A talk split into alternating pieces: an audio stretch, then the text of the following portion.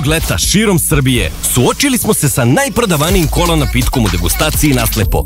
Više od 20.000 učesnika pridružilo se Pepsi izazovu. Pitali smo koji kola ukus vam se više dopada.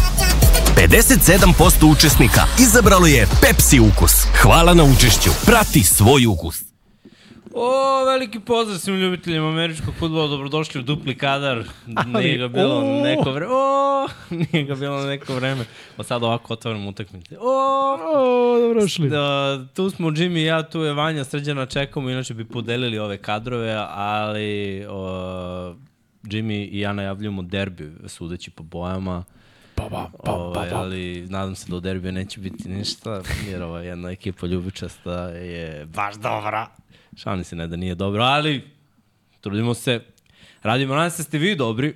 Uh, dobri kao San Francisco 49ers i Philadelphia Eaglesi, s obzirom da su to jedine dve ekipe koje imaju 4-0. A ako, ste, ni, ako niste bili dobri, a postajete dobri, nadam se da ste kao Chicago Bears ovaj, dobri da vezujete po četiri touchdown u poslednje dve utakmice.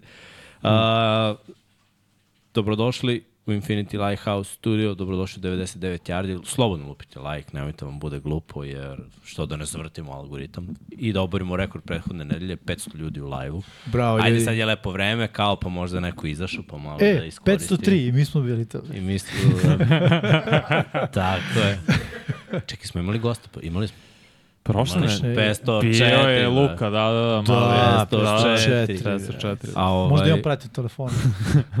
Da, vreme, vreme je da ovaj, svi ovi koji nisu subscribe ne gledaju 99 yardi i udare malo i subscribe, što da ne. Mislim, 38.000 nas Duša. troje plus 8, 11. 38. A, 38. da, ne. Tako da, da, bi, da bi ovaj, bilo lepo da imamo naravno uh, što više subscribera, da se zahvalimo našim sponzorima. Uh, tu je Pepsi, običan, Pepsi. tu je Pepsi Max, uh, tu je Sek, tu je Huddle. huddle up, huddle up. Seka nemam, Sek su ispili, ali Huddle je tu. Uh, Sek je Huddle smo, za, pod ključem je bio Huddle nedelju dana. Kad ga je Srki doneo, shvatili smo da više nema ono kud, karton, nego kovčeg. Sa, Da, da. sa katancem. Seka tiče oboren je rekord. Da. po broju seka u jednoj sezoni. Koliko je popijeno, mislim. Da. Pa dobro, i ove Sve. Sve. godine je krenulo jako sa sekovima i neki tamo plava neka ekipa sa žutim. Da, da. Neki, neki igrač tamo plave neke ekipe imao šest na utakmici sekova. Nerealno. O, brate. Nerealno. A nije tvrd, nego je mek. Da. pa znaš kako? O, ne znam da li bi se, ne znam da li bi se, ovaj, O'Connell, O'Connell, Aidan O'Connell. Aiden O'Connell. Da, da. Ne znam da li bi se on složio. Pa Ovaj. preživeo je, šta fali? Pa dobro, jeste. Pa još bila je zanimljiva utakmica kako mogla Da. da, da bude, ali Da. da. ovaj, pričat ćemo o svemu i svačemu. Uh, Da ne šta sam predstavimo još Vanju. zaboravio? No, Vanju wow. se zaboravio čovječ. Ajde, pred. Vanja je bio na kadru Dovoljno. dve sekunde, nije Vrati mu ni to. Dovoljno, vrati, vrati, dovoljno sam je gledali juče u 1 na 1. Šalim se, bilo je sjajno, stvarno je bilo fenomenalno i Vidi ga. Buffalo Bills i takođe koji su odigrali fenomenalno. Paperboy, tamo je novi Da, vidiš, sve e, ovo, je, ovo je power ranking, ovo je sve zapisano prošle nedelje, ne moram pamtim ništa. Pamet, to je to. realno. Nema šta. Pamet, pamet. Ne mogu laptop danas, stvarno. Tablet, ne kupiš tablet. Ima da E, kupio sam laptop, ali treba kupim sad operativni sistem. Laptop je tako 96. Zakorači, vrate, da što kaže Srđano, onaj Microsoft Surface.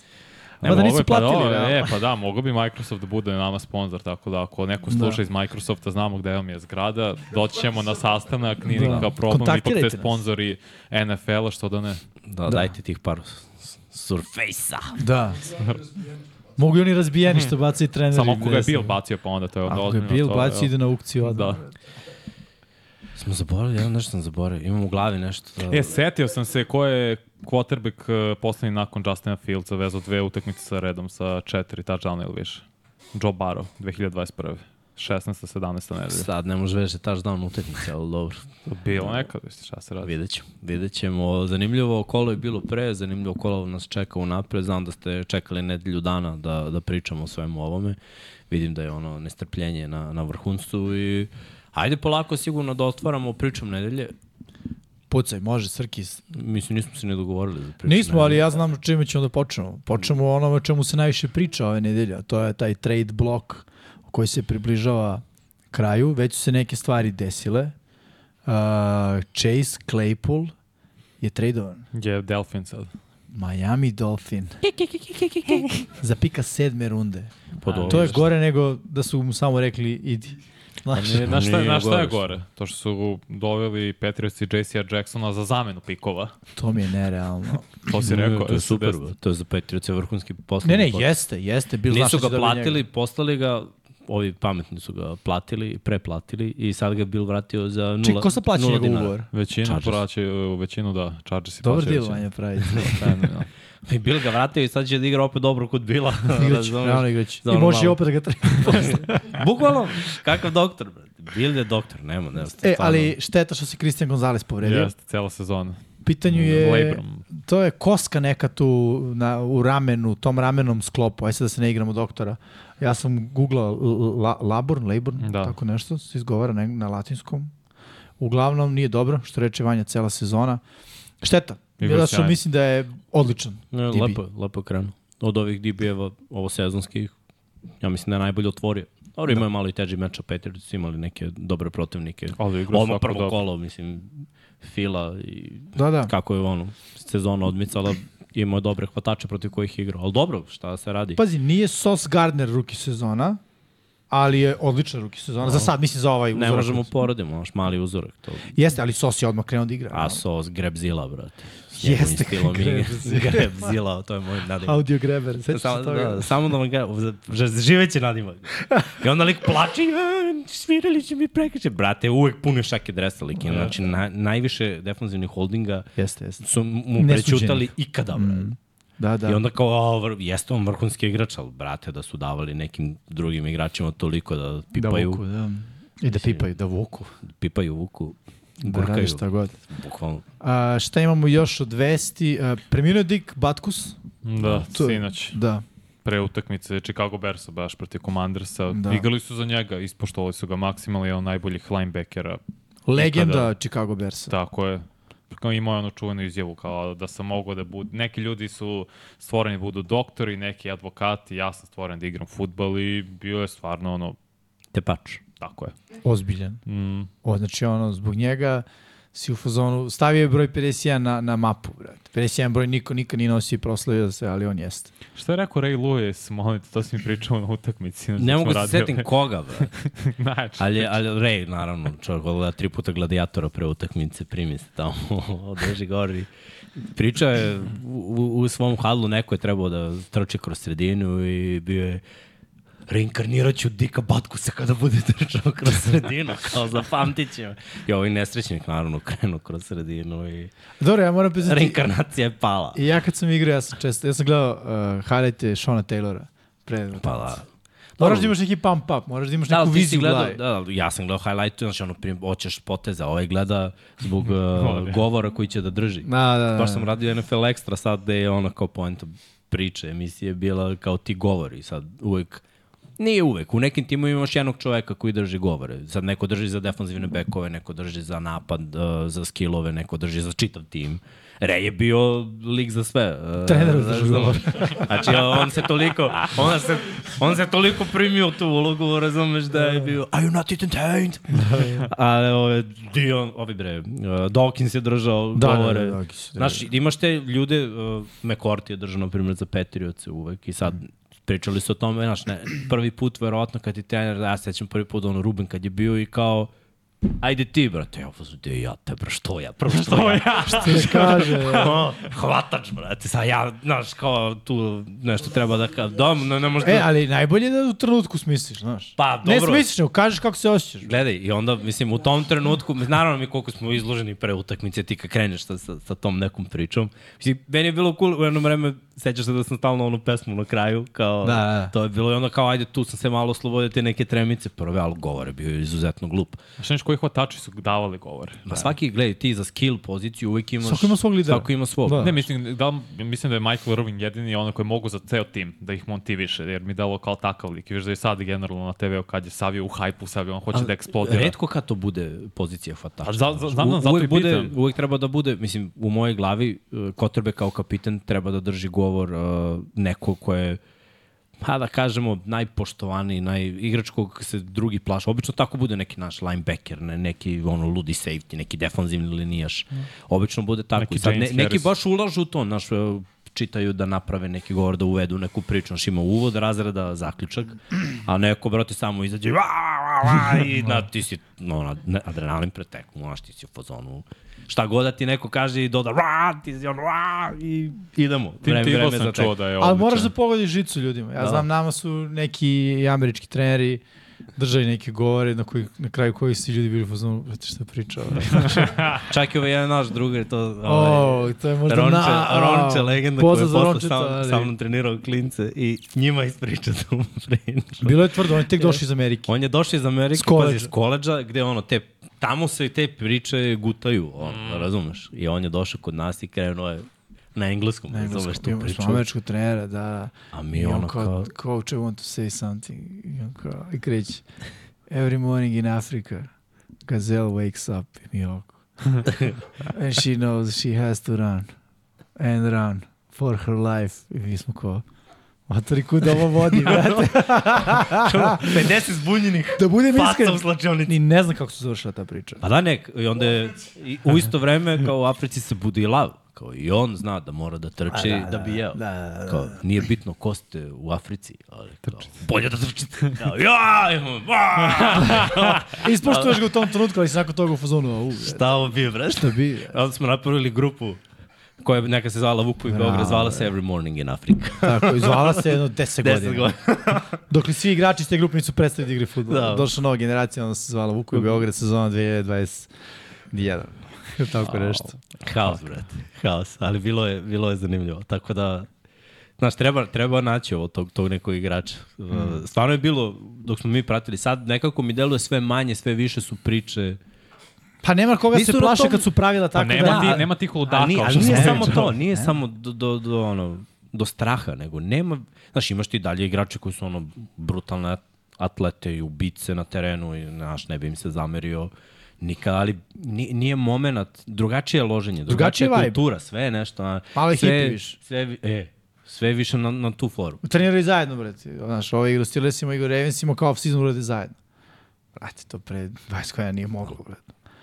Mislim, da, dajem primjer, znaš, kao, ne, ne treniraš sa njima, da što su- to ti neprijatelj. pa bukvalno. Seđa Jamisa Winstona sa W. Da, beating the O Bože, gospod, to je jedan. Samo misli to ti održi. Burazer pre početka utekmice gledao bi onako šta priča, druže. Matori. to više da zaboraviš. Jer u suprotnom ne igraš dobro, već. Da. Zonu, na, Sve vreme mi malo proganjamo, brate. Da, ne znam da li su pobedili kad je to prvi put rekao. Sumja, mislim da je to bila 30 for 30 sezona, kad je imao 30 staža. Pa ne, bilo je sigurno, baš ne znam da li su pobedili. Imali su osam pobjeda te godine. A da, da, da, bravo, bravo, imali su 8 Da, pobjeda. da, Da, da, tačno. ili sedam, sedam osam su imali, baš ne znam da li su, Da, baš na su toj pobedili, utakmici da. pobedili. Bog sveti zna. Uglavnom, da. Ima još jedna priča, Jonathan Taylor se vratio treninzima. Ne znam se da li će igrati sada.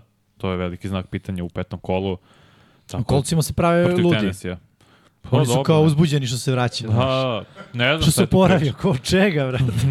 Čovjek nije bio, čovjek nije bio povređen uopšte. Tako da vidjet ćemo šta će tu biti. Cooper Cup se takođe potencijalno vraća isto petom Da. Čak Sada. mislim da je najavljeno pre par sati da će igrati. Da, sad je samo pitanje koliko snapova će igrati. Da. To je on najveći znak pitanja. Super je stvar što se vratio i ne znam sad još od igrača. Von Miller je otputovao u London za Billse Mhm. protiv Jaguarsa. Upitno je da li će igrati, da li neće, ali eto i on je sve bliži povratku na terenu. Tako da je sjajna stvar vidjeti te igrače, all pro igrače, pro bolere, koji su jedni od najboljih na svojim pozicijama da se vraćaju i da ćemo ih gledati uskoro. Neke ovo kolo možda vi- Von Millera od šestog. Evo i vest da, će, da OBJ očekivano je da će, Da. trebalo bi da igra. Da. nedelju. Da, za Ravens. za- još par igrača. Eto, Tako thumbnail sledeće nedelje, The Return i samo njihove slike. The Dobro. oldies are coming. Vidi ga, vidi Von Miller, OBJ. Dobro, Cooper Cup nije, nije Pa dobro, Cooper Veteran. Cup ima 30. Što ja ne ste mu Nema ja 30 godina u Cooper. Cup. Kad E, ima pričaš? 30 godina. si lud. Koliko ima? Pa nije ušao u NFL 26, 25 7. godina. Da. Sad ću- Ima 27-8, ajde, realno. Pa Nema da, može 28, da. Ali nema 30. Pa dobro, realno, u NFL si veteran u svoje, već od svoje pete sezone. Pa od prvog ugovora za pare. Realno. Pa, to je ta, da, peta ili malo ranije. Miroslav pitao, Cooper 30 sad. godina Cooper Cup ravno. Zezaš čoveč. Čebe mi, brat. O, u. No, Svega. Tako on reći, ja reći. Pa su prilike. Da, 15. i on 93. Wow. Eto, veteran. Či gazi 31. čoveče. Stoje pa da. Još godinu, dve i to. Da, da, boli ga. Sad kad ime puku na ku. Uzeo je pare, vratno osvojio Super Bowl. Bio je najbolji hvatač, triple koruna. Sad kad brika. Znate što sam još teo da pričam? A, moja ideja za priču nedelje je bila, pa ni- nisam je nigde... Op, ej, ej, mom, momče, momče. Safety first. Kunem ti se pomislio sam da počeo da grmi majke. Ja sam mislio da će padne kod Jimmy, bre. To je teško. Ovaj, teo sam da, da ovaj, plasiram priču o predsezonskim quarterbackovima. Šta kažete? Kratka analiza. Kogod ih ide u predsezoni, Krompirić na kraju. O'Connell kao, wow, to je to, imaju Jimmy Garoppolo, ali ovaj momak, e, nije. Sa Sebrčićima. A, pa, brate, Pickett iskidao ono svaki drive je dao touchdown, e, Jeste. nije. Pa, DTR. da, da, da, DTR se nije pojavio. nije se pojavio bukvalno. Nije, a u predsezoni kao, Dorian wow, Thompson Robinson. električno. To je budućnost, ako ovaj ode, može da ga menja, ako se povredi Watson ili šta god, ako ne bude igrao kako treba, imaju quarterbacka, sad se moli da Watson igra bukvalno, Bukvalno. jer, jer ono, bez Sezonu. njega su problemi. Uh, naš, ni, nisam uopšte, a opet, neki isporučuju. Anthony Richardson isporučio. Mm. CJ Stroud meni je bio loš u predsezoni, ali progres postoji od kola do kola, od kola do kola, tako da... Uh, Jordan Love, pa kaže Kalu Jordan Love opravdao, uh, ono, odigrao je dobro, ali Gore pada i on. dole. Prve dve dole. utakmice, wow, i onda postaje Dobro. sve... Roller coaster.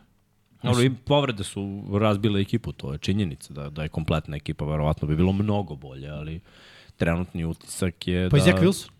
Mislim, i on je roller coaster. U predsezoni Da. je delovao okej okay, kao je to. Pa je bio katastrofa od ove posljednje utakmice. Da. Da. Zapravo posljednja utakmica mu najbolje u karijeri. Da, može i prekretnica. Jeste, Cam Newton rekao je, Jetsima. i rekao je da neću manje od 5,5 miliona. Vidi, Cam dobro. Newton je novi Terrell Owens. To je sve što ste reći. Koji si daj nije Ma, penzionis. brate, Terrell Owens je za Kema. Institucija. Nemoj, nemoj. Ne, ne, ne mislim to, nego u smislu, ono, ne igram ga- 45 i dalje se nudim. Ne gađi me u srce, brate. Tio i dalje može da igra. Evo Tio bi u Tio. Baltimoru imao, Tio bi u Baltimoru imao više jarde od nekih momaka u posljednjih par godina. Pravda. Samo ti kažem. Ajmo više targeta, vratno, tih momaka. Pa, možda. To je stvar. Kad dođe Možda. Tio, baciš njemu loptu. Uh, ajde, seci priču nedelje. Ajde, Idemo dalje. pravo meso. Pregled i pregled. Prethodno Pa, kola, pregled. idemo od derbija.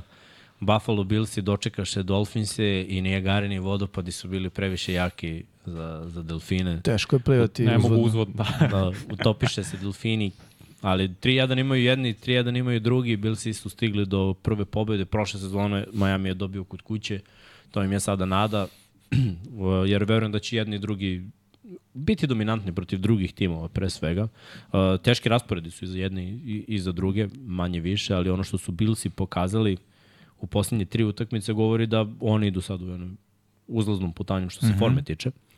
Uh, Dolphinsi su od samog početka sezone bili dobri. Ovde previše rizika. Mislim da ova zabava futbol uh, ne ide uvek. Naročito ne protiv divizijskog rivala kada već moraš malo i da kalkulišeš. Mislim da da kalkulacija u ekipi Miami ne postoji. To, to mi je neka zamisla. Jer ti kad gubiš jedan touchdown razlike, ne moraš da postigneš touchdown u tom drive po svaku cenu. Nema, point, nema point ići na četvrti, nema point forsirati, nego znaš, biti pametan malo, futbol management, pantu i prebaci težište na drugi deo. Odbrana Miami mi je katastrofa cele sezone, ali ajde da kažemo, ne igra Remzi, bit će bolje kad se vrati Remzi malo su šuplji, bilo je dosta pass interferensa, uh, bilo je ono što je Diggs izbacio dvojicu i na dva rollinga i istrčao touchdown, to ti je čist primer defanzivnog beka koji ne radi svoj posao. Ali ono što nije dobro za Bills je da se i oni osipaju. I, i ovaj, sad je Tredavis White pokidao Ahilovu. Mm -hmm. Mislim da, da, da će se i oni uh, stanjiti dosta. Kako, to je uvek priča za, za dobre ekipe, naročito fizikalne ekipe kao što su Bills. Oni ofenzivno ostanu kompletni i, i odbrana svake godine imamo povrede. Prošle godine u jednom trenutku jedan safety, drugi safety, jedan corner, pa, pa, pa, pa, pa i na kraju sezone oni se spoje, ali previše su bili dobri na, on, na početku i kada je najpotrebnije, nije to to. Plašim se za, za Bilsa da to može da se desi i ove godine, ali za sada deluju neumoljivo. 48 pojena da daš na utakmici, da je ono, sa lakoćem, nije bilo mučenja za Bilsa. To je, to je prvi utisak. Ne, ne, kad ne, se ne mučiš da daješ poen, meni je to vrh. Očekivao sam da će Miami da prati, tekma je krenula tako touchdown, touchdown, touchdown, touchdown. pet drive-ova, pet Mm. touchdownova. To je ono što smo najavili, velike broj poena, sve je bilo super i onda su samo Dolphinsi postali nerelevantni. Uh, znaš šta je ključna stvar? Ovo je divizijski duel i u divizijskom duelu pobeđuje odbrana. Što je ovde slučaj. Bili su primili 20 pojena, Dolphins su primili 48 pojena. Ne nužno, da kažem, uigranost napada, već uh, Dolphins i moje mišljenje će se cele godine mučiti u diviziji. Mislim, imaće najveće probleme, jer ti si to pričao Miksa i ranijih godina, uvek praviš ekipu da budeš šampion svoje divizije. On, krećeš od svog dvorišta. Pobediš tu, pa onda ideš dalje u svojoj konferenciji, pa ako dođeš do samog finala konferencije osvojiš, ideš u Super Bowl i boriš se protiv ekipe iz druge konferencije. Konferencije kao takve imaju određene stilove e, igre i u NFC-u možemo kažemo predominantno je trkačka konferencija u poređenju sa AFC-om koji je predominantnije ono, Batačka. bacačka, bukvalno, konferencija. A, ono što su odlične vesti za Buffalo je stvarno igra njihove odbrane, odnosno game plan. Ali isto tako ovaj Buffalo ne mora da znači da će ova odbrana zaustaviti bilo koji napad. Drugi. Dolphins su, ustavili, za, usta, su zaustavili jer jednostavno ono, previše filma, odlično poznavanje i to je to. Spremiš se da budeš prvi u diviziji, da pobediš njih, da pobediš Jetsa sa Aaron Rodgersom koji se još uvijek nisu desili. Dobro, I izgubili su Patriotsa-. Ko, bil si? Da. U prvom kolu. A ovo što je Josh Allen odlučio da baca Ne, ne, Opet ok, ali vidi, pa, prva je nedelja, znaš. Prva je nedelja i ajde, to možeš da pripišeš uh, tome i to treba pripisati tome. Uh, ali generalno hoću da kažem da odbrana Bilsa je stvarno bila fenomenalna. Teško je igrati protiv napada koji radite oni, oni protiv Miami čekićuju zonom. I to je toliko dobra stvar protiv Miami. Redko ko igra tako. Mm. Uh, I ovaj interception koji je pao posle pričao je Hyde nakon utakmice u, u intervju da oni očekuju od Tua da Tua sve vreme gađa u rupe u zoni. To, to Tua radi, mislim. I Tua je jako predizan potreba kad se desi ponekad da mu ode lopta više. To je bio problem i prošle godine da u nekim utakmicama. Da, da on naš, tačno zna gde hoće da ide, tačno vidi gde je rupa u odbrani i da loptu lupam dve stope više, ta lopta preleti hvatača. Jer on da, ima da. brze, ali niske hvatače. Oni ne mogu da dohvate te njegove lobove. Pritom i linebackerska linija i defenz, znaš, defensivna linija digne ruke, linebackeri su na dovoljnoj dubini da on mora da Tako je, lobuje. povuku se dublje. Lopta ode malo više, preleti hvatača, safety čekaju, dođu do lopte. Još I jedna- to, to je jako dobar mm. -hmm. game plan sa defanzivne strane. Mislim da, da, da treba pohvaliti i Frazera i McDermonta, Tako zato je. što su odradili, lepo si rekao, odradili su vrhunski scouting kako zaustaviti Miami. Ali i Miami je ovaj, podbacio i previše su rizikovali u nekim trenucima. Treba Sad- da trče više. A, a uopšte, su, znaš, zaboravili su, a išlo im je ok. Prva dva drajva su bila, znaš, ja sam očekivao, mi smo radili red zone, ja sam očekivao da će biti, brate, 40-40. Pa ono što je odbrana Buffalo Bills sjajno radila jeste izbacila je tu iz ritma. Tu je quarterback koji baca na ritam. Ako, on, ako njegovi ridovi nisu na mestu, on neće gledati dalje. Ili, se, ili, će baciti u auto ili će napraviti grešku. Čim su i bili izbačeni iz ritma, zatvorili uh, taj Rika, zatvor, zatvorili Vadla, dopustili su trčanje i rekli su pobedite nas trčanjem. Jer je pritisak bio sjajan, sekovali su tu četiri puta, pre toga bio sekovan samo jednom u tri utakmice, još devet puta su ga udarili, znači pritisak je sa čet, četvoricom igrača, nekad, pet, nekad petoricom, bio sjajan. S druge strane, napad Billsa, Josh Allen kada igra ovako, nijedan tim u NFL ne može pobedi Bills. Imao više touchdowna nego nekompletiranih dodavanja, bio je siguran. Muči se protiv Chiefsa, to je moje mišljenje. No, muči će se Mo- protiv mnogih. mo- mučit će odbrana Chiefsa je ali dobra. To je samo do njega, jer on pravi glupe greške. Iz nekog razloga igra taj superherojski futbol, napravi grešku zato što misli da mora da preteruje, jer se nekad ne pojavi Gabe Davis, nekad nema trčanja, Diggs ne igra ali- više uvek svaku tekmu kao najbolji hvatač. Ovde ima dodatnu motivaciju jer svi pričali Terry Kill, Terry Kill. E pa ne, nego sad Stefan Diggs, šest hvatanja, 120 yardi, tri touchdowna, on je izdominirao. I u tome je stvar. Upali klimu, da, molim te. Tako da je to, kažete, čim Josh Allen igra na ovom nivou, ni jedan tim ne može pobediti. Ali imaš, znaš, imaš i faktor koji je malo zaboravljen. Bili si ove godine vrhunski trče. To je meni ovaj, priča ove godine. Nisu trčali protiv Jetsa, izgubili su tu utakmicu. E, ima nekoliko ekipa u AFC-u, ako nalete na njih, Bilsi neće trčati.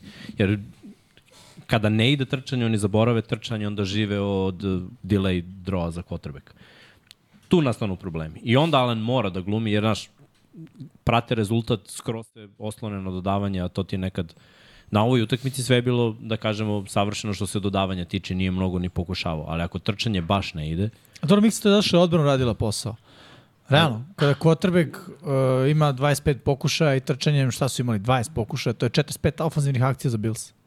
Skraćen teren često. Tako je, skraćen teren, upravo to, Ali to ti prošle- govorim. evo ti 48 prošle pojena i godine- 45 akcija. Prošle godine protiv Sinsija odbrana Bengalsa zatvorila trčanje. Josh Allen mora da dodaje mnogo.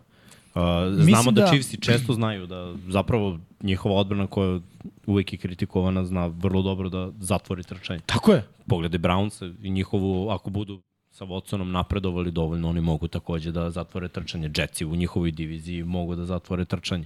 Ima nekoliko ekipa u AFC-u koji ako zatvore trčanje gledat ćemo Josh Allena sa mnogo većim brojem pokušaja i tu može da bude opasno, ali da budemo realni. Četiri kola je prošlo, jedni i drugi imaju 3-1. Ide peto kolo i jedni i drugi imaju po mom mišljenju lak matchup. Billsima je teško jer idu u Evropu. To, to je u stvari jedina otežavajuća okolnost. A Jaguarsi su već nedelju dana, možda i više, u Londonu. I, Prilagodili su pre, naš, navikneš se na ovaj, vremensku razliku, malo ti bude normalnije, ne znam kako će Billsi s te strane da izdrže, ali ako pogledam Jackson šta je igrao do sada, kako su oni igrali, kako su Billsi igrali, brate, ovde nema dileme u mojoj glavi da Billsi ovo Pa rešavaju. pre svega odbrana. Odbrana Bilsa mislim da će rešiti uh, Trevora Lorenza, ali ajde pričat ćemo posle kada dođemo do tog meča. Samo bi se ovde uh, osvrnuo na još, na još jednu stvar. Uh, mislim da će u drugom meču Dolphins da pobede. Jer uh, Kad je druga utakmica? Jel, jel će igrati Alve Ramsey? Jer odbrana Majamija dopušta skoro 30 poena u četiri kola. da, mislim samo to da će game plan ofenzivno biti bolji. To, je, to ono što, što Prošle da godine je odbrana igrala bolje. Jer mislim da su ovde stvari uh, za Billse, ko što rekao, kraći teren dolazile pre svega od dobre, dobre odbrane Buffalo Billsa. I to je onda bio lakši posao za, za napad. Manji stres startnih pozicija, manje jardi da se pređe, imali su realno i big play-eve, znaš, mislim, ja nekako ne verujem da u NFL-u možeš dva puta da, da igraš takav meč. Ne, upravo si, su- sigurno ne možeš, nego me zanima odbrana Majamija kako će izgledati protiv dobrih napada. Chargers su bacili 34, Bills od 48. Mi, mislim da je samo tu pitanje kako će ta odbrana protiv, ekip, protiv koje igraju igrati protiv njihovog napada. No. Jer Miami je ekipa Drugi- ono, kao Coltsi pre ne znam koliko godina sa Peytonom Manningom, daješ pojem više. Tako igraš. Rezonuju, rezonuju drugačije. To ti je u stvari onaj Denver sa Peytonom. Prvi godina, kad odbrana još nije bila. Bilo koja ekipa s 2013. Peytonom. Ali posle je odbrana postala bolji deo tima. Zato su usvojili. Dok je napad vodio priču, nije se desilo. Mo- Mora malo balans. Oni baš nemaju balans. Ali dobro, kažem, dve jako kompletne ekipe i čim imaš 3-1, uh, sada ove sezone 3-1 su do- dobre ekipe. Definitivno. Ima o čemu da se priča. Nisu odlični, imamo par odličnih ekipa, ali ovo ostalo su gotovo sve dobre ekipe. Pa možemo dalje, Srki, da ne dužimo. Uh, Chiefs i Jetsi. Da, iznenađujući. Nismo, da, nismo očekivali. Uh, mislim, očekivali smo pobedu Chiefsa, Da. ali nismo očekivali uh, ovako suprostavljanje Jetsa. Jako je bilo 17-0 u jednom trenutku, Mahomes je rizikovao. Opustio se, baš se igrao. u Jednom, znaš, ono, lobujem, Lobo je bez osjećaja, to, je, to Pa nije, nije nalik bez njemu. osjećaja, brate. Da jeste nalik u njemu, lobu. Jeste nalik njemu. Znači, svaki put kada je siguran da će njegova ekipa da pobedi, Mahomes se sprda. To ti je ono klasična sprnja Patrika Mahomes. Vidi dva defanzivna beka i svog igrača pored out linijima pola jarda da uglavi tu loptu i on je fazonu gleo, watch this. Mnogo puta je grešio. Znači, mi, mi pa Mahomesa baš izdižemo na pijedastal iznad svih kao da je on nepogrešiv, a pre nekoliko sezona imao veliki broj intersepšena zbog forsiranja ka svojim hvatačima. I svestan je da ove godine hvatači nisu na nivou da mogu da naprave yard za catch i da naprave neko čudo. Zato, ih, zato forsira ka njima. I moje Kelsija, to je bilo vrlo važno. Trčanje i moje pa čeka, pa čeka trči kao lud. Pa čeko imao rekord đavo. svoje karijere, koliko 115 yardi, 43 yardi uhvatio, to sve rekordi za jednu utakmicu. I Pa pritom ček- kad krenu sa velikim voćstvom, sa tri poseda prednosti, oni se opuste. Uh, Andy Reid nema više autoritet nad Mahomes. Ti nikad nećeš vidjeti Andy Reida da, ja kapiram da ono 17-0, on baci interception, Andy Reid je sledeći, sledeći drive. Ono kao, što si probao to? Pa mislim da ću lobujem, pa za malo da uspeš. Verujem da je ta priča, da ne ono koje, nemoj to da pokušavaš u double coverage-u, već Andy, pa sledeći put će da prođe.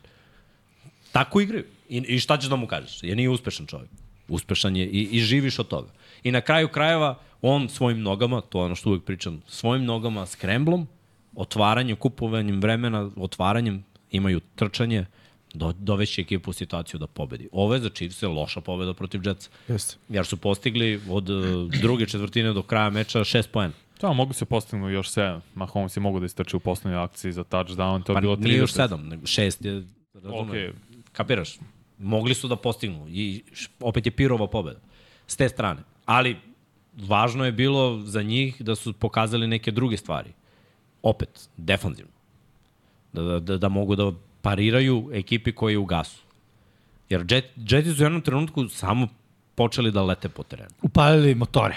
Brate, Mlazni. ja Wilsona ovakvog nisam mogao da zamislim. Pa evo možda vidiš ovde, kažete i to ste i u emisiji rekao, Zach Wilson je jedini quarterback ikada protiv Patricka Mahomesa koga je, koji ga je statistički nadigrao. Više yardi, kompletiranih dodavanja, touchdownova, manje grešaka, bolji passer rating, šta god. Niko na koleđu u NFL-u protiv Mahomesa to nije uradio. Sviđa mi se ovaj scenarij za ovu sezonu. Šta? NFL-om to je. Ne, baš je, baš je ovaj, taj fumble je bio naivno s njegove strane. Fumble, fumble je zakupao ekipu, jer su bili u jako dobrom momentu, energija je bila na mestu i ovaj, baš je skrenuo pogled sa, sa snepa. Odmah gledao ka prvom ridu šta rade mladi quarterbackovi, videli smo i sinoć Howella takođe. Nije gledao uopšte u loptu, nego sve vreme gledao ovako. Pričao je, Jalen Hurts je pričao o tome, koji ima jednog najboljih centara u ligi. Primetili ste stav Jelena Hurtsa pre nego što izvedne snap, on je u polu čučnju. Ono, kaže, atletski položaj, spreman sam da snap ode bilo gdje jer dolazi brzo. Uh, kad se lomi utakmica, centar ne može da snapuje loptu i da ima luksuz od pola sekunde pre nego što odradi blok ili, ili naš, čipuje stavi ruku na defanzivnog igrača. Ta lopta mora da ide brzo i on odmah kreće u svoj blok. Tako da ti mora budeš spreman da će možda ta lopta da ima čudniju rotaciju. Da, znaš, da neće izaći sa, sa spinom, da će se možda okrenuti Sad nisu drugačije. bili u položaju dole da je odmah bio i- ispred centra. Nije ni u Ganu je bio. Siguran? Da, da. Nije bre, mislim da mu ispala lopta 100%, da je lopta Nije. bila, te dobio A, iz... pogledaj. Sad ću. Nije uhvatio snap. Jer je gledao levo. Ne, ne gledaš ne gledaš kada si ispod centra levo i desno. Što sam bio ubeđen da je ovo bio potez svako. Pa bio je. Ali mislim ispod centra mu ne bi vidio ruke. A ruke su se videli. Ruki bi bile na tamno mesto. A, sveto mesto za quarterbacka i centra u njihovoj a, vezi. Svakako glupost, jedna glupost, jedna greška, on je malo pao ovaj, što se tiče samopouzdanja nakon, ali ekipa ga je izdigla i zaista drugi igrači su do, doprinali na ovoj utakmici. Videli smo Lazarda koji hvata touchdown. da. Uh, videli smo mnoge momke koji iskaču, Kobe imao nekoliko lepih hvatanja, Garrett Wilson je, je imao dobre momente. Mislim, bilo je dosta se Alex ono tu žalio za, za ovaj finalni holding, ali mislim, holding ko vratan. Kontakt 15 yardi, 20 od lopte. Nema tu diranja hvatača, znači igraš na loptu. Naročito neko ko je talentovan i dug kao Sos Garland, možda stigne sve. Nema potrebe da povlačiš, da, da guraš, izmeštaš. Jer, znaš šta, neće ti svirati to protiv neke loše ekipe. Izbužićeš se protiv Patriotsa u 99% slučajeva. Ovo su Chiefs i ovo je Sunday night. To su šampioni. I tu je Taylor Swift, ne može. Ne može. Bro. Jeste, Ja- iz Gana je bilo, sad sam pogledao. Znam da je bilo, zato što ne bi vidio ruke. Ne bi mi videli taj fumble da je bilo ispod upeta centra. Greška, mislim, ali to, to su sve, znaš, to, to se uči. Nije prvi ko je napravio ovu grešku. Ja ne znam koji quarterback nije fumblovao nakon slabijeg snepa. Nije bio loš snap, ali je bio slabiji jer je išao malo više u levo. Ti mora budeš, to mi se svidilo što je Jalen Hurts rekao prvi put kad mi iznenadio sa takvom loptom, promenio sam stav. I ti ga gledaš tačno od tog prvog fumble čoveče, on jedini stoji neprijed. Svi ostali quarterbackovi su lagani, mm. bleje, gledaju, naše ruke su im opuštene. On je jedini, brate, ono, laserski Ma oči su fokusiran. mu u visini leđa Kelsija koji je učučio. Kapiraš? Znači, toliko je spreman da ako lopta ode više skočiće, da. ako ode nisko čučanj, levo da. ili desno, ima tačno dobar položaj za lateralnu reakciju da, da uhvati snap. I to, to su stvari, to su te sitnice, znaš. Ridovi su bili bolji, brži izbocivo lopta, ali postoji prostor za rast. Znači, još uvek to može da, da do, dođe do velikog napretka. Ali, iskreno, najprijatnije iznenađenje ovog kola drugog su mi Texansi i Jetsi. Iako su Jetsi izgubili sve pohvale, Vratili su samo pouzdanje i odbrana je počela ponovo da veruje u Zeka Wilsona i to je najvažnija stvar jer je bilo i šuškanje i priče da polako odbrana ima problem s time što Robert Sala konstantno veruje u Zeka Wilsona, misle da ne treba, sad je odigrao super utakmicu, ima sad lakog protivnika i ove nedelje protiv Broncosa, neka uđe u bolji ritam. Ajde da probamo da vežemo dve utakmice da je napad postiže 20 poena. Neko odbrana od, odradi svoj posao, vratit će samo pouzdanje dok odbrana Chiefsa igrala bez Boltona, što je veliki minus i igrali su dobro, ali igrali su dobro protiv lošeg, lošeg napada, realno sad govoreći to što je odigrao sjajno Wilson, ništa ne govori za odbranu Chiefsa, oni moraju protiv loših timova da igraju ovako i sveli su ih na 20 pojena, kad se vrati Bolton, bit će to mnogo bolja priča, pre svega će trčanje mnogo bolje braniti. Da, da, za Chiefs je glavni problem bio ofanzivno. 23 poena za takav eksplozivni napad nije dovoljno.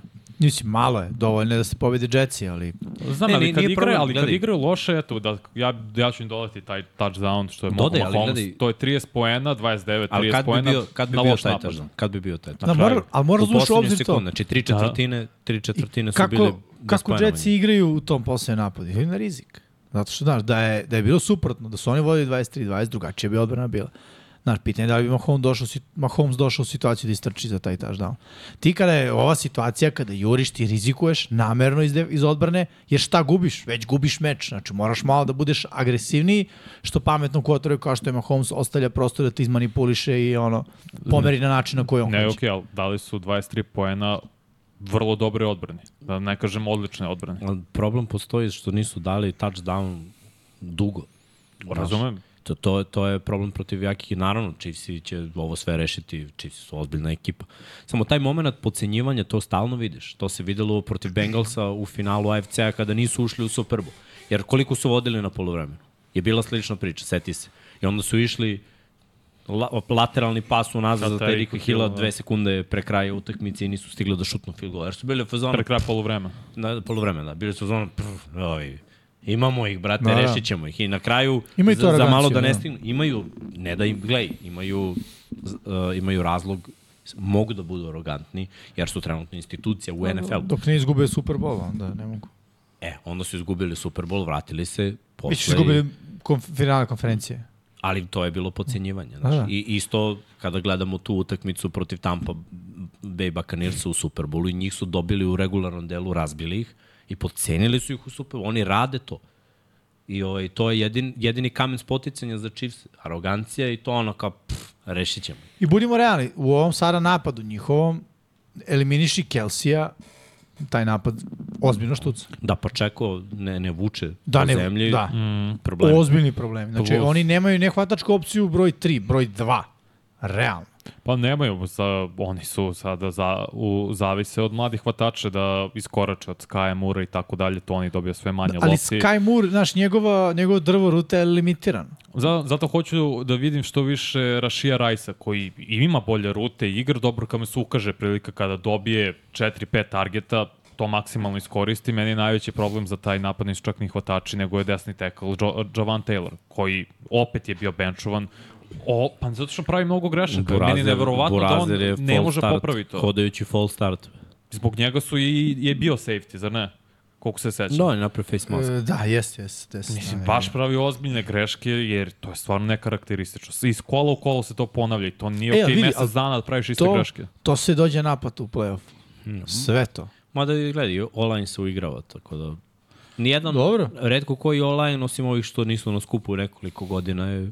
Znaš, novo skopljeni online, nijedan gotovo nije odigrao na visokom nivou. Ne, ali viš Donovan Smith, levi tackle, igra neuporedivo bolje, jako i tek došao i on. Ali ovom nije lagodno na desnom teklu, mora uzmeš to u obzir. On igra desnog tekla sa pola jarde off, rizikuje svaki put da dobije nelegalnu formaciju zbog toga, što očigledno njegov taj uh, kickback, je tako Kick zove? slide. Kick slide. Njegov kick slide na toj desnoj strani nije prirodan. I čovjek očigledno ima u glavi neku barijeru koju znači ne nije može... prirodan? I on je, nije on prešao sa levog tekla na desno, igrao desni tekla sve vreme u NFL. Nije prirodan. Pri, ne, možeš ti da igraš 50 godina da ne budeš prirodan. Vidiš da, da je usiljen potez. I, I ne igra protiv premium igrača, nje, on overšutuje te uglove. Razumeš? Baš je ono u fazonu, mora se povučem što pre, moram da ukradem jednu stopu kada se postavljam na liniju. To su stvari kad sumnjaš u sebe. Ti kad si samouveren, ti, brate, staneš gde hoćeš i znaš da ćeš da zatvor. Gledaj Lane Johnson. Trent kako Williams, pogledaj ga. Stan, možda stane gde hoće, zatvorit će svakog jer zna, veruje u svoju tehniku. Ja mislim da ovaj momak ne veruje u svoju tehniku, mislim da je pritisak ovaj, na njemu veliki. Ono, I ti failovi samo više ulivaju nesigurnost. Znaš, ono, ovde sam imao holding, ovde sam imao false start, ovde je bilo zbog mene, uh, ekipa imala 30 yardi kazne na ovoj utakmici. Seki 20 yardi kazne na ovoj mm. utakmici. I onda Safety. u glavi ti je, tako je, i u glavi ti je ono, kao ja ne radim dobro svoj posao, šta, znaš, nesigurnosti dosta, ali kako prolazi sezona, to može da se promeni. Što vam pitam našeg ofenzivnog linijaša? Pa reci, šta si teo da sam kažem, mene neko premestio sa desnog na levi, to je bilo katastrofa. Jer ja ne mogu stanem tako na Da, drugi stance, ugao, sve, da, da. Da, ali Taylor nema taj problem, to je igra je sve vreme desnog tekla i u Jaguarsima, tako da ne vidim Ali nikad zašto. nije igrao na visokom nivou zapravo. Pitanje šta je igra na koleđu? Nismo ga, nismo Kako ga, nismo ga mi ovaj, previše ni... a, Znaš, sad je pod svetlima, najsvetlijim ovaj, svetlima. Jer igra, pa da, znaš, reflektori su mnogo jači kad Naravno. igraš za, za Chiefs nego kad igraš za Jaguars. Koji je prime time Što si rekao tri utakmicu? za redom, svetlima. Svetlimo sve, ne znam, nego, toliko svetli za Chiefs razumeš da Taylor Swift izgleda belje nego inače. Ali to, to je point. Ne možeš, sad smo ga uzeli pod lupu i to je problem za njega. Očigledno mu to ne prija. Bilo mu je cool dok igra za nebitnu ekipu tamo negde na jugu. Šta su oni imali prošlu sezonu koja je bila relevantna. I tu smo ga malo videli. Nije bilo. Sad kad je rekao, uzeli smo ga pod lupu, kapiram gleda 99 ja rekao, ne, opet Joj. Prevedi mi ovo. Zar i oni? Zar i oni? Čuo sam moj ime. Prevedi ovo. Da, biće bolje. Biće bolje. Možda. Ajmo dalje. Ajmo. Srki. Bravo za Jets, svakako. Jeste 1-3, ali ide na bolje. Ramsi protiv Kolca 29-23, Ramsi sjajno otvorili 23-0, dominantno pre svega ofenzivna linija koja se zaista sumnjao, zato sam birao Kolce, sačuvala je Matthew Stafforda protiv vrlo dobre defensivne linije, stvorili su i rupe za trčanje, Ramsi su istračali 164 yardi, čini mi se iz 36 nošenja, znači to je funkcionisalo, svi smo gledali Puka na Kua show, već gledamo čitav mesec, čitav septembar, računajući sad i ovaj vikend, stvarno dečko radi fenomenalne stvari, obara rekorde Baldwina po broju hoćenih yardi, po broju hvatanja za jednog Novajliju u svoje prve četiri utakmice. I Ramsi, ok, guraju 2-2, ali njihova ofenzivna linija igra gore dole. I to je problem. To nije konstantno. Nekad su katastrofa kao protiv Rams, pro, pardon, kao protiv Bengalsa, te stvarno dosta problema imaju, ali sad protiv Kolca koji bi trebalo da imaju bolju defensivnu liniju, zatvorili su ih. Sad ne znam da li je to i do Shona McVeja i poziv akcije i šeme blokiranja, ali su odradili sjajan posao i upustili su se u drugom polovremenu gde su kolci to iskoristili. Stigli do produžetka, napravili ozbiljnu seriju, ali na kraju produžetku jedan drive, touchdown. Baš je bio drive savršen. Jeste. I Rem, Remsi pokazuju ove godine da znaju da igraju savršen futbol. Ali, kao i svaka mlada ekipa, igraju ga na moment. O, to je razlika između institucija dobrih, odličnih ekipa u stvari i dobrih ekipa. To, to su Remsi, dobra ekipa. Oni ne mogu da odigraju četiri četvrtine na ovom nivou. Protekcija ne može da bude takva četiri četvrtine. Trčanje ne može da se uspostavi hvatači, drugi su nekonstantni. Ti kad gađaš Van Jeffersona, često je ono, on nije na pravom mestu, lopta ide loše, nemaju treću opciju, biće drugačije kad dođe kap, ali ako protekcija nije dobra i ako hvatači ne odrade svoj posao, oni su u problemu. Defanzivno škripi na pojedinim mestima, što je bilo očekivano za Remse, ali meni su i oni jedno jako prijatno iznenađenje ove sezone, jer su uh, konkurentni u svakoj utakmici. Bili su konkurentni protiv San Francisco.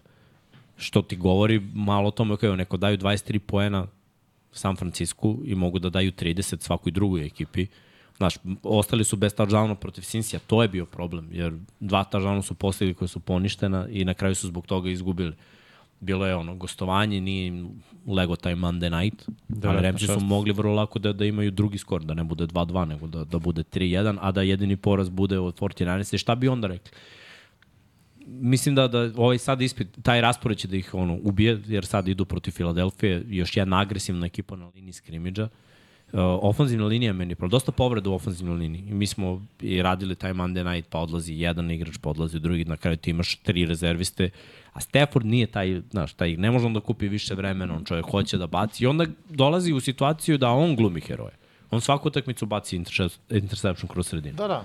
Jer je sad već počelo da bude providno, oni nemaju s polja, nemaju to, tu neku Vertikalu, uh, vertikalu koja njemu fali, jer on čovjek živi od toga. On celu svoju karijeru prangija duboko.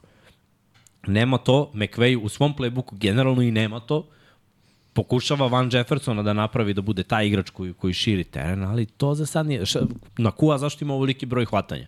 Zašto Cooper Cup ima 15-20 targeta po utakmici i ima najviše hvatanja? Zašto su koncepti ruta, ono, dva plitka krosa, slant dig, curl, cross, dig. Pazi, sve ono što vole svodi, veterani quarterbackovi. Znaš. Sve se svodi Boci na ono- loptu posle sekund i po dva, nema pritiska, nema udarca, znaš. 15 yardi dubine. Laka odluka. Bot, bot, bot. 5 do 15, da. Veraš svoju ruku, provućiš kroz mali prozor, to je onako kratak pas, realno. Ti kad šalješ pas od 7 yardi napred, kad to je ono, čak i da je skroz na stranu, ono, maksimalno koliko, 20 yardi pas. Aha. Za ruku Matthew Stafforda i preciznost, to je ono, sekund. da stigne. Njemu odgovara, klincima odgovara, naučili su da traže rupe, ali vertikalno igra fali. I ta vertikalna igra koja fali, to može da bude E, zna- kamen spoticanja Znaš šta? za ok, treba imati vertikalne opcije, ali ja sam više fan ovoga, jer ovo ti je futbol koji te uništava i on te pasom melje na način kao što te ekipe melju trčanjem. Jer uh, igraju strpljiv futbol. Opet, za to ti treba veteran na poziciji quarterbacka, Stafford to može da uradi. Uh, McVay je strpljiv u play callingu, voli kad ima i napade koji dugo traju, koji ono, traju po 12 plus akcija. I to se sve uklapa. S ovim mladim hvatačima, što kaže Miksa, koji su naučili da pronađu rupe u zonama, to fantastično funkcioniše, stvarno. I meni se Remsi uh, jako sviđaju. Mislim da problemi kod njih nastaju kada Stafford počne da dobije batine. Pa da, Onda je neprijatno. Pa da, onda sve naš I kad se zatvore te pliće opcije. sve, sve pada onda u vodu. Još odbrana nije toliko dobra da može konstantno druge timove da zatvara. Ono je bila anomalija protiv Seahawksa koji su pocenili, izgledali katastrofa. Mm. Pa to je bilo prva nedelja, tako? Da, nakon toga su svaku utakmicu dali bar 24 poena, uglavnom 30. A opet i divizija, znaš. Jest, to sve stoji. Samo Pazi, zanima... Bengalsi koji su im muče ofenzivno su im dali Mm. 19. Tako je. Da, mnogo je to poena, realno. Bengalsi daju po tri. Pa, znaš, ajde da kažemo da je bilo situacija kad su morali da se odbrane, ali su dozvoljavali neke stvari, ima tu mladih igrača, nediscipline. Vide, vide se neki momenti da je, da je iskusan quarterback i dobar sistem mogu da ih pobede. Ali dobar utisak i za jedne i za druge. Trčanje je i za jedne i za druge problem na momente i Williams i Moss znaju da odrade odličan posao. Naprimer, Moss je bio vrhunski protiv Baltimora u ovoj utakmici, nije. Ne znam zašto nije protiv Ramsa, nije to neka elitna odbrana protiv Nisu trčanja. pokušavali. Pa Toliko dobro, puno. gubili su, ali u početku utakmice. Ali nisu imali veliki zaostatak. Znači, ja generalno mislim da je ova, da ideja ove sezone za Colts je ra razviti Antonija Richardsona. Znaš, igrati malo na tu kartu da se on razvije, da bi naredne godine sa ono pikovima i celom ekipom koja je godinu dana iskusnija zapravo krenuli na ono titulu svoje divizije pre svega. Ti si upravo i sad razmišljam za Antonija Richardsona koji ima mislim, 11 kompletiranih dodavanja iz 25 pokušaja. Šta je naj, ko je najbolji prijatelj mladnim quarterbackovima? Hvatač broj 1. A. Da, mislim kao što su doveli Joe Bills i Stefona Diggsa, Joshu Allenu i tako dalje. Kao što Pouzdana hvatačka opcija. Field sa Murom je Tako je. drugi Field. I znaš šta treba, trebaju da pozovu Cincinnati Bengals se pitaju koliko za Tije Higginsa. Pa to tek kraju tržištu. sezone. Ne, ne, ti dovedi ga sad, na, jer na kraju sezone nam možda slobodan agent i možda neće doći kod Misliš vas. Bengalsi ga neće... Pot...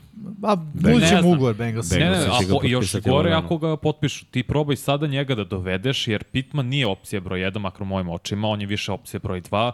Higgins je bolji hvatač, dovedi njega u, da uđe u sistem za pola sezone, da shvati, ok, mogu da razvijem i igru sa Antonijem Richardsonom, da budem opcija broj 1, da je ovo dobar tim, da potpiše dugoročni ugovor. Jer nećeš pot draftovati potencijalno, iako sledeće godine ima bruka hvatača. Ja mislim da hoće, će Sle, draftovati. sledeće godine, ja mislim, Sam će biti u prvoj rundi, ali imaš dokazanog igrača u, u Higginsu koji može bude opcija broj 1. Traduj, olakšaj posao malo Anthony Richardsonu i tako ubrzavaš njegovo... to ti ništa nije... Skup je. Nije samo skup. Što bi ja, evo ti, ja sam Higgins. Uh, igrao sam u Superbowlu, igrao sam sa Burom. Što bi išao kod uh, Da se trkačku? unovči. Ma daj bre, kako unučem, platit će me kogod, bre. Dečko je u, u nivou da bude plaćan od strane bilo koje ekipe, uključujući i Bengalse. Da se downgradeuje toliko da ode kod Kotrbe koji baca 11 kompletiranih po utakmici. Dobro, to smo govorili za Fieldsa pre nego što je došao DJ Moore.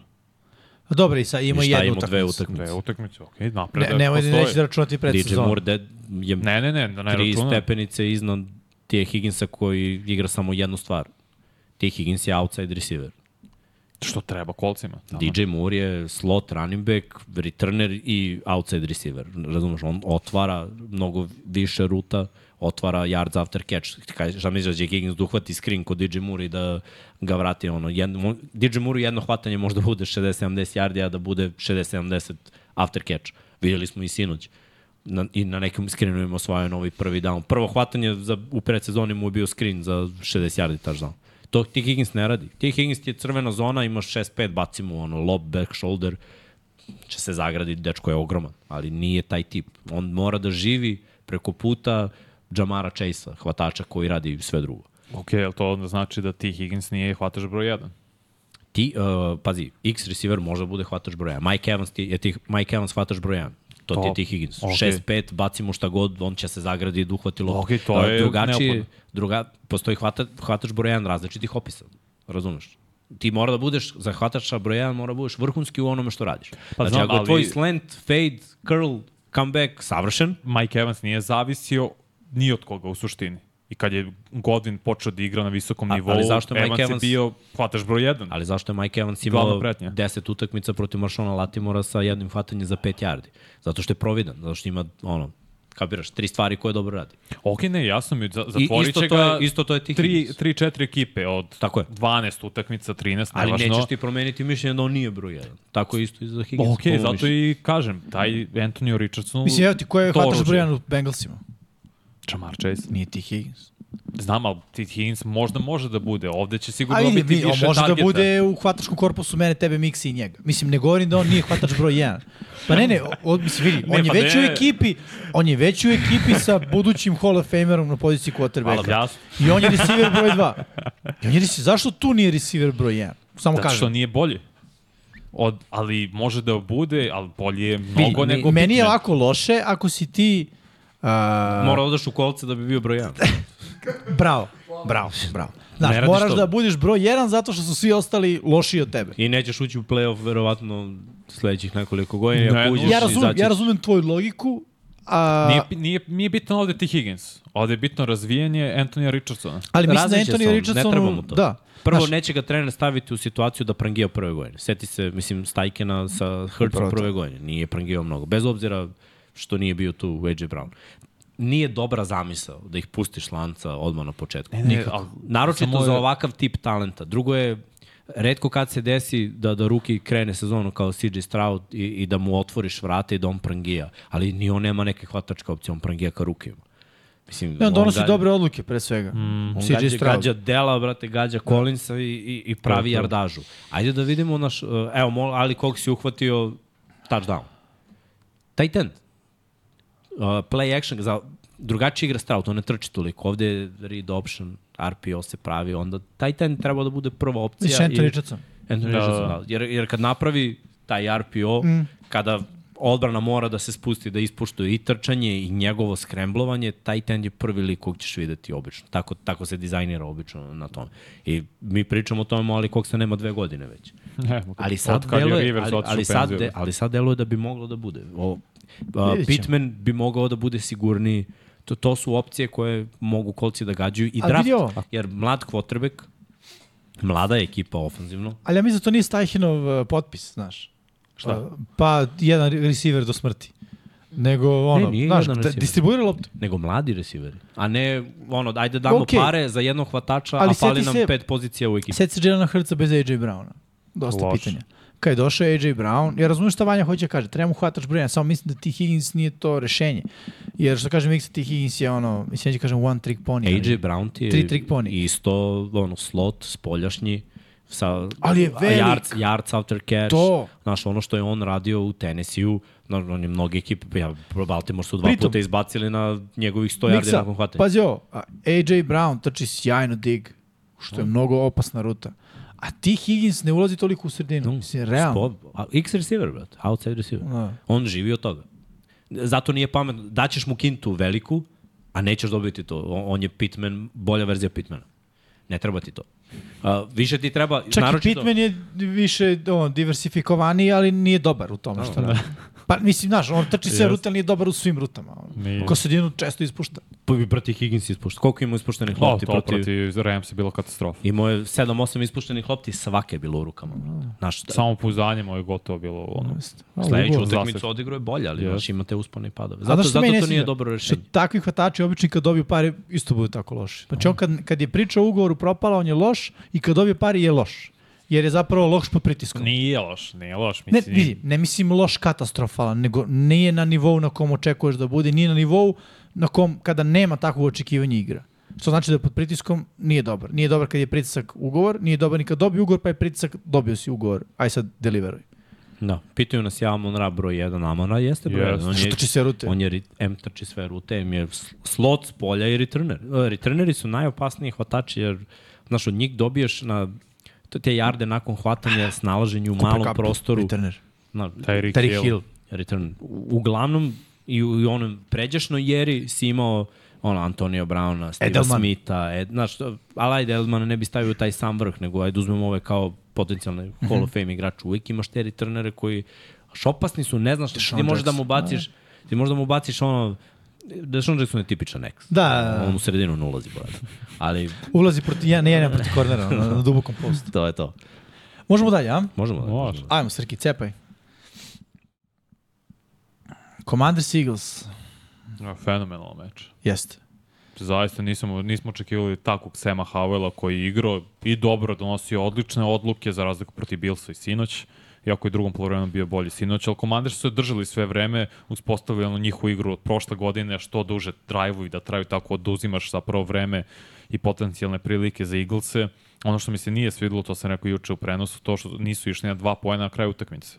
Ku, nisi favorit, ovo ti je prilika u, gosto, u gostima da pobediš. Filo i ti na petama. Filo na petanje i ti ideš na dodatni poen. Brati, idi, jer izgubit ćeš u prvom dužetku, što se i desilo.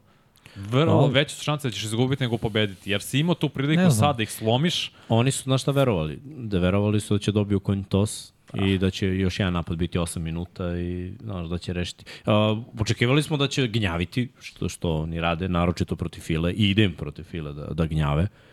Ali ono što nije bilo dobro na, na ovoj utakmici za, za Commanderse jeste taj to izjednačenje, to je stiglo u poslednjoj, poslednjoj sekundi, u poslednjoj akciji, zahvaljujući savršenoj ruti i ispadanju džoba koji, brate, ove godine je kriv. Na svakoj utakmici jedan touchdown je on kriv. he does the job Da, da. for the other team.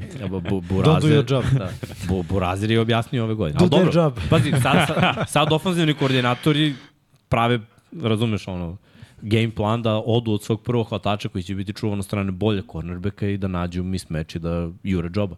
To je rupa za filu. Zaustavljanje trčanja, to je rupa za filu, zanimljivo. Nisam, Nema nisam, linebacker? nisam to očekivao. Da, Da. da nema, to smo pričali da će biti ovaj problem, ali, Ali kao godine- defanzivna linija bi mogla da kompenzuje. Znaš što je prošle godine? Ne može da je Blankenship je spasio sa onim Jeste. u jednom trenutku u Sveta ekipu. ruka. A i sredina je Filina odbrana isto bila bušna prošle godine protiv dodavanja. Fila ove godine dopustila najviše, to je 9 A sad je bušni protiv trčanja i protiv dodavanja. To, Da. to je mana. Vidi, devet odgovor na dodavanja- ovo pitanje ti je linebacker. Mislim, znaš, ne, ne pokriva i korner i sredinu terena u, u dodavanju, kao što je nebranje trčanje. Samo Bears i Broncos su dopustili više dodavanja za touchdown nego od File. Što je problem, mislim. Pravi Mislim, vidi, ja njihov sekundari generalno ne verujem. Bradbury... Opet je bilo, opet je bila situacija miskomunikacije i Burazer sam, ono, ono trči dok oni gledaju. To, to se dešava baš često za, za Philadelphia. Ali znaš šta, bez obzira na sve to, njihov napad vuče priču i oni nemaju problema da, da dođu do 30 poena. Jeste, ali znaš šta je Miksa problem? AJ Brown je pogledao. Pogledaj Ne, ne, J. statistiku, Brown znaš. je izdominirao, 175 yardi, dva taža. To je- Ali igraju protiv, znaš, igraju Više protiv... od pola yardi Jelena Hrca AJ Brown. Neko će ga zatvoriti. Neko će ga zatvoriti. Ok, ne kažem da Devonta Smith ne može da isporuči kad se ovaj zatvori. A teško je da zatvoriš obojicu. Ali kad Da li- zatvoreš obojcu, videli smo na utakmici gde Swift podivljao i, i odigrao vrhunski i da onda Hurts se, jer Fila je u napadu jako opasna ekipa. Jeste. Dobra jer- ofanzivna Da. linija. Kotrbe koji trči. Mora da igraš drugu odbranu. E, Protiv Fila igraš drugu odbranu. Ali protiv ajde da vidimo kako će igrati kad zatvori neko AJ Browna. To mene brine. Još ga niko nije zatvorio, a će ga neko Bilo je prošle zatvoriti. godine, znaš, nije se mučila Fila. Jalen Hurts ima jedan poraz. U poslednjih 22 utakmice. Ne, ne. Okay. U regularnoj sezoni. Ali nije do njega samo. Znači, on radi svoj posao, ali ne greši. Fila, To od Commandersa izgubio. Fi- Fila, da. da, Fila dobre stvari radi jer ne gube loptu, čuvaju loptu, imaju u napadu dovoljno talenta, odbrana je problem. Znači, njihova odbrana Jeste. u stvari i limitira protivnika na, na broj poena da Fila može da prebaci taj broj poena i, i da triumfuje na kraju. To je, to je ključ, jer znamo i ono što Chiefsi su radili godinama, njihova odbrana nije dobra, ali zatvore, dozvole 30, Ali znaš Ti koja je znaš da napad može da 31 Znaš i da šta, pobediš. tu može bude dobra stvar, da se ta odbrana namerno ne troši sada zbog play-offa. I... Bilo je povreda isto, aj to da kažemo, nije, taj secondary naročito, vratit će se neki igrači koji, koji, koji nisu A ja ne verujem povratak, mislim, u sred sezone.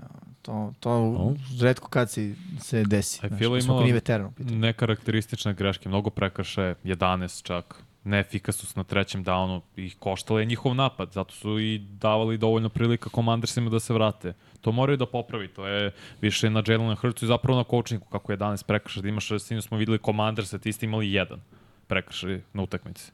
To je, makar ja mislim da je do coachinga, sad vi mi ispravite kao trener kad su prekršaj u pitanju, pogotovo ofenzivne linije, da li je to coaching ili je nedisciplina nije igrača. Pazi, Mislim, coaching nije coaching kad napraviš discipline. Mislim. Nije coaching kad napraviš personal foul, kada ono, praviš offside u defanzivnoj liniji, ali kad praviš holding, to je pobeđen si, mislim. Želja je bila da, to ti je nešto, ne možeš ti to da opet, ne, ti hoćeš da izblokiraš čoveka. Ostane ti malo ruka, pobedite, on ima bolju tehniku od tebe, taj play nisi odradio dobru tehniku i praviš grešku. Mislim, njima je Lane Johnson imao u par utakmica holdinge. Sad ćemo kažemo, Lane Johnson nije disciplinovan, trener ga nije dobro naučio, lik najbolji desni tekl u NFL-u. Pad koncentracije, pobedite čovek. Mislim, u svakom sportu neko te pobedi.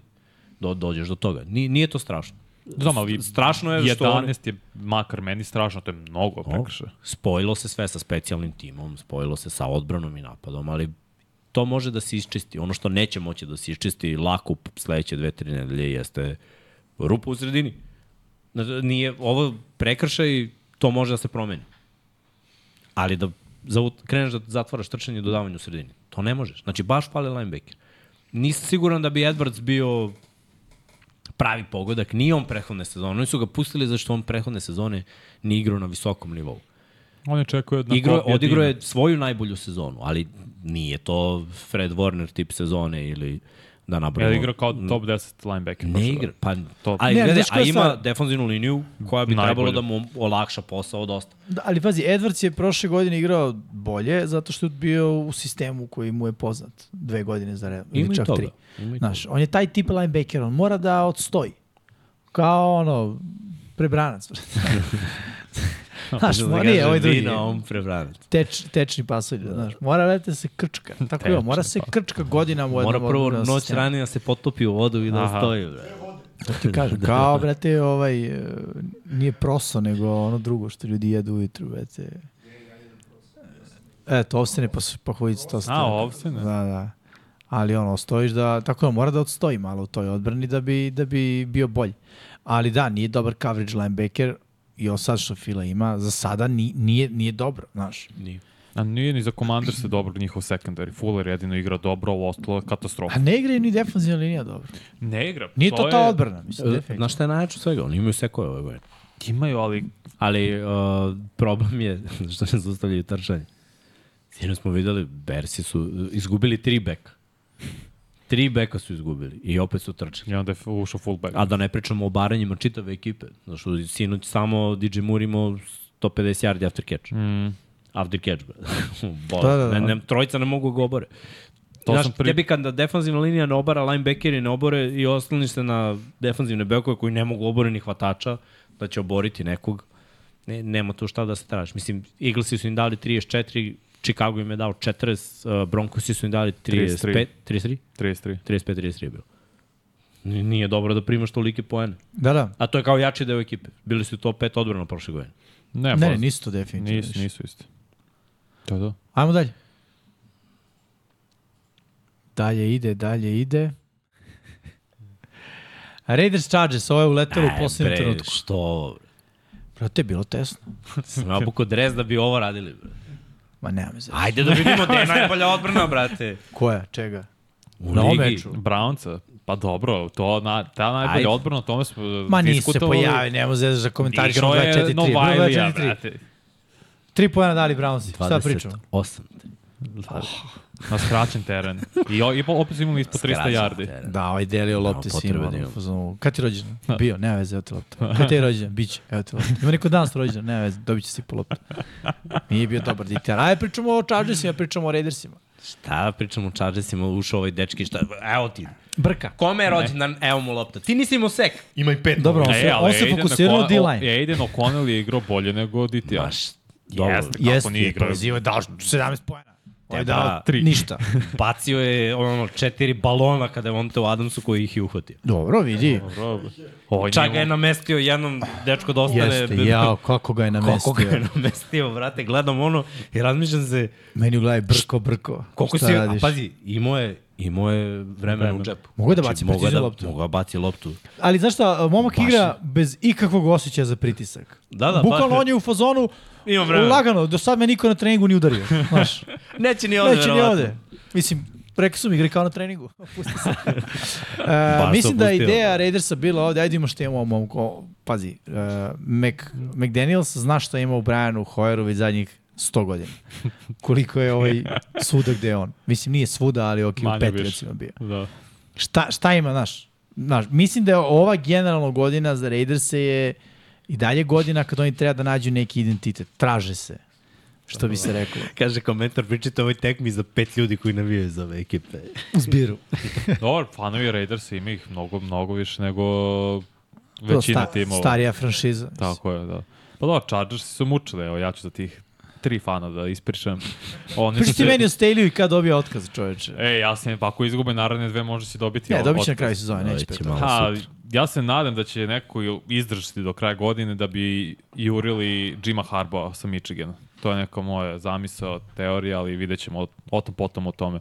Napad se mučio, igrao je loše, čak i Herbert igrao katastrofa, zaista samo 13 Ne kompletnih dodavanja, nisu trčali, fali Kellen Moore. Kellen Moore, uvijek Kellen Moore. pogrešno. Kellen Moore je... A kad nema Ekelera, kao da... Ma nemoj, manja, nema veze Ekeler s tim. Verujem, Ekeler napuca jarde jer je sposoban. A nešto mu ovaj daje šansu. Da, da. Ovaj Dobro, krene, je baš znaš koji ti je ovaj lik? Ovaj ti je onaj lik, sutra ustajem u šest.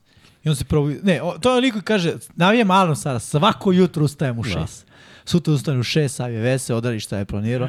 Prekostru, prekostru u fazonu. Što ja ne ustajem u šest, bret? Mogu ustanem u sedam, ustanem u devet, bret. Tako je Kellen Moore, krećemo s trčanjem. To je naš identitet. Trčat ćemo cele godine. Na početku. Na početku svake utakmice, svaki drive prvi ima trčimo. I delovaće dobro, a posle neće otrčati. Što najgore, Herbert je trčao dobro, mislim, na ovoj utakmici kao Znam, ali i pa, ne, bežao. ne, nemoj da gledaš Herberta. To nije je- smislio da. Herbert Ne, trči. pa naravno da Her- nije. Ako Kellen Kellen Moore je kapiran Herberta, na tim akcijama, upravo što nisi bacio, bio čovjek sam. Herbert je trčao da spasi onu kosicu, brate, od Max sekova, Crosby, kako ga i, i čuko iz patika, to je bilo lepo, ali ono glup udarac i ni uopšte nije bilo jasno. Pa mislim da je to su neki ne, nerazjašnjeni Pa računi, da, sa- a sa. Chargersima kao franšiza. Da, da, Ne sa nužno Herbert, on je baš bilo, Izbacio sebe, dečko, sa utakmice. bilo da, besmisleno. u- ne, nije bilo smisla. Pa da, zašto nema smisla. Mislim, Baš u današnjem futbolu ono, to se ne radi. Baš, znači potpuno bez ikakvog ono, ci, znaš, pritom, ne, ne znam, ne znam šta bih rekao o tom. Ne znam, sva sreća imao je slomljen prst na kraju. Herbert je igrao s tim, ja nikada u Sva životu sreći ima slomio prst.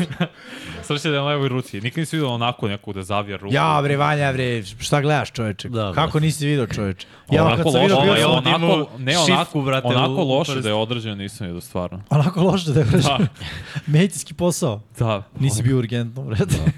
Dobro, ovo nije urgentno, ovo je NFL. Pa jeste prilično urgentno, mogu ti reći. Srede ga i vrati ga za pet minuta To, nazad. vrati se, brate. Nema šta, to je, to je rešenje, znaš, on je došao i rekao, brate, vratimo igru. I ovaj mu je zamo to izoli traku.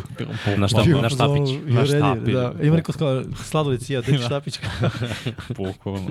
A uspio da kompletira ono Kure, veliko. Mali, ne može. Šta ne, ne može? Ćuti mali bambusej.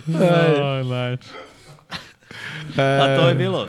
Herbert, vidi, Herbert je jedan hrabar čovjek. Da. Sam kažem Kako nešto kompletira drugo. ono dodavanje, kad je opet Svako. išao na četvrti pokušaj, ovaj čovjek, znači izludeće svakog i ovaj put je dao loptu u ruke Herbertu, ali glup podabir akcije, mislim. To akcija ne prolazi njima, zašto nisu išli na dodavanje, ne znam. Mogu je dodatno da se povredi kad je išao na quarterback sneak na četvrtom pokušaju, predali su loptu, sva sreća, pa je Khalil Mack sekovo sve i svašta, čitavu utakmicu i O'Connell je napravio grešku, interception. Ovo, Josh Allen ima ono, super heroj kompleks. A, a Herbert ima ono kompleks, ja sam spasilac planete. Znaš, ja, kao ono, ti ne možeš, skoči, ja te nosim. Ne možeš ti, skoči, i tebe nosim. Ni ti, i tebe ću da nosim, brad. On je taj lik, brad. On je magare Chargers, koji vuče, brate, dok je živ. Samo prošle godine sa rebrom polomljenim. Da, godine je- sa prstom. Dobri, dobri Mislim, mu pare i čast. sad je verovatno u glavi. Ma ono nije on ni sa- za pare, bre. Ne, ne, ne, nego... On je pravi onaj lik koji u fazonu. Bio i bez para. Run Forest Run, bre. A sad s parama je, je verovatno ono kao... Ja mislim da njemu sad ništa nije moram, promenilo. Sad moram još jače. Mislim Ja- da on ne razmišlja, ako Ni nikad ja ne isto, da je ono, isto. taj tip. Meni on deluje kao lik koji Ali pazi, ono, greška quarterbacka Raidersa baca ono, idiotizam, znači stalno pričamo o tome, ono, ne, I opet, e, sve vreme trčanje je bilo otvoreno kroz sredinu i dodavanja kroz sredinu. Oni dođu do gol pokušaja, ide roll out, brate, ono, telefoniranje. roll out na desno, pas ide na desno. Ako je već u problemu mali, stavi ga u situaciju da on izbaci loptu brzo u, u sredinu. S takvim interceptionom mogu da živim, ali onda ide roll out i da telefonira i da dode tu loptu dijagonala. Prvo niti ima, jak, oni štrika precizno kratko. Nema tu jako ruku duglavi taj aut. Asante Samuel, ono, Blake, kao i moguće igrao. Je moguće da idu ovo, hvala prijatno. I dečko mogu istrči touchdown, E, to nije. mi nije bilo jasno zašto si uklizao, brati, imao dva i Zato po što je teo minuta da, do ostavi, kraja. teo da ostavi, ostavi napadu i napad igra na trećem downu. Znači, to je tek moglo. Znači, bukvalno sam navio da, da izgube Chargersi. Mm. I oni idu fade. Da budu kažnjeni. Debra, idu fade. I prođe. Treba ih sad. Užasna Herbert. ekipa, užasna ekipa, užasna ekipa. Ajde idemo dalje, ne, ne, ne mogu. Ne, Slažem dok se. pričamo o njima, o njihovim pobedama ne Samo igraju. spomeni Kalila Meka da čisto Šest zaslužuje. sekova Khalil Mack, bravo, brate, svaka čast. Ball so hard. Da, da. Pa, brate, odmah se postavio kao jedan od glavnih po broju sekova u sezoni, nije ga bilo tri, tri utakmice. Pa dobro, sam možda odmori još tri. Znaš ko je imao takvu statistiku jednom? Chandler Jones imao pet za tekmu. Da, u prvoj u prvom utakmici. kolu. Pa to je bilo I prošle nešto. godine. Do kraja sezona imao sedam. Misliš još dva? pa kao, bre. Nadam se da nije ta godina za... E, sva sreća pa idu na baj ove Da. nedelje, pa mogu se da se oporave i Dervin James, i Linsley, i Bossa, i Ekeler, i Herbert. samo kukaš o tim povredama. bre. Šta radim, Svi svi, imaju povrede. Pa što svi imaju Svi povrede. najbolji igrači su im povređeni, šta radim? Niko nije igrao, bukvalno na ovoj utakmici. Ja igli ste protiv Redesa, bre, tebra, ne sprdaju. Protiv O'Connella. rival. Da. Protiv Brke. Divizijski rival, e. Ajde, pušti Ajde. dalje. Ako ima, ako nema, ima rezultati utakmica odigranih u četvrtom kolu. Thursday Night Football Lions protiv Packersa, to smo prošle nedelje prokomentarisali, 34-20 pobjeda Lionsa. Jaguarsi u Londonu, polu kod kuće, u dvorištu svoje kuće, mm. pobedili Falconse 23 prema 7. Šta možemo kažemo ovdje? Iznen... Meni je bilo iznenađujuće Reader otkaz.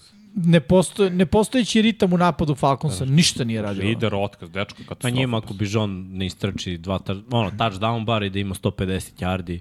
Znaš, ne, ne mogu, Piši, ne mogu play action, ne mogu ta neka dodavanja. I to je ono što smo i očekivali. Ovaj, Rider je odigrao solidno par utakmica, ali u stvari odigrao solidno protiv neagresivnih holdera. Da.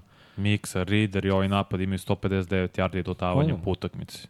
Sa onim oružjem, Ma je nije, sram. nije, nije ni problem to ako si u ritmu i ako trčiš bar. Jer gledaj, ako ti imaš 150 yardi dodavanjima, trčiš za 200, dodaj 150, trči 200 i pobeđuje. Biće okej. Oni nisu ni blizu tog trčanja. Pritom, Bižon stvarno pravi jarde gde ih nema. Mm. Ono,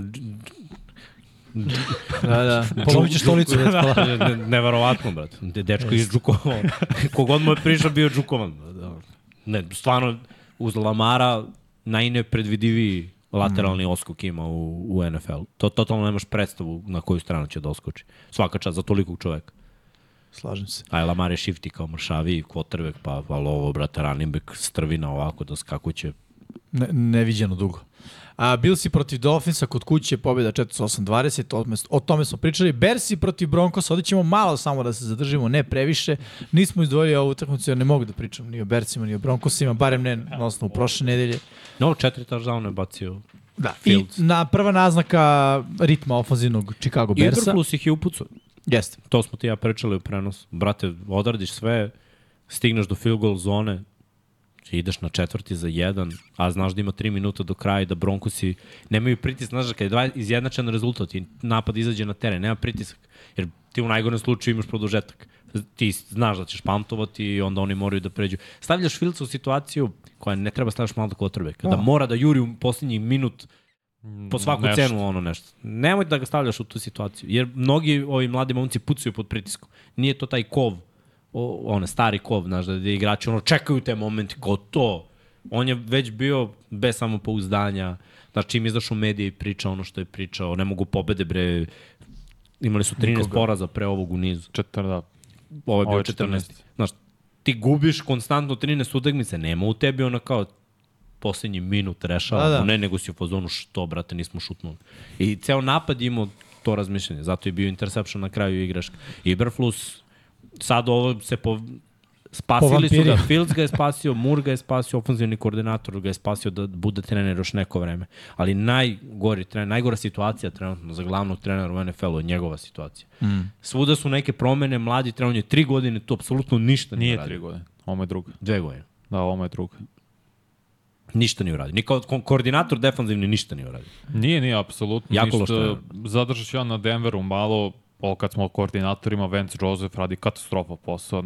Ne znam da li ikad bilo da dve utakmice za redom protivničkih quarterback vezuje 16 dodavanja kompletiranih. Katovali su Gregore, to nismo rekli. Nismo, da, E, Randy da, da, da, Gregory da. su katovali, jer verujem da je o, to bila posledica toga. Sad ćemo katovati igrača koji je najskuplji u timu da bi se ovi drugi opometili. Jer Randy Gregory nije Pa- igrao dobro, ruku na srce stvarno Da. nije i verujem da idu mla, da podmlade tim. Jer To je bila njihova izjava, da Tako kao se okreću mlađim igračima i mlađim rešenjima. Ne možeš, brate, da to primiš 28 pojena da Fields izgleda kao bog futbala.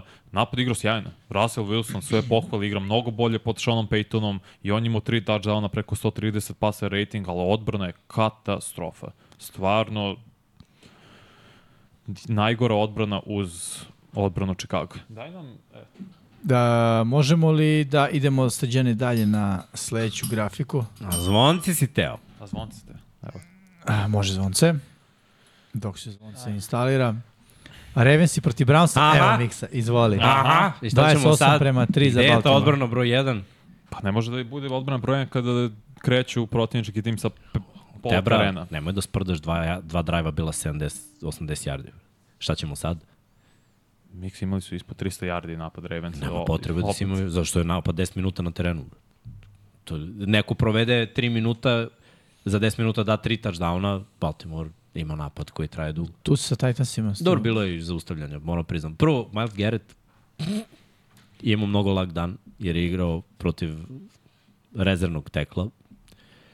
I pokazao mu je šta znači biti... Onaj Failele je toliko velik čovjek, ali je toliko spor u nogama. Ne, ne, dobro, razumljivo ima ono 6-8, koliko ima kila valja? 170, 180. Pa mislim, pa oni i Davan Jones, dvojica ovaj u Browncima tek listi su. Dve planine. Znači dve planine, dve gromade. Miles Garrett ga ošamari i pomeri ga, brate. Planina se pomeri. Tektonski, tektonska pomeranja, brate. I evo ga u backfootu. Zemljotres. Ja ne znam, on je Miles Garrett, čovek propade u tom Clevelandu, toliko je opasan igrač. Pazi, kad Lamar sa ovim sposobnostima njegovim da izađe iz džepa, da uđe, da izmanipuliše, da doda, da nema šanse da mu pobegne. Svaka čast. Uh, malo mi fali za Darius Smith.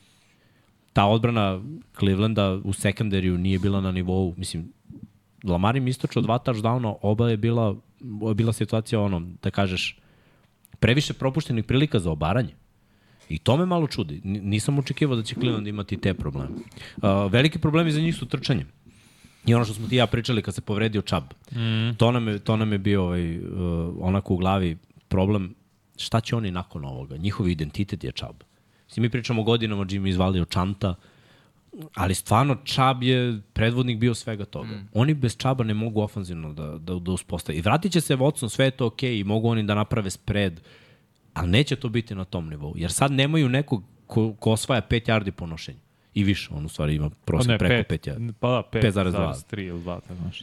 To, to je neverovatno, jer ti kad imaš takvog nekog, ti, ti možeš da se osloniš da, da odbrana mora puni boks, da da play action će da proradi, da u situaciji kad imaš ono pokušaj za mali broj yardi, ti imaš novi nije prvi down. Deshaun Watson, to je stvarno veliki. Ne, ne, jeste na ovoj utakmici, ali oni nemaju problema samo na ovoj utakmici. Dobro, A- a prošla je bila su- korektna. A Pa, delovali su, korektna. pazi, na početku, Ne, i Dešon dodavanje ima tri touchdowna napokon izgleda. Da, da. Kao Nije dobar trčanje quarterback. bilo- Vidi, Brownsi su ekipa, ono, jednu povredu udaljena od katastrofe.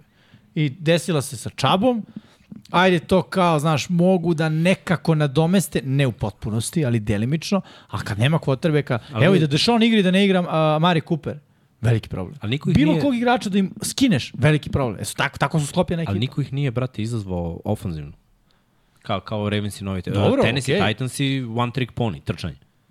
Oni su zaustavili trčanje i tu je sve stalo. Baltimore nije mnogo trčao na ovoj utakmici. Mislim, Lamar istračao dva touchdowna, ali to je bilo u spredu, video si ono, pet Da. hvatača i oni se boje da će Lamar da baci loptu, ostave sredinu šuplju i Lamar to Ne, iskoristi. Lamar je odigrao skoro savršeno protiv statistički najbolje odbrane, nema to šta, nego samo kažem za napad, Cleveland pantovali su osam puta. Jes, ne, ne, ne, ma, mali se nije pronašao i to ono presezonski quarterbackovi. E, Nego hoću da kažem da nije bilo napada, ajde uzmemo Cleveland od početka sezone. Kako su izgubili od Steelersa? Steelersi su defanzivno rešili, je li tako? tako je. Osvojili lopte, dali dva, de, dva defanzivna touchdowna. je, Da. To, to su stvari, znaš, Pittsburgh ih nije izazvao dodavanjem.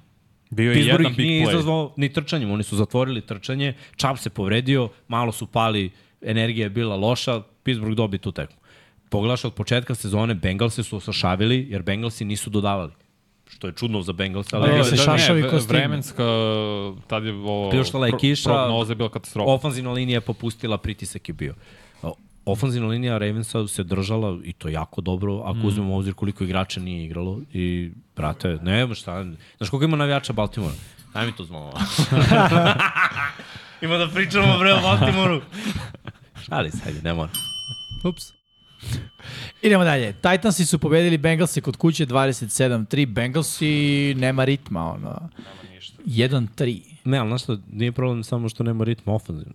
Oni stvarno ne mogu da zaustave krvarenje iz nosa, mm. a ne protivnički napad. Titansi su ekipa koja na fizikaliju, mogu, oni mogu da dobiju određene ekipe na, na fizikaliju. Videli smo protiv Brownsa, Sileđija je drugi bio, a ovde su Titansi bili Sileđi. I setite se ono, Derrick Henry u, u shotgunu kao quarterback, prva stvar koju sam rekao, on će baci u Baci, da, da. I Jer traže time out. I oni traže pred- time out, brate. I vrate se. Da, I on vidio sam, baci. On baci za. I ja sam Wildcat. mislim, brate, vi gledate utakmice. Te Pritom- scouting, brate. Taj tight end koji je uhvatio touchdown, znači je momentalno krenuo u rutu. Nije čak ni prodavao Kao blok, blok, dva da, koraka vidio sam. Momentalno outside release, ono, zašao iza leđa i pas. To je četvrti put da Henry baca u regularnom delu sezone i još A dva je dva puta je bacio u play-off. Kakav quarterback. Brate, ako gledate utakmice Titansa, znaš da su ono limitirani s idejama i da im je ovo... Neverovatno mi je time out da je bio tražen. Pazi, Pazi. šta rade treneri? Pogotovo što pre tog time outa formacija izgledala normalno i onda kao shift. Audible zapravo. Bam, ovi se pomeri i dolazi ovaj, brate, znaš, to radi s razlogom. Da pomisliš da ide su i. Simonsa tada u tu akciju. Da. Ajmo dalje. A Ramsi proti Coltsa, to smo već rekli, Ramsi pobedili 29 prema 23 u produžetku, kod, u gostima. A, Buccaneersi proti Saintsa, Bucksi 26-9 odneli pobedu u gostima, mogu reći prilično lagano. Saintsi i dalje u napadu, ono, nema identiteta. Sa Karom deluje dobro protiv loših ekipa. A ne deluje ni dobro Saints napad, ni sa Karom. Pa, sa, lo, sa, protiv loših ekipa deluju Nisu, okej. ja mislim, 20 pro, prešli do sada. 9, 17, 16 i ne mogu setim protiv koga su igrali u drugom Karolinu. kolu. Karolinu. su pobedili, dali su malo više pojena radi, to je bio onaj Mislim da su Monday imali night. 20. Tako nešto. Napad je, bili Jeste, 20. jeste. Napad je ozbiljno upitan jer limitiran Derek Carr sad jeste povređen, ali pre toga opet nije povezivo hvata, nije se povezivao sa hvatačima kao što smo očekivali, makar kao što je, su Saints očekivali. Igro je prosečno. Igro je kao što je igrao James Winston prošle godine bez toliko grešaka Da, da. u suštini. I onda su ubacili Winston i to je bilo najsmešnije. I on je Aj ti baci jedno, ono, ono tvoje. I ono presečeno dodavaju. Poslao sam danas Vanji i juče, po, našao sam na Instagramu meme, kaže NFL je pun Kirka Cousinsa, samo različitih verzija. Prvo slika Kirk Cousinsa, Kirk Cousins. Onda slika Tenihila, Kirk Cousins, Cousin. Onda slika, ko je bio? Ja, bre, Justin moj- Fields, Black Kirk Cousins. Pokazati poslednjih mnogo, ja. znači, show. Da mogu čak sad i da nađemo. Pok- nađemo, po- Vrlo, pokažem vrlo ih zanimljivo, da. Ne, ne, ne, za- pokažem, ali mogu da, da i, e, prepričam. Da, da kažem za Bakera Mayfielda, sve pohvale, zaista, bravo za Bakera koji igra mnogo bolje, koji igra kao najbolji quarterback u ovoj južnoj diviziji, što je zaista fenomenalno. Anthony Winfield, listo safety, je bio sjajan u ovoj utakmici, iznudio možda i ključan fumble krajem prvog poluvremena kad su, kad su izgubili loptu Buccaneersi, na kraju sa vrlo loše pozicije krenuli Saintsi, Winfield iz, izbacio loptu, samim tim i Dona na kraju touchdown za Buccaneerse i evo sad nakon četiri kola Baxi su prvi u toj diviziji i odbran radi sjajan posao, igra trčanja i dalje je upitna, ali zapravo ključna stvar je povreda Majka Evansa. Ne znamo koje je to stanje, da li je beša zadnja loža, čini mi se. Ma da, ali znaš šta, nije, bilo, nije bila toliko ozbiljna, samo su ovaj, prostudirali otišao na bajs, skapirali su da postoji ovaj, zategnuće zadnje lože, on je hodao sve normalno. Pa ne, ne, Prili da neće osvojiti Tour de France. ne, znaš šta su skapirali? Skapirali su, brate, mi dobijamo ovu tekmu bez evansa. Da, da. Što da rizikujem? E, pritom, mislim, smejali ste se.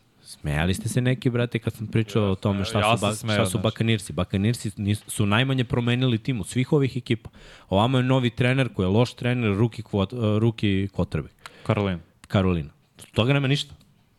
Toga nema ništa. Znači, to, ovo je NFL, nije, nije ovo college, nisu ovo studenti. Saintsi, mnogo promena bez ofanzivnog uma. Ovaj se vraća posle tri godine neigranja, Michael Thomas najbolji hvatač ekipe. Olave ne može da dobije loptu, nemaju running back. Dok to klikne ovaj drugi running back na IR-u, odbrana nije ona koja je bila pre, ne može to, to može da bude ok protiv prosek ekipa. Ali samo je pitanje ko će gde da klikne. Pritom Saintsi baš nemaju tendencije da pobeđuju Buccaneers u posljednjih nekoliko godina. Odbrana Buccaneersa se popravljala prošle godine, ja mislim da je bilo fora ono Ono, sve, sve. zar nisu dobili, dobili su... Kad je četiri- Brady bio tu. Da. Ne, ne, to, to pričam, taj niz, nego odbrana Buccaneers sa, sasvim izbacio iz koloseka. Uh, od kad je Brady tu, od kad je Brady tu, Saintsi dobiju... Saintsi su dobili one prve godine. Ne, dobili su, Dobili su obe u prvoj izgubili u play-offu. Tako. Izgubili play To je bilo 1-2 za Bucks. To je Da, bilo i prvo. u Ali su drugoj podelili. Nisu U drugoj- ih, u drugoj su ih ošašavili isto dva puta. Si Saintsi? siguran? Da. Ja mislim da nisu. Ja. Mislim, vidi, ta druga je bila prošla. Onda, da, ne, bravo. ne, ne, nije prošla. Brady bio Pro dve godine sam. dve godine je bio ovamo. Nije bio tri godine. Bio je tri Osvojio godine. Super A, Bowl da, da. u play-offu. Da, Da, i onda se razveo. Da. Da, da. Prošle godine su možda podelili, Da, ali da, prve da, da. dve su ih ošašavili u regularnom delu. Baš Prve ono, dve jesu, da, pa su izgubili E, pa to, play-off. Ali to je bilo dok je bio Brady. I drugi je bio game plan. I ovde je drugi game plan. Ti sad vidiš imaš Vajta koji trči defanzivno, više divljaju Buccaneersi. I, I tačno se vidi da protiv određeni... Sad oni imaju bolje odbranu od Saintsa. To kad je bio play-off, kada su izgubili Saintsi od Buccaneersa, oni su imali bolju odbranu te godine. Saintsi su mi te godine bili kandidati da će nešto se desi. Mislim, i Drew Brees igrao dobro. Cook je fumblovao tada i White imao dva osvojena fumble, tako. Ili interception Da. i fumble. Pa Odra, odradili su defanzivno i tad posao u play-offu, nisu u regularnom delu sezone. Sad rade posao sve vreme. Baker, Baker igra dovoljno sigurno, ne može dobije Filadelfiju. To smo svi znali. Ne može Tampa da parira defanzivno Filadelfiju, oni ofanzivno ne mogu da trče protiv File i ne mogu se osloniti na te hvatače da će sve to da bude majestralno protiv takve ekipe. Ali protiv divizije? Na lagano. Dovoljno dobar da osvoje diviziju. Šta će Atlanta da ih nadjača? Znaš kad? Juče. Ende. Buccaneersi dalje. osvajaju ovu diviziju. Saints i pet ofazivnih touchdownova u četiri kola. Katastrofa. Jedan po utakmici. Commanders i Eaglesi, Philadelphia pobedila 34 prema 31 kod kuće, to smo već rekli. Vikingsi protiv Panthersa 21-13 za Minnesota. Očekio. Mogu samo ti kažem, Malo izvinim bolji što prekidam, Gregor je potpisao za San Francisco. tradeovanje u San Tradovan u Francisco. San Francisco. Koga je tradeo kad su ga ovaj Pa izgleda da ga nisu... Možda kao wave Ili su Oni, su, oni, zadržani. oni imaju ugovor, ali San Francisco kažu da će pokupi ugovor. Pa da, on dek nije prošao kroz waiver zapravo. I on, pa dobro, eto. Mm, Ok, Hvala im, brate. Jimmy, frkica, on? majak. Uh, lagano, veruj mi. Vikingsi protiv Panthersa, to mene brine danas. Oh, Što, brate? Kirk Cousins, brate, da ne izgubi par lopti. Što najgore ima 11 touchdownova i predvodi ligu u tome, ali brate, greške Vikingsa, to je zaista neverovatno. Da oni stalno na utakmici imaju makar dve izgubljene lopte, što je suludo. I jedva su dobili Karolinu. Pa, Odbrana je odradila sjajan posao, limitirala da- u drugom polovremenu Karolinu na nulu. Karolina dala šest pojena. Ne računom ovaj pick six za 99. Odbrana je odradila sjajan posao. Nemamo, Karolina je užas ove godine. Karolina pretenduje na još jednog top 2 pika. Karolina isto e, traži na tržištu i traži hvatača broj 1 i zvali su Sinci za Tije Higginsa, što ima smisla, išao je na Clemson, to je blizu Charlotte, sve povrata kuće. Dok iz jedne katastrofe u još goru katastrofu koju su Pittsburgh Steelers i makar ofanzivno i ovde su i bili defanzivno, da je CJ Stroud dečko Novajlija je izdominirao nad jednom vrlo dobrom odbranom, da je odbrana zabeležila sek, bilo je pritiska, ali pored ofenzivne linije koja je u rotaciji stalnoj, pričamo o ofenzivnoj liniji mm. Texansa, koja ima dosta povreda i stalno Kidaju, se rotiraju, ne mogu da verujem da odbrana Steelersa i TJ Watt nisu mogli da izvrše bolje pritisak. Pa, brate, nisu. Jer sve što je bilo odrađeno, brzo dodavanja i, i trčanja, sve je funkcionisalo. Ne mora, to je ono što sam ti pričao, ne mora da znači da je uvek nominalni starter bolji igrač. Šta si ti meni rekao? Prošle godine, sveća kad smo pričali znam, o, da. o Bengalsima, kad se povredio Johna Williams, kad je bio, on igra, a on je najbolji, nije najbolji, on je u očima određenog trenera bolji. Ili, znaš, ga guraju zbog ovoga ili onoga, ne mora znači da je bolji igrač i ne mora da znači da bi se bolje uklopio u ekipu. Nije uvek tako. Texansi očigledno prave nešto. Energija, te promene, odbrana pre svega ovde, odbrana radila mnogo bolji posao. Oni su neutralisali apsolutno napad Steelers. Steelers su imali samo jedan moment u drugom polovremenu kad je krenula utakmica gde je Harris napokon krenuo da trči, Nešto. gde je bilo par nekih kompletiranih dodavanja. Znaš, delovalo ok, evo ih, bude se, možda će nešto da se desi, ali treba im da pre svega defanzivno zatvore. da zatvore, važi. Znači, ko, ko, ko je, slobodno živim. Ko je, ko je bilo razbijanje. Ovaj mali ima preko 1000 yardi. 1200. Krenuo je od uh, 9 poena protiv Ravensa gde nije mogao da se poveže, gde je bio sekovan nekoliko puta, gde nije mogao da dođe dalje od field goal zone. Sled, sledeća utakmica gubili su sa 2-3 touchdowna, garbage time yardi. Sledeća utakmica, legitimna pobeda, vrhunske odluke, sjajne lopte, razbili Jacksonville. Sledeća utakmica, vrhunske odluke, dobra dodavanja, razbili Steelers-e. Znači, progres mu je savršen.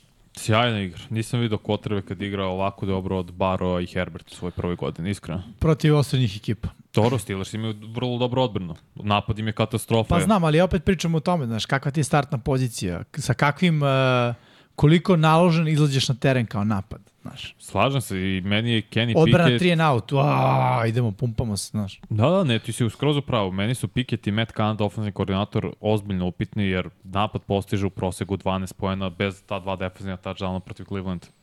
Napad živi od big play-eva, dva touchdowna su postigli na big, big play Pickensa. Da, da, nema identitet ofenzivno, Nemaju znaš, ništa, ne znaš šta su. Dobro, Mnogo su loši napad. moramo dalje. Chargersi protiv Raidersa, to smo već komentarisali, LA je pobedio kod kuće. Patriotsi protiv Cowboysa, 38 prema 3, Dallas ih je zgazio. Aj, Dallas kad pobeđuje ove prosek ekipe, on je izgazio, onda dođe ozbiljna ekipa i podviju rep, a to će bude za ovaj Sunday night. Ne znam, Patriotsi, katastrofa, opet menjaju quarterbacka u toku utakmice. Dobro, Meku Johnsu ništa nije išlo. Mislim, Ma ni trčanje. Izgleda ne. katastrofa. On je, znaš šta, Patriotsi se baziraju na ono, trčanje ide pa ćemo nešto uraditi. Ne ide trčanje, kraj priče. nemaju trkača broja. Odbrana pehovi. Judon se povredio, Gonzalez Gonzalez se povredio. To su dva godina. najbolji korner i najbolji rusher. Mislim, Judon im je pro bowler koji ima dvocifreni broj sekova. Ostali su i bez njega. I, no, i ove sezone ima, koliko ima sekova? Ja mislim ima četiri, ali nisam To je super učenak, Hmm. sek po tekmi. Da, da. Sad su ostali bez toga. Znači, Ne, pa Patriotsi nemaju eksplozivne playmakere, to je ono što pričamo od početka sezone. Nemaju big play-eve, čim je to limitirano, Dallas je ta ekipa koja se loži, kao što si rekao. Čim osete malo straha, oni još više grizu. Blend je bio sjajan, za meni je Dixa odličan, imao dva interseptiona, jedan je bio pick six gde je mamio Meka Jonesa koji ja zaista ne znam šta radi, nikad nisam vidio tako da quarterback igra vrlo dobro ruki godinu i nakon toga a ne pad. I kao, ok, pad prošle godine opravdano, on ne igra dobro i dalje ove godine. Mesec dana možda jeste prošlo, ali ja ga ne bi zadržao kao quarterbacka budućnosti. Mislim, ja sam Draftao njegov, bi sledeće godine quarterbacka. ja sam njegov limit video i na Alabami. On je na Alabami starter bio jednu godinu. Da. Nije dovoljno.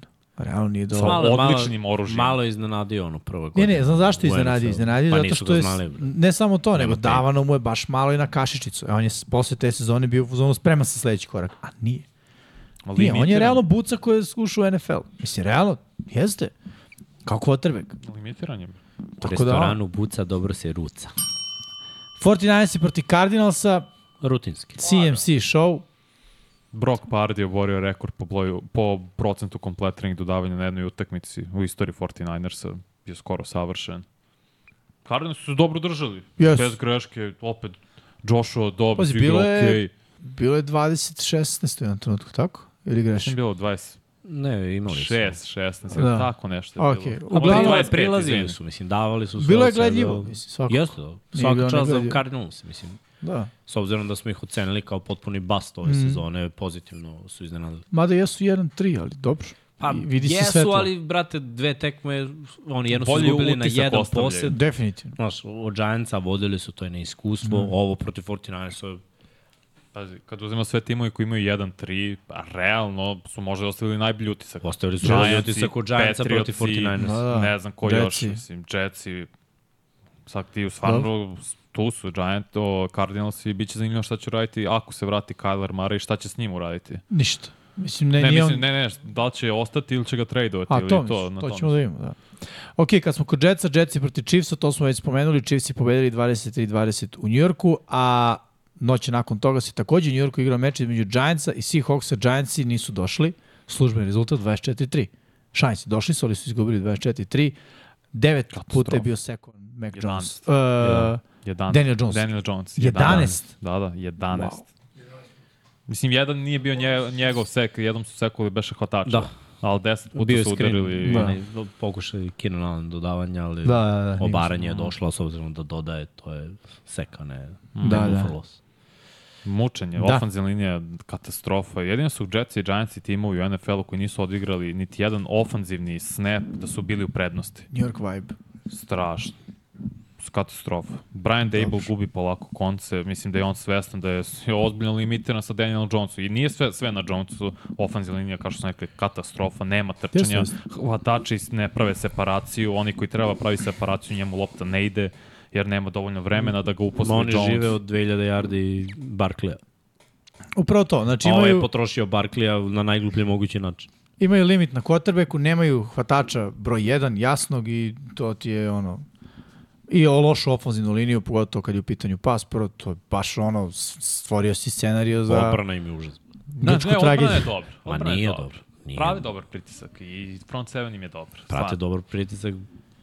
Stvarno. Dobro, Miksa, kada bi 17. napad bio produktivniji, možda bi ta odbrana na nekim krilima, na nekom entuzijazmu bila bilo bi bolja. malo bolje, ali 24 28-3 su izgubili, tako? 24-3, 24-3. bio je pick six, Witherspoon vratio, Da. znači 17 pojena. Mislim da je odbrana ok, s obzirom šta do, napad doprinosi, odbrana je ono, Da, da se ljubiš u lakat. okej. To je baš izazovno, ne znam da si probao nekad. Pa nikad, ne, ne znam kako može. Pa ima ljudi koji mogu. aj probaj. Ne mogu, probao sam, mislim da ne mogu. Ajde probaj. Dobro. Ajmo mi dalje, idemo... Povrede islocirao rame, ne mogu podcast. Šta ne mogu? Ajmo, ajmo da pričamo o herojima, džokerima, Ne može, brate, tragičarima. mora divizije. Ne možemo. Da Preskačeš, vidimo brate. divizije. Ajde, okej, dajte divizije posle Ajde, četiri ajde, kola. ajde. Divizije Ja- posle ja- Ti si tražio divizije prošle nedelje posle tri Tako kola. smo pravili divizijima, Tražio dobiješ pod diviziju. pritiskom. Pod pritiskom. Ajde, idemo divizije. Istok AFC-a, Bills 3-1, Dolphins 3-1, Patriots 1-3, Jets 1-3. Idemo dalje. Podelili se. Ćemo pričamo šta se dešava u diviziji. Sima Ma jo. 1-1. Konferenciji Dolphinsi 3-1, Billsi 2-1. Ma tek je četvrto kola. Dobro. Samo vidimo ko je prvi, ko je drugi. Ovo- O, o, o. Ovo ostavi malo, neka bude neko. 3-1, Ravensi 2-1. Ali Bengals 1-3 koji šok, brate. Ovo Da. niko nije vidio. Brownsi 2-2 na trećem mestu. Ovo može biti Samo i segment za sponzora, iskreno. Koji? Pa divizije, pogledaj. Ova divizija je najjača. Mm. Colts 2-2, Texans 2-2, Jaguars 2-2, Titans 2-2. Bilo je teško naučiti skorove njihove. Da. U diviziji svi jedan jedan osim Titansa koji nisu igrali u diviziji i jedva čekam da, da Čekaj ih vidim. ove nedelje. Da, protiv Houstona. Da. Ne, Protiv Colts. Colts. Da, da. Zapad AFC-a, Chiefsi 3-1, Chargersi 2-2, Raidersi 1-3, koliko imaju i Broncosi Denver. takođe 1-3, hvala sređe nešto mi nisi ispoštovao. Istok NFC-a, Eaglesi 4-0, prva ekipa sa 4-0 koju vidimo danas. Cowboysi 3-1, Commandersi 1-3, isto toliko imaju Giantsi. 2-3. Dva, pošto tri im Commanders. računamo. Oh, da, 2-3, Giantsi. 2-3, 2-3. Giants imaju uh, 1-3 što se tiče divizije. On je 2-0 do 2-3. Mm. Pa od sjaja do očaja. No. Ajmo dalje. Što se NFC-a tiče, Sever. Lions 3-1, Packers 2-2, Vikings 1-3, 1-3, Bears 1-4. 1-4. Prva pobjeda za Chicago. Sever ide kroz Detroit. Sever ide kroz zimu. Jug NFC-a, Buccaneers 3-1, Falcons 2-2, Saints 2-2, Panthers 0-4, onako sigurica na piku broj 1 za sad. Nemaju oni pik, to ide Chicago. Da. Chicago ima pik broj 1. Da, da. Bravo Chicago. Chicago. Bravo. Što se tiče zapada NFC-a, druga ekipa sa 4-0, 49ersi, 3-1 Seahawksi, 2-2 Ramsi, 1-3 Cardinalsi. Meni su 49ersi najbolji tim u NFL-u do sad. Posle Trenutno, mesec dana odbrana igra dominantno, napad igra s lakoćom. Zaista se nisu namučili ofanzivno protiv nijedne ekipe, sve su dali preko 30 poena. Vidjet ćemo protiv Cowboysa će biti pravi test za odbranu, za napad makar. Bahtjari završio sezonu. Da, očekivam. Nažalost. Sledeće godine u Jetsima. Pa da li će možda odi u penziju? Ma igrat ćeš jednu sa Rodgersom da se ispipaju. Treba im levi teko. Pa dobro, treba Realno. neki malo mlađi levi tek, Brate, ne baktijari ovo s je- povredama. Bahtjari, brate, i Rodgers vraćaju se. Ovo Koja je, priča, brate? Last mi, Dance. Ovo je dogovor, brate. Bahtjar je Dobro. ljudi, neću da igram. Stavite me na AR, idem kod Rodgersa, brate, dogovorit Ako je ćemo se. Last Dance u pitanju, nek pozovu Raiderse Zašta? za Devante Adams. Ko? Četci. Nekako zovu, imaju mesto u kepu. Pa, brate, nemoj toliko poziva, ti si gori nego da igraš Super Mario, ono 700 života, brate. Nema Vanja toliko. lik, Vanja lik koji bi zvao po svaku cenu. Ne, Vidiš Vanja da bi bio- odustaje, brate. Najdosadniji GM, bre. Ti bi bio GM koji bi nakon dva meseca bio na blok listi svih drugih GM-ova. Znaš da bi vidio broj kao, evo ga, Vanja, brate, stavi ga na mir. Bio bi ono u fazonu, daš sinu telefon, ej, javi se. Pitaj ga šta hoće, bre. Kaži Vanja šta treba. brate. Kao dobro, Raiders ima stvarno katastrofa situacija. bez. Realno, ali neće moraš da imaju jednu zvezdu, čoveč. Pa dobro, da li ta zvezda želi da ostane, to je pitanje. Pa ima Pa ugovor, Što ima da ugovor, ostane. brate, ne dođe Pa neće. dobro. Prijatelji, znao si zašto se prijavljuješ. Nismo imali Brady ni kad si došao, bre. Šta očekuješ sad, bre? Može se desiti nešto. Smislit će. Imaju pik, o, pik prve runde sledeće godine, to ne ide Packersima. Daj to Dobro. za Adams. Dobro. Ajmo sad na heroje. Jo, ja vidim ga iz prognoze. Daj heroje, da vidimo. Pa ćemo posle prognoze. Srkijev heroj nedelje, odbrana Buffalo Billsa, zaustavlja napad Majamija na samo 20 poena. Naši su rešenje za kretanje napada pre izvođenja lopte kroz, ne znam što znači izvođenja lopte kroz, i izvršili pritisak na tu, aha, Možda kroz, kroz vazduh. ne, kroz izvršen pritisak na tu. Srđan, nisam dao da ništa je treća stvar. Sjajne igre na pojedinačnom nivou. Sjajne igre na pojedinačnom nivou. Hvala reži. Bravo, Srki. Bravo, Srki. Dobro, okej, okay, Billsi, pričali smo već, odbrana jeste odigrala dobro. Jeste, odigrao. Ima smisla da budu, da budu heroj nedelje. Što se tiče Srđana Ercega, mada dobro izabrali divizijskog rivala, Da, dobro. Čudo Su- nije- Koliko su dobili. Kako sam dobio? da, ali dobro, čudo nije krenuo u smeru Jetsa, tipa, heroj. Zašto Hero izgubili su? Pa do, što da ne. Igrali Dobro, su i su herojski. Pa mora bude Jokera. to. Herojski možeš i da izgineš, brate. Jeste, pa heroji glavno ginu. Nema heroja koji umre u 85. godini. Ahil. Ćemo dalje. Miloš Obilić. Miloš Obilić. Čim je odradio herojsko delo, E, glava. pa, mo, pa za tako se postaje heroj. To ti kako dobiješ ulicu. Kao. Nema živi ljudi ulica. Jimmy je heroj nedelje. Christian McCaffrey.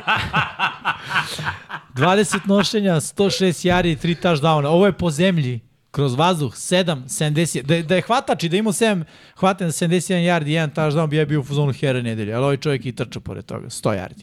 A ovo preživeo je, mislim. Bez premca najbolji rani back u NFL-u, trenutno i jedan od kandidata za MVP-a sezone. Sad možeš da menjaš. Vidi kako sam ga uvetio u ovoj poziciji gde je kao nešto se tu raskoračio. To si ja poslao. Ništa mi ti nisi poslao. Nisi Šta si čovječe, ti ja nam, sam ništa stavljao. ti nam Ja nisi. sam Ja svoje slike. Ja sam svoje slike stavljao. Možda ti ima listu Ja slika. stavljam svoje slike. To ste ja predložen svako stavi slike svojih ljudi. Ja sam bacio za sve u noć između sredi i četvrtka. Crki, pročitali smo ti Sreda četvrtak? Sred- ja noć to u četvrtak update-ovo. Nisam znao stvarno. Nisam bacio. ja stvarno sve u kartu. Opa, imamo Elvisa koji je stigao. Nije Minut. stigao, ide. Ajmo dalje. Da heroj. Miksa. Mala Lamar Jackson. Zašto nosim ovaj dres? Četiri touchdowna protiv najbolje odbrane NFL-u, pošto je Vanja rekao, najbolje odbrane, ne vidim kako će. Vanja, evo kako. Gledaj. Pokazao da i bez najvažnijeg dela napada, pol ofenzivne linije i dva startna hvatača, može. Kako uvijek nađe da nešto fali. Ej. Da, da. Falili su. E, vidiš šta da ostalo. Drugi u ligi po broju kompletiranih, do procentu kompletiranih dodaja. 75%, brate, je to dobro, a?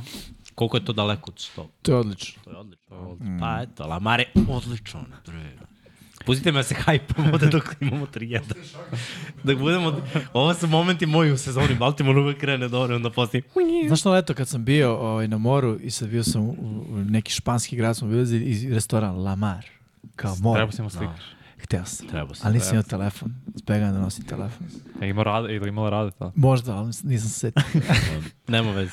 Uglavnom rekao Miksa bi ovde jeo, vred. Da. Jedemo kod Lamara. To znači more. Vanja, Josh Allen, moj heroj.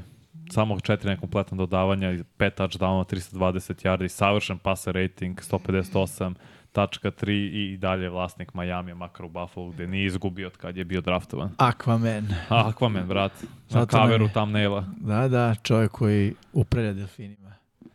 Šaptač delfina. Šaptač delfina. Kako se zove zvuk koji ispuštaju delfini? Da, Miksa ti ispustio na početku. li miksa? Ne, Sonarski ne. zvuk. To je kad love. A kad komuniciraju? Pa i nije sonarski, to je, on je njihov. Jel taj? taj. Ajde, Srđan ima priču za zvuk delfina. Srđan priču. pusti priču, daj ti Hodajuća ovde priča. džokere. Čo, srđan zvani fun fact. Ajde da vidimo, džoker. Nedelje po izboru Jimmya, Zach Wilson. Nisi zabrao sliku, realno. Osim ja naš. Ovo A, ti se update to posle se. čak sam Peri ostavio komentar broj 2. A? Peri sam ostavio komentar broj 2, pošto ih ima nekoliko na ovoj slici. 28 kompletarnih dodavanja iz 39 pokušaja, 245 yardi i 2 touchdowna. Da, ljudi, dobro se čuli, to je Zach Wilson. On je momak iz Jetsa. Srđan, zašto mi ovo radiš? Ne znam o čemu pričam, brate. Nisam pročito broj 2 i broj 3, brate. Pusti ga, brate, daj mu, brate. Da, Kiluješ ono, mi vaj, da mi brate. učimo Ja, na pamet njima si pustio, brate. Nismo, okej. mi, nismo mi glumci, brate. Istražit ću to, brate. Ne, naći ću. Ne, ne moraš, ne moraš, ne moraš, brate. Imam ja. Imam ja skriptu. Pa njima papire, Jimmy ima skripta, brate. Tako je. Ako ovako bude igra u ostatku sezone, Jetsi imaju šanse. Pa, možda nije pisalo, ali Ja to to čitam. piše. Jetsi imaju šanse, šanse za šta? Da dočekaju spremni povratak Arona Rodgersa koji će se možda vratiti pre kraja. Pa rekao je Rodgers da on obično je za kao onaj u čizmi je trebao da bude koliko šest nedelja, on je bio u patici nakon 13 dana. Kaže, totalno je drugačiji način na koji ide na koji radi zapravo u rehabilitaciju i oporavak ahilove tetive, tako da ko zna. Sa Jakeom Dobinsom trenira stalno i oporavlja se, tako da pa ako uđu u play-off da, ali ako nisu blizu play-offa, nema teorije. I posljednja stvar za Zeka Wilsona pokazuje da ima liderske sposobnosti u sebi. Pre svega mislim na onaj Bravo. intervju Ne, ne, na kraju. i, i na terenu. Jeste na Nešto je, terenu, Rodgers, nešto je Rodgers dono je, dono je. Mm. dono. I svaka čast Rodgersu, realno, nismo to videli u Green Bayu. Nije bio voljan da radi sa Mladim. Jordanom Lavom, barem ne javno. A da nije, o radio je. On je rekao, on i Jordan Love je čini se I pričao. Jordan ono, Love je, napredovo dosta. ozbiljno Jeste, jeste. Vjerojatno Rodgers ima u medijima ono, taj fazon, ono, kao. Da. A, Mislim, okej, nije iza Tenehill u fazonu, to mi konkurent, neću da mu pričam Da, ništa. da, poma, pomagao je sigurno Rodgers i pričao je ove prošle nedelje kao pustite se.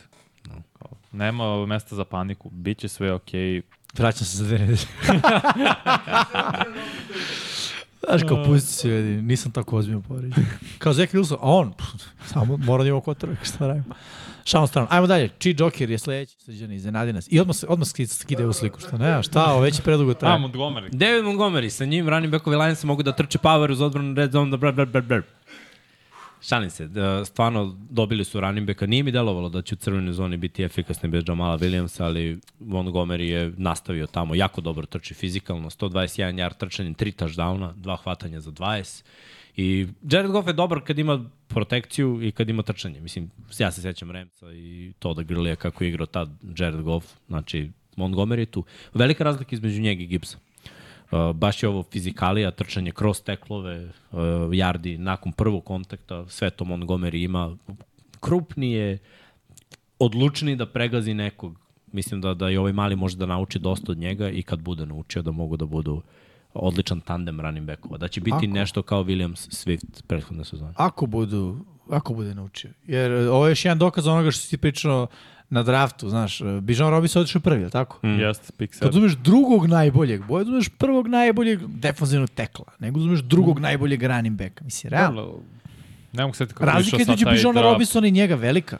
Da, ali ne mogu setiti kako je išao baš sad draft, ali Ma visoko su ga pokupili. ne, znam da su ga pokupili sa 12. piku, skočili su za njega, Mislim. sećam se.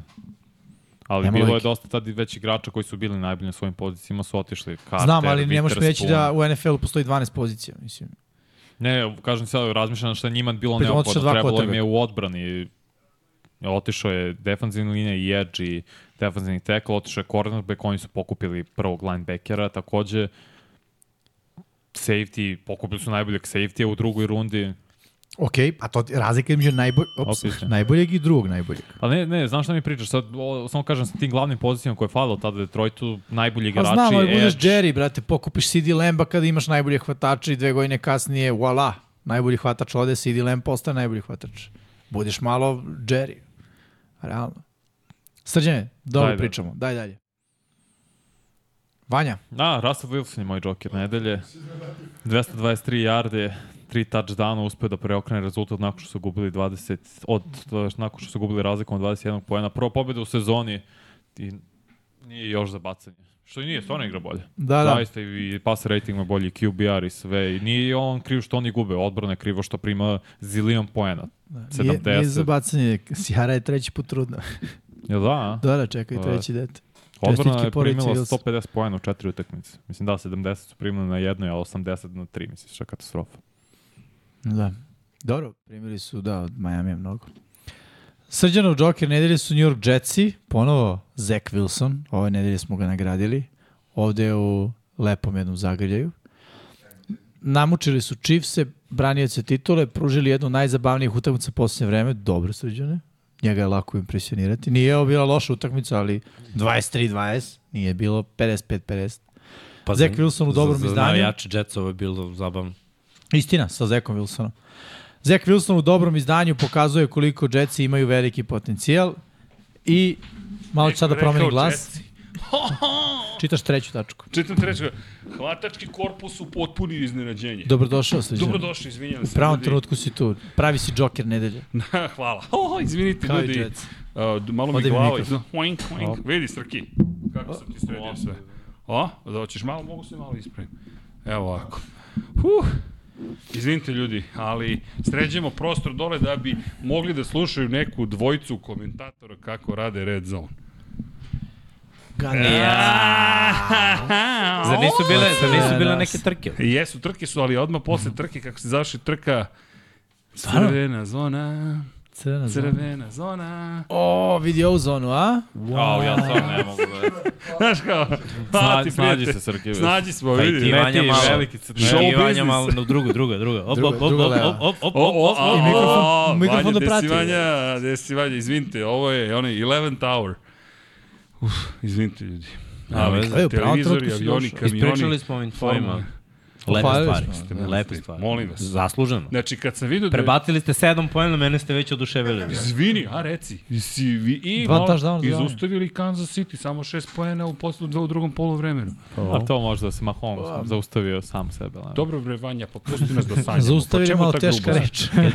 za, neobično reč za poraz, ali okej.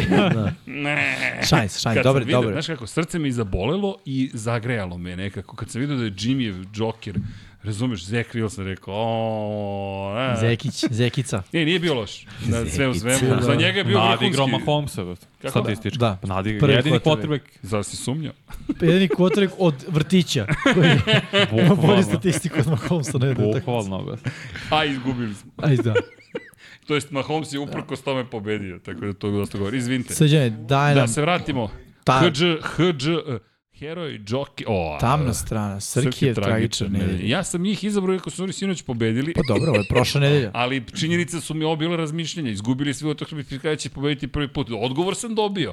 Ali rekao, dobro, sad ne mogu da promenim pred emisiju da odustanem od, moje loše, od mojeg standardno lošeg predviđanja. I da li će biti prvi tim sa 0-17? Neće, očigledno. Jer, hvala komandersima. Znaš kao, na prvu tačku, kada, kada će pobediti prvi put? Sinoć. da li će biti prvi 0-18? Ne. Neće. Prevari čak i miksu. Ajmo, mečke! Nisu čak i Miksu prevarili. ne, Iberflus je problem, inače bi mečki imao dve pobede. Ali konačno igraju, kolašu igraju onako, ne kao medonje, nego To- ovaj, kak, to, to, to. kao sinoć je bio ono grizli. Sinoć je bio grizli DJ u poteri za pastramkama. Znaš ono, ka- kao ovaj mama medved ko čuva mečiće. Da. Razgoropadio se, To brate. se kaže mečka. Mečka, klasična mečka. Mercedes. Da. On ima Renault motor. Da, da, e pa bili su do sinoć sa Renault. Sad su rešili da ubace svoje. me- to, to, svoje. Mercedes-Benz. Ne, Motore. jedino sudije malo ne vide one linije, znaš, pored auta i te stvari. I što nije bila repriza te akcije. Niko neće, jesi vidio Sharp, š- Da, ne, Shannon, Warren Sharp. Ne, Warren Sharp, Warren Warren, Sharp. Warren, Warren Sharp koji piše na Twitteru, kad ćete da pustite snimak iz drugog ugla, da vidimo gde je nagazio. Nema drugog. Nema, nema pa mi smo tražili. Da, nema, nema. Mi smo tražili. ne postoji. U prenosu, hajde, dajte, dajte, nema ništa. Nema. Nema. jao. Negde u produkciji NFL-a. Da, gimme, gimme. Gimme, gimme. Ajmo. Sljedeći tragičar nedelje. Evo ga. Eberflus. Delo je da će Bersi da povede, ali... To je bilo prošle nedelje. Ali Dobro. i ti si se opeko na Pa, Bersima. mislim, čekaj. realno, realno. Mečke Opa, igrale i ostavile utisak. Nije izabrao da šutne field goal sa pristojne razdaljine i prebaci pritisak na protivniku u završnici. Nepotrebno izvršio pritisak na svog mladog quarterbacka. Sve smo to već rekli, donese pobedu u poslednjim sekundama. Ne pomaže se tako svom quarterbacku. Mislim da je na ovoj slici gleda dole, traži put da ode iz Čikaga. Ovo ti je škola Staley. Ide preko Vašingtona. Realno, defanzivni um koji ne razume napad, osim da igra na četvrtom za beskonačno, Tako uvek. ali, ok, eto, sinoć su pobedili, malo bolji utisak, ali čekaj, ono, polako. Nisu sinoć igrali protiv Eaglesa, nego protiv Commandersa. Da. Nek vidim da se okružio papirima. e, Na kog bubnjara mi liči? Sređene, daj sledećeg tragičara. A, na Nika McBraina. Predsezonski quarterbackovi su moji tragičari, katastrofa protiv NFL startera, sporo donošenje odluka, sekovi, interception i neizbežni porazi. DTR u kadru. On je u kadru, ali nije jedini, rekli smo. I Mogu samo njegovu sliku naći, iskreno nismo ga Pickett i O'Connell. Brka je treba da Užas, užas, užas. Da, A, hvala vam, momci, ne bi vas više zadržavao, nemojte igrati sledeće nedelje. gleda, nam Vanja? se, gleda nam se dobar futbol. Napad Steelers. On nastavlja po Steelersima. Kako je nastavio? Pogledao 12 pojena u proseku kada ne računamo defensivni touchdown. Sve četiri kola. Samo 53 prva down. Ja sam malo uzeo šir i Uh, to je to zapravo prvi mesec dana i Kenny Pickett nije rješenja, nije ni Matt Canada, jer zaista napad izgleda katastrofa. Imaju oružje u napadu, imaju i trkača i hvatača i tight enda. Dobri su, makar treba da budu dobri, a Pickett to ne koristi i Matt Canada ga ne stavlja u dobru situaciju da ih iskoriste. Da vidimo da će Medon, bivši Medonja da igra sledeće kolo. Neće, rekao je Pickett da će igrati. Neće biti, nećemo gledati Trubiskog. Nema šta se gleda u to. Mislim što je vama lagano, vidjet ćete. No, mi volimo Trubiskog i njegove interceptione, to, to nekako. Priloči ga ljubičasta boja. Srki, Daj nam da ruke. daj, daj čulo. Sponsor by Pepsi. To čoveče. Beach slap. Bić, a. Nisam znao je, čoveče. Sad moraš ti na svoj iPhone to da instaliraš. Šta će? A, Srki, tvoje navalja nedelje. A, da, gospodin Richardson, pa pazi, povredio propuštenu utakmicu prethodnom, pazi, nije preokret potpun, ali do ovih je do produžetka, je li tako? I što se mene tiče, baš je dobro odigrao utakmicu, pogotovo što, znaš, gledam, gledam, pritom otmete sve Novajlije, znaš, i onda tražim gde, koji mi Novajlije ostao, ali stvarno, inače sam zadovoljan, pa ne, vidi, Pa to kad prvi popunjaš, onda imaš taj luksus ja da sam biraš. prvi pozvao, popunite, molim vas, i onda je bilo kao, ups. I, kao, i, I zaboravio dva i dana da zaboravio sam dva to dana da napisao. popunim, ali sam bio kao revnostan, znaš, kao da pomognem Jimmyu, podrška za produkciju, ali ne, bez, bez sve šale, vidi, to je i dalje Novajlija Kotrbek predvodi svoju ekipu od koje nismo ništa praktično očekivali. Da, forma varira, gledaš prvu nedelju, drugu, pa sad četvrtu, ali po moje mišljenje, napredak, po, napredak. Rano je za neki uzbiljni napredak, ali znaš, ti si sada na, u, u centru pažnje i talent mislim da je nesumnjiv u svemu ovome što smo do sada videli. I ono što mi je super je Spike, ovaj 360. Ja sam ga nazvao Superman Spike, ne znam kako drugačije da ga nazovem. Znaš kao, šk, bum, dobro mu je. Možda je to motocross u meni, motocrosser, znaš, 360, Nije, dobro čim se nešto zove, baš je dobro, ako efektno izgleda. Da. Makar to je moj onaj utisak. Tako da mi je bio Novajlija iz svih tih razloga. Ima i show biznis u sebi. Što nije, što nije mala Opa, stvar. opasan je dečkić. Da, da. Momčić, sa Šta, jakom rukom. Vanja, reci, Nije šta. Miksa, uh, srđane, veliki. Ne, Jimmy Moj Novajlija. Nedelje je Wilson iz Cardinalsa, hvatač, Sam. Kako? Ne, ne, jeste, nego gledam ovu sliku što je dobro. Iznenadio se. Rekao sam malo pre za McCaffrey-a. McCaffrey imao sličnu statistiku, 7 hvatanja, 76 jari, s tim da Wilson imao dva uhvaćena touchdowna. E, nismo ni znali baš ko je. Mislim, znali smo ko je, ali... Brate, bilo teško naći Brate, nije top, iskreno. nije top 3 Ne, ne. Teško naći fotku. Nije top 3 Jeste, hvatačka opcija Cardinals. Ti imaš Hollywooda Browna, doveli su ovog malog uh, Koga? Rondela Mura koji bi Da. trebalo da bude broj 2, Erc bi trebalo da bude, znaš, ono, za quarterbackove koji nisu vrhunski tu, da se otvara. I radi dobar I posao. odjednom, bam, Wilson, brate. Jest. I to pazi, pouzdana meta, 7 puta target, 7 hvatanja, uh, sve pohvale, zaista, nije imao ispuštenu loptu. I ne znam, čini mi se da će biti ozbiljan šraf u napadu Cardinals. Mislim da Cardinals sa Joshom Dobsom na poziciji quarterbacka su otkrili ono, da mogu da igraju taj neki futbol sa Dobsom i svim njegovim limitima, ali i prednostima koje ima.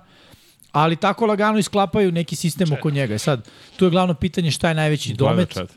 To je kao Giantsi prošle godine uh, sa limitom na quarterbacku i hvatačkim opcijama koje su anonimusi. Ok, Cardinalsi nemaju baš anonimusi, imaju neke bolje, čini mi se, hvatačke opcije.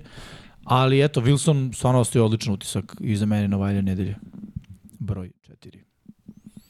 Miksa. Moje Pukana Kua, 9 od 10, 163 yarda i touchdown, obara rekorde po broju hvatanja za ruke, uhvatio je touchdown za pobedu u produžetku, to je bilo onako baš važno i opet ima yarde nakon hvatanja i dečko od kog isto nismo očekivali da, da će biti u samom vrhu. A tehnički nije samo u vrhu što se tiče Novajlija, nego što se tiče svih hvatača.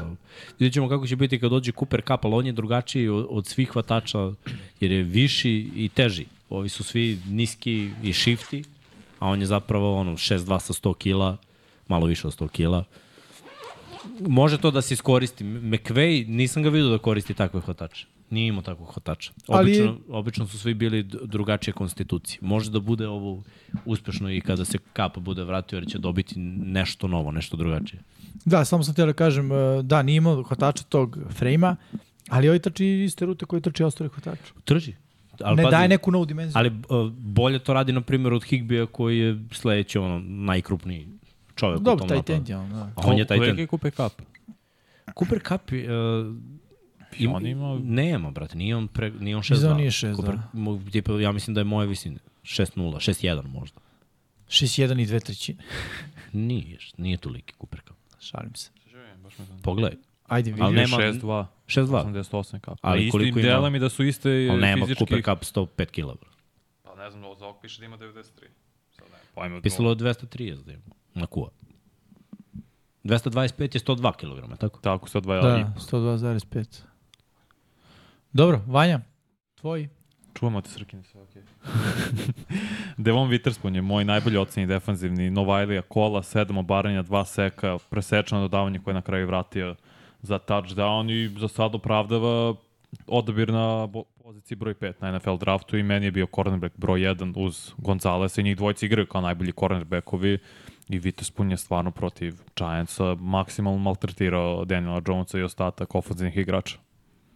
Si. E, ove nedelje imamo, I, I- još jednu stavku. tako je, to je Novajlija meseca, s obzirom da smo septembar završili, pričamo o tome ko je svakom od nas ostavio najbolji utisak za ceo mm -hmm. mesec. Sviđane, udri. Moj Novajlija meseca je Bijon Robinson. Pole kakav biceps, šalim se. Šta biti zbog sve. Previ, previše puta smo ga stavili u Novajliju nedelje, u Jokera, u čim mislim da je bio i kao heroj jednom, stvarno je ono za rukija.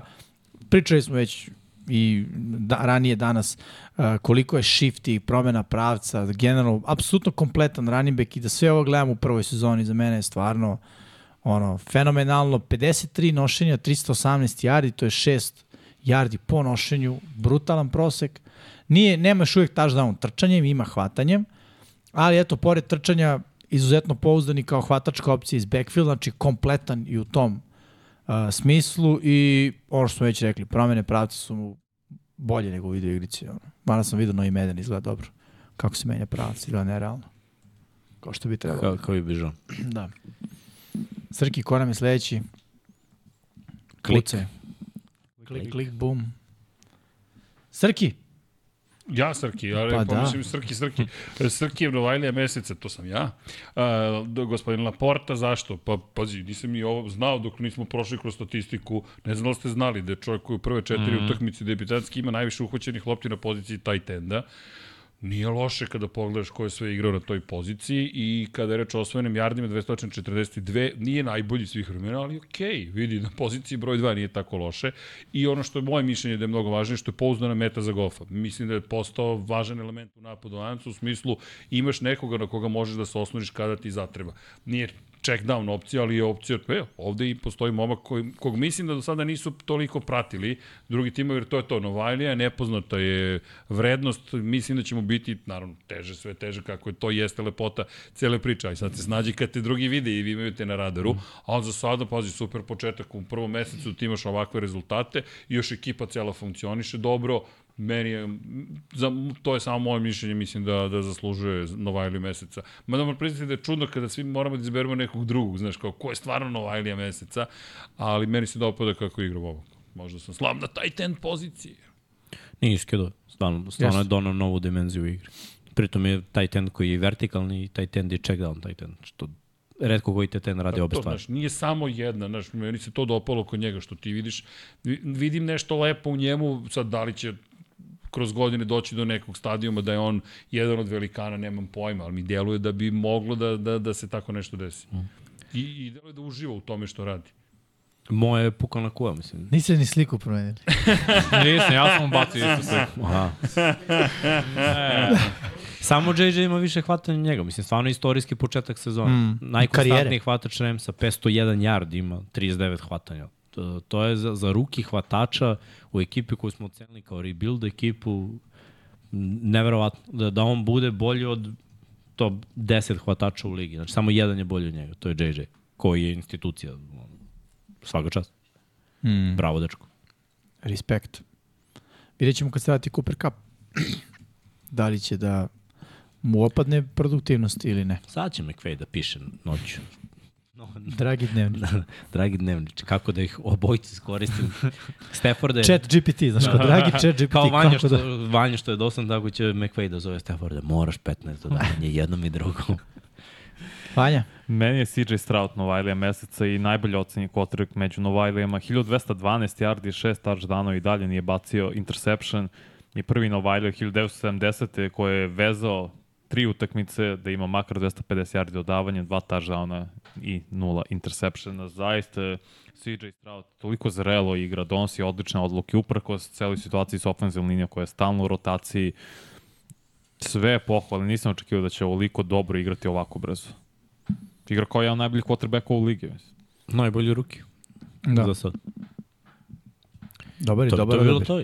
Da, ajmo sad prognoze. Ajde. no, Od ove nedelje broj 4. Kako je ko gađio i šta je pogodio? To mora neko drugi, a ne vidimo da li Ko se je gađa. Ovako, Detroit i Green Bay, vidiš Miksa? Da, da. Uh, Detroit smo birali Jimmy Vanja, ja i Pablo. Erceg i Srki su verovali u Green Bay, nije se desilo. Ljubavi, to je samo zbog tebe. Uh, Ali- Atlantu ne vidim protiv Jacksonvilla, ali uh, E, Jimmy, Erceg i Srki su birali Jacksonville, a Miksa, Vanja i Pablo su rekli Atlanta. Greška. In your face! Fail. Reader u nesretniče. E, zatim, Jimmy i Miksa su verovali u Miami. Dobro. Explain yourselves. šalim se, Ej, šalim se. Delfini ne, su opstajali. da, da. Defini mogu duže da zadrže dah. da, da, boga mi ova krda Buffalo. Dosta su dobra. Vanja, Srki, Pablo i ja smo birali Buffalo. Ne znam, meni se činilo zaista da je, da je trenutak prosto da izgubi Miami, ništa drugo. Ja sam birao Chicago, Pablo je birao Chicago, svi ostali ste birali Denver. Čestitam vam. Bili ste blizu. Pa, da, da, Pa stvarno je. Pa jeste, pa ne, vidi, jedna od onih utakmica, moglo je i ovako i onako. Baltimore, Cleveland. Explain yourself. Ja, sramota. Nije znam igrao šta sam da kažem. Eto, Ali dobro, 3-3. Jimmy, Miksa i Srki su birali Baltimore i bili su u pravu. Vanja, Pablo i ja smo failovali. Ali, ajmo ovako, gde, je sada Dom Pablo da objasni svoj tenis i čestitke za Dom Pablo? Bravo. Bravo, dobar izbor. Svi smo verovali u Cincinnati, ne znam zašto, ničim izazvano. Ali A eto. verujem u, u Burova da će odigrati nešto, zapravo ne može ništa da odigra. E, a što ne Sram. može da odigra? Zato što je limitiran povrat. Prebiše ga, bre. To, to, nema ko da zaštiti čoveka. A nije više ni to, ne može da igra sa ovom povratom. On nepokretan je u džepu. Kao statua, stoji sve vreme i čeka i gleda prvi rid. Ne kreće se uopšte, ne može da igra ovako ba, baro. Nije to njegova igra. Šteta. Ali dobro, gledajte, ovakav Cincinnati nije preterano zabavno. Zaista. Nije. Baš U stvari, kako za koga? kao, naravno, naravno, naravno.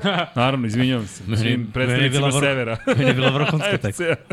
A Pittsburgh tek. Teško ti je sve to palo. Otvorio sam i Pepsi jedan da nazdravim.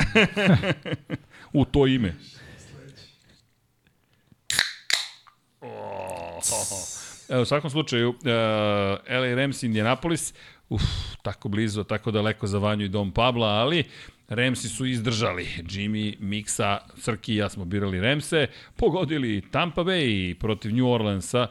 Vanja, Dom Pablo i ja smo verovali New Orleans. No, no. No, no, baš je no, no. nula.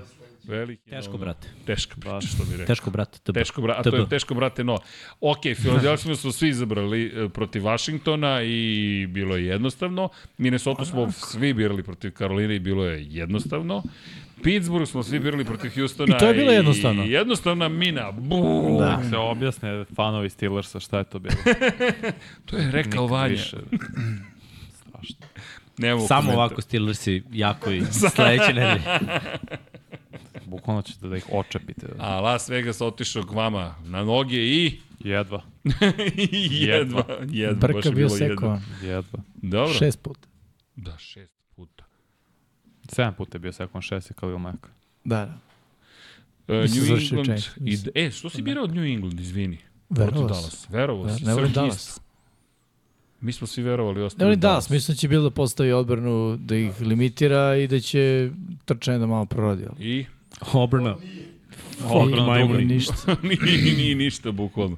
San Francisco, Arizona, ok, ovo je bilo ono, na keca. I San Francisco je dobio. Kansas City, verovao sam, moji Jetsi, verovao sam, verovao sam u New York. Očigledno nije trebalo da verujem u New York. Lepo mi je Vanja rekao, akcije njurških timova su u padu. Sell, da prodaj. poplave tamo pacovi izašli na ulici, čoveče. Vidre, gde su vidre? e, pa da nisu vidjeli, Ne, nego nema, da, da imaju vidre. Pogledajica u tepa pacove. Mada u Sijetlu im, znaš, mogli su da im donesu neku vidricu. Da Nije, pomognu bili su u Njorku, šta? Ne može. Pa to to da donesu neku iz države Washington, da. malo, znaš, da im Malo pomogu. pokupe vidrice i ajde, evo. Da, Da, žive smo vas tamo, šepali. Sa severo-zapada na severoistu. u državi Washington? Da. Da. Žive 100%. Pa zabit je ono. Gde drugo drži? Imaju reke, imaju vodu. Kanada je bli, Kanada, Kanada je blizu. s Kanadom, razumiješ? To je, mora da neka Mora da vidrica. vidre neko To iz je- Kanade dopliva. Dobro, jesmo spremni da uđemo u nedelju broj 5? Apsolutno. Srđan Veliki kaže ne. Vidimo, ne, najavljamo sad petu tek. Pa da, ne, ne, ne Tek, šta tek? Ne, ne, nego samo pitam. Pa znaš, zato što smo rekli za- 11 završeno. Da, da, pitam za Da, pa prijatelja. znam, znam. Znači, Ajmo ovako na brzinu uh, listu, to je tabelu prognoza, da vidimo šta su ljudi isto igrali, pa onda pratimo. Ajde, ajde, evo pravo si. Evo, brzo ćemo. Almedin i Gosk Gabela 48 poenčića. Nije loše. IP Raven 49, Petron 27, Šomi, Steelers i TB 12, Vimison, to je sve 47 pogodaka, Žika S, Bogdan S1, Bole Del Pero, Galactic President Miho, Naisus, Ravens for Life, Urbi, Žarko, to je sve 46 pogodaka. Bravo, Gavranovi moji. A, baš sam te da te pitam, Ravens for Life. A. Ima još jedna. To je gde smo mi. Uf. Uf. A, ovo je naš semafor prognoza. Opa, ajde Vanja, ti čitaj prvi si. Pa nije ti ja delimo prvo mesto sa 45 pogođenih, 70,31% uspešnosti, Miksa je treći, 42 pogođena, deli treće mesto sa velikim srđanom koji isti ima taj broj, Don Pablo 38 pogođenih i Srki ima 35. Dobro. Zato što igra na njujorski timu je između ostalog, ali Hvala. oprav, jedan je opravdan. A u, sam zaribao. I, I promašio sam kod jednog tipovanja, zato imam ovdje... ne još igramo gore. isto na Runner Poolu. Ne, ja zapravo. igram isto, nego sam... Mi ne igramo, gledamo u Jimmya. Evo sad klikću. Da bude isto. Sad menjam. Čekaj, znači odna ti je izabrao Chicago, ako sinoć nisi birao. Pa i prošle nedelje mi je izabrao ove koji su izgubili. Šta da radim? Thursday night Ej, nikad ne, nikad. meni, Ali ja juče si sam bio pobedio. Pa da sam juče si izabrao pobedio. pikove. Pa to ti i- kažem, malo se tu presipa. Ah, nema veze. Šta si izabrao? Ne, ne, nije ni bitno. Pa kako nije, reci? Uh, ma ne, ne, birao sam, hteo, birao sam bolje kod nas nego na Ranjor Pool, jer sam tek tamo nisam stigao da klik, iskličem sve, A. tako sam još gori, kao što vidiš. A 33. ko je komesar koji je namestio to da A to- favorit ne pobeđuje Pa to je automatski? bolje. Bolje, Bolje. moraš da se Terate, potrudiš. da. Moraš, Vidim, moraš baš radiš. se, baš se trudi. Ma ne, dobro, jedno mi je pobeglo, ja sam komesar, ali, ali to smo Ja usvojili smo. Znam. Rekli smo da, da to tako mora biti. Pa dobro. Ima smisla. Mislim, bolje nego ti zabere favorita koji najvjerojatnije pobedi i onda kao ne biraš ništa i to ti kao auto pick u fantaziju. Nek ti zabere domaćine za sledeću godinu. Ako ne biraš samo sve domaćine ti bira. A to ti opet više vuče ka favorita. Ka goste bira sve. Ok, goste, ajde, bira sve goste. Dobro, da, može. Ok, sledeće godine bira sve goste. Ali ima ljudi koje ne možeš da kazniš, kao što smo mi ovde. Mislim, kakav god da je kazna, zaboriš da odigraš, nažalost. Da. Dobro, Thursday night. Mečke otišli u Washington i iskopali rupu. Pa, Izdominirale, stvarno. Kako su oštri krenule i odbrana je zapravo odradila sjajan posao. Dva, dva za redom ili tri za redom drive-a, tri and out napada Commandersa, na kraju i pik je bio na kraju prvog polovremena, izgledao fumble. sjajno, i fumble. drugom. Tako je. Moore izgledao fenomenalno borio rekord po broju hoćenih yardi na jednom meču za igrača Chicago Bearsa. Drže, ko smo rekli, Alshon, ne Alshon, nego Jeste, Olšan Jeff. A da, Sean Jeffrey držao rekord sa 218 yardi, sad je to sa 230. DJ Moore, Just, Justin Fields, drugu utakmicu sa redom sa četiri touchdown dodavanja. Prvi igrač Bearsa od Jaya Cutlera 2000 koje je 11. Tako da dosta istorijska, prava istorijska noć za Chicago Bears. U čast uh, Dika Batkus. Tako je. Da. Što kaže Miksa, Dve utakmice, četiri touchdowna za, za Fieldsa. počeli su da liče. Da. Da. Pa dobro, naš, sad, sad je već druga, drugačija priča, vidiš u napadu, ono, brža, brže izbacivanje. Ovo ofenzivna linija pre svega i koja je dozvolila drugi broj sekova u sezoni, a Washingtonova ofenzivno prvi, mm. je bila bolja na ovoj utakmici, jako igrala protiv dobre defensivne linije. Bila je okej okay protekcija, pritom a, povredio se startni centar, pa je umesto njega levi gard otišao na centra, a ušao je drugi čovek da igra garda, nisu dozvolili pritisak u ono prvih 10 akcija, trčanje je funkcionisalo, na sve je nekako bilo dobro i onda gledaš, ok, coaching je definitivno bolji i prilagodljiviji, naš ne stavljaju ih u neke loše situacije. Sve pohvale. Mislim, big playevi su mnogo prolazili, to je sve zbog odbrane Commanders. Malo bolja ekipa, tipa, uh, šta je bio, treći pokušaj, ono, na kraju utakmice, kad znaš, ono, Kad sve se tu lomi. fullback. Fuller, ne, A, ne, ne. Fuller ide na, na odbranjeno dodavanje, a zna da ja ne, ni nema pomoći. Za, mislim, I promaši loptu, mislim, kačio je jedva, ali promaši, mm. jer ovo je bacio lob. Ovo je uhvatio loptu, Mur okrene se i vidi livadu 60-70 yardi koliko mm, je je. istrči touchdown. Pa je imao onaj screen, pa je imao fade. Znaš, ba, baš i ono što je, nije bilo kao što je bio out, a nije bio out 100%. Dečko ih je lomio na promašeno obaranje. I trčanje su isto dominirali. Koliko je puta bilo ono running back draw na trećem za 6 7. Kopirali su Filin tuš push. Mm. Tako je. Tri puta su ga radili, svaki put uzeli prvi down. Bravo za tuš push. Da, može, da. može i Fields. Još su do seku, imali su dva seka kao tim pre ove utakmice, a da su imali pet. Mislim, Interception. Ma da, da, nego Seko nisu pravili pritisak. Defanzivna linija sad je radila sjajan posao jer Sam Howell je u pet utakmica Seko on 29 puta. Pa to su nerealne batine. Šest po utakmici, čovječe. Maltene, da. Mm. To su ulude batine. A ofenzivna linija pričali smo o Commandersa da je ne- bila stvarno dobra. Bilo je, da. Ali po ovoliko Seko nije sve na, na ofenzivnoj liniji nešto i na Howellu previše drži loptu, ali toliko puta dobijaš batine i da si Seko, on utiče na igru quarterbacka, pogotovo mladog. Da, juče je bilo. Znaš, oni idu cornerback blitz, on burazer, dve sekunde mu treba i ne vidi cornerback blitz, brate. Kao Daniel Jones. Ono ide, putuje, on gleda levo, burazeru, znaš ono, Kreni malo periferni vid, neki, neki osjećaj, ono, neko ninja čulo. Treba ti to kad igraš quarterbacka. ono. Pa da, Sat, da broji 1, 2. da malo da, da osjetiš neki pritisak. Pa što Miksa je rekao, pogleda pre snapa, brate, ko je gde, šta. On je sve vreme gledao Sve vreme desno, dolazi lopta, on zaokrene skroz desno. Brat, mislim, ono, postoji druga strana. Uh, treneri koji su defanzivni koordinatori kada igraju protiv mladih quarterbackova i gledaju film i gledaju da oni to rade na utakmici 5-6 puta, spreme jedan blitz.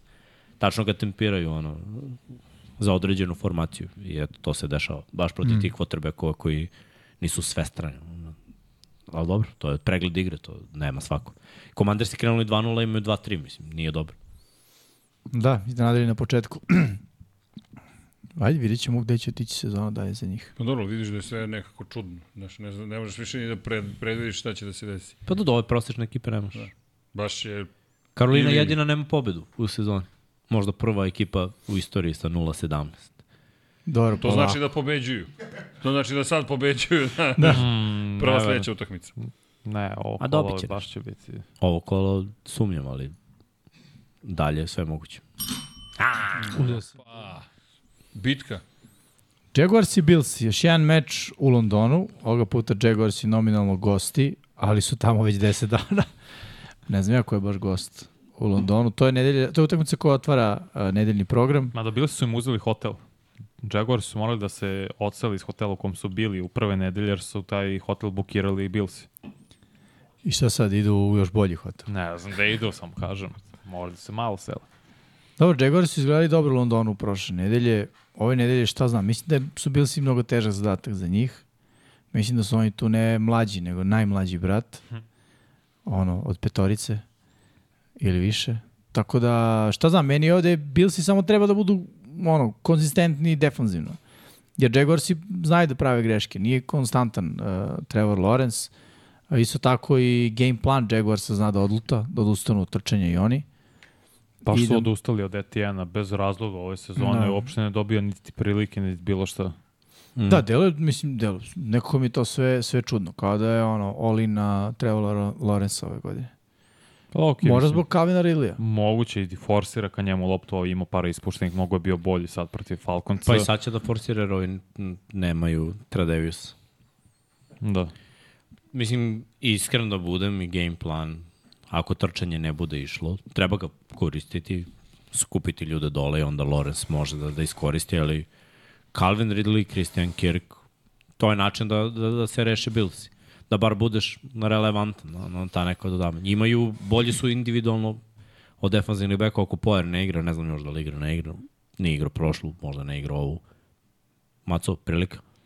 Jeste, ali mora i odbrana Jackson da radi posao. Bills u napadu po akciji imaju skoro 6 yardi. Ovi dopuštaju 5,4. To je ključni matchup. To mora se popri njihovi cornerbackovi Campbell i Darius Williams kako će protiv Ste Stefana Diggsa i Gabe Davisa. Oni moraju sekundariju da pobede njih dvojicu, da limitiraju pre svega Diggsa i da bi naterali Josh Allena da radi one svoje standardne superherojske stvari i da greši u tome.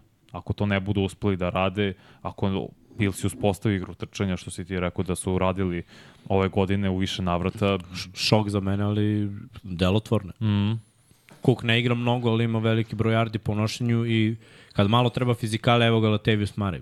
plus Damian Harris. Goal line back, Latavius Murray i Damian, znaš, imaju, dobro su skockali ekipu s te strane.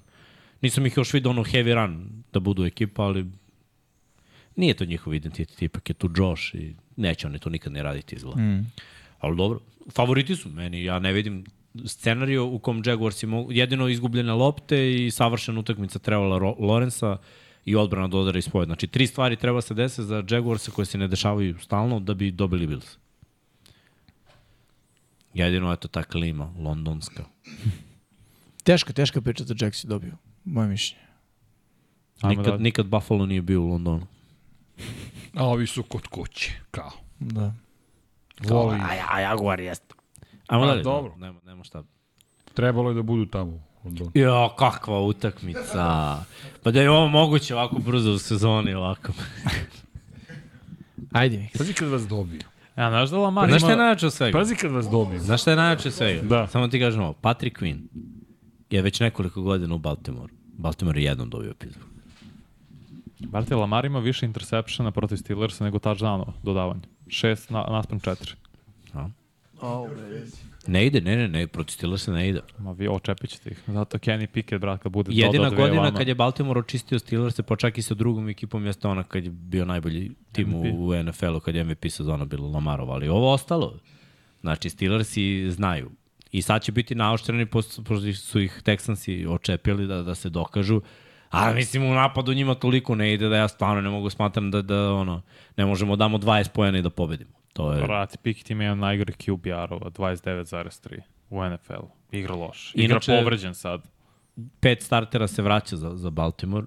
Mislim, Do sad se igralo bez startera, sad računo Stanley da će se vratiti mm. na levom teklu. Uh, Linderbaum na centru, Gus Edwards se malo vratio prethodne nedelje, znači, ajde da kažemo da je okay, Beckham bi trebalo da se vrati, Bateman bi trebalo da se vrati. Zay Flowers igra dobro. Da. Ođabo se izgleda povredio za sezonu. Ovaj, Vi sad razmatraju... 15 sekova, vi ste drugi ili treći u NFL po broju sekova. Ali znaš ko pravi sekove? Kyle Hamilton. ja Safety blitz. Dobro, možemo iznenadimo Piketa malo. Hamiltonu, dečko. Pa da, da, ove godine, ali dobro, stavljaju ga malo, mada to je riskantno dosta, neko će da provali da, da se iti stalno blica i onda smo šuplji pozadi. Ali dobro, dešava, Van Noy je potpisan prošle nedelje, Kyle Van Noy i Jadavion Clowney, ono, to- su naši rašeri, jer ove i Ođabo ne igraju. Ali Rockwan Smith je stvarno, što kaže Lamar, je imao neki članak koji, mislim, dao intervju, Rockwan Smith je za nas. Ray Lewis, mislim, i stvarno, Rockwan Smith je ozbiljna glava stare škole, dečko ne promašuje obaranja, stamenje, nije najbolji coverage, ali znaš da ima Queen-a, njih dvojica zajedno su jako dobar fit. Mislim da, da je najpametnije za Baltimore da razmišljaju ne o dovođenju novih oružja za sledeću sezonu, nego Queenu da se da ugovor. To, to je moje neko razmišljanje. Ne ni Jackie Dobbins, jer on, mislim, malo, malo pa ne igra, nego Queen i Roquan Smith napraviš taj tandem i ideš od toga. D-line niko nije plaćen, znači Baltimore potpisuje tu veterane i draftuje klince, uh, defanzivni bekovi niko nije plaćen, imaš luksus da u odbrani potrošiš pare na linebackere. I Mislim da su nekako je- zato, izvini što prekne, i draftovali Simpsona. Simonsa, izvini. Ne, ne. Da potencijalno zamenik. Ne. Uh, Queen toliko dobro igra i Ne pazi, kažem da ne igra, samo mislim da je to bila zamisla. toliko je dobar kao rusher da i to otvara neke nove stvari za Ravens. Steelersi da bi dobili ovu tekmu, pre svega pritisak uh, osvojene lopte, TJ Watt, Highsmith, to mora da bude na, na nekom neverovatnom nivou i napad mora da odredi neke stvari. Zach Moss je trčao dobro protiv Baltimora. Uh, ali Colts imaju bolju ofenzivnu liniju od Steelers. Ne, ja ne vidim da Najee Harris uh, može da igra na tom nivou ako ofenzivna linija Steelersa ne dobije bitku. Sve nekako naginje da, da bude Baltimore, osim što ovo Srki kaže, ta, ta neka skorašnja istorija. Tomlin se rugao nešto, Queenu u fazonu, nisi Raven, još nisi dobio Steelers. Kao ne postaješ Baltimore Raven dok ne dobiješ Pittsburgh Steelers jedno. I prošle godine je ovaj, bio prvenac, zahvaljujući Torbiskom, hvala mu. Ovaj, Borazir delio šakom i kapom, što kaže Jimmy. Svima je bio rođendan. Pa ovaj, mogu bi Pickett malo tako i bilo bi lepo. Zamislimo, Kakav osmeh na licu. 4-1 bi bilo, znaš, kad smo već od kolci skubili onako nesrećno, ba, 4-1 mi nekako lepo zvuči. Da, mogli ste budete ono, čet- Savršeno. 4-0 sada. Ovo je u direktnom prenosu. Mislim, Ba- Baltimore lepo igra ako uzmeš obzir koliko igrača fali, da, da je bilo ono tri startera iz ofanzivne linije. Moses nije igrao na desnom teklu isto. Uh, mislim da on neće igrati ni na ovoj utakmici.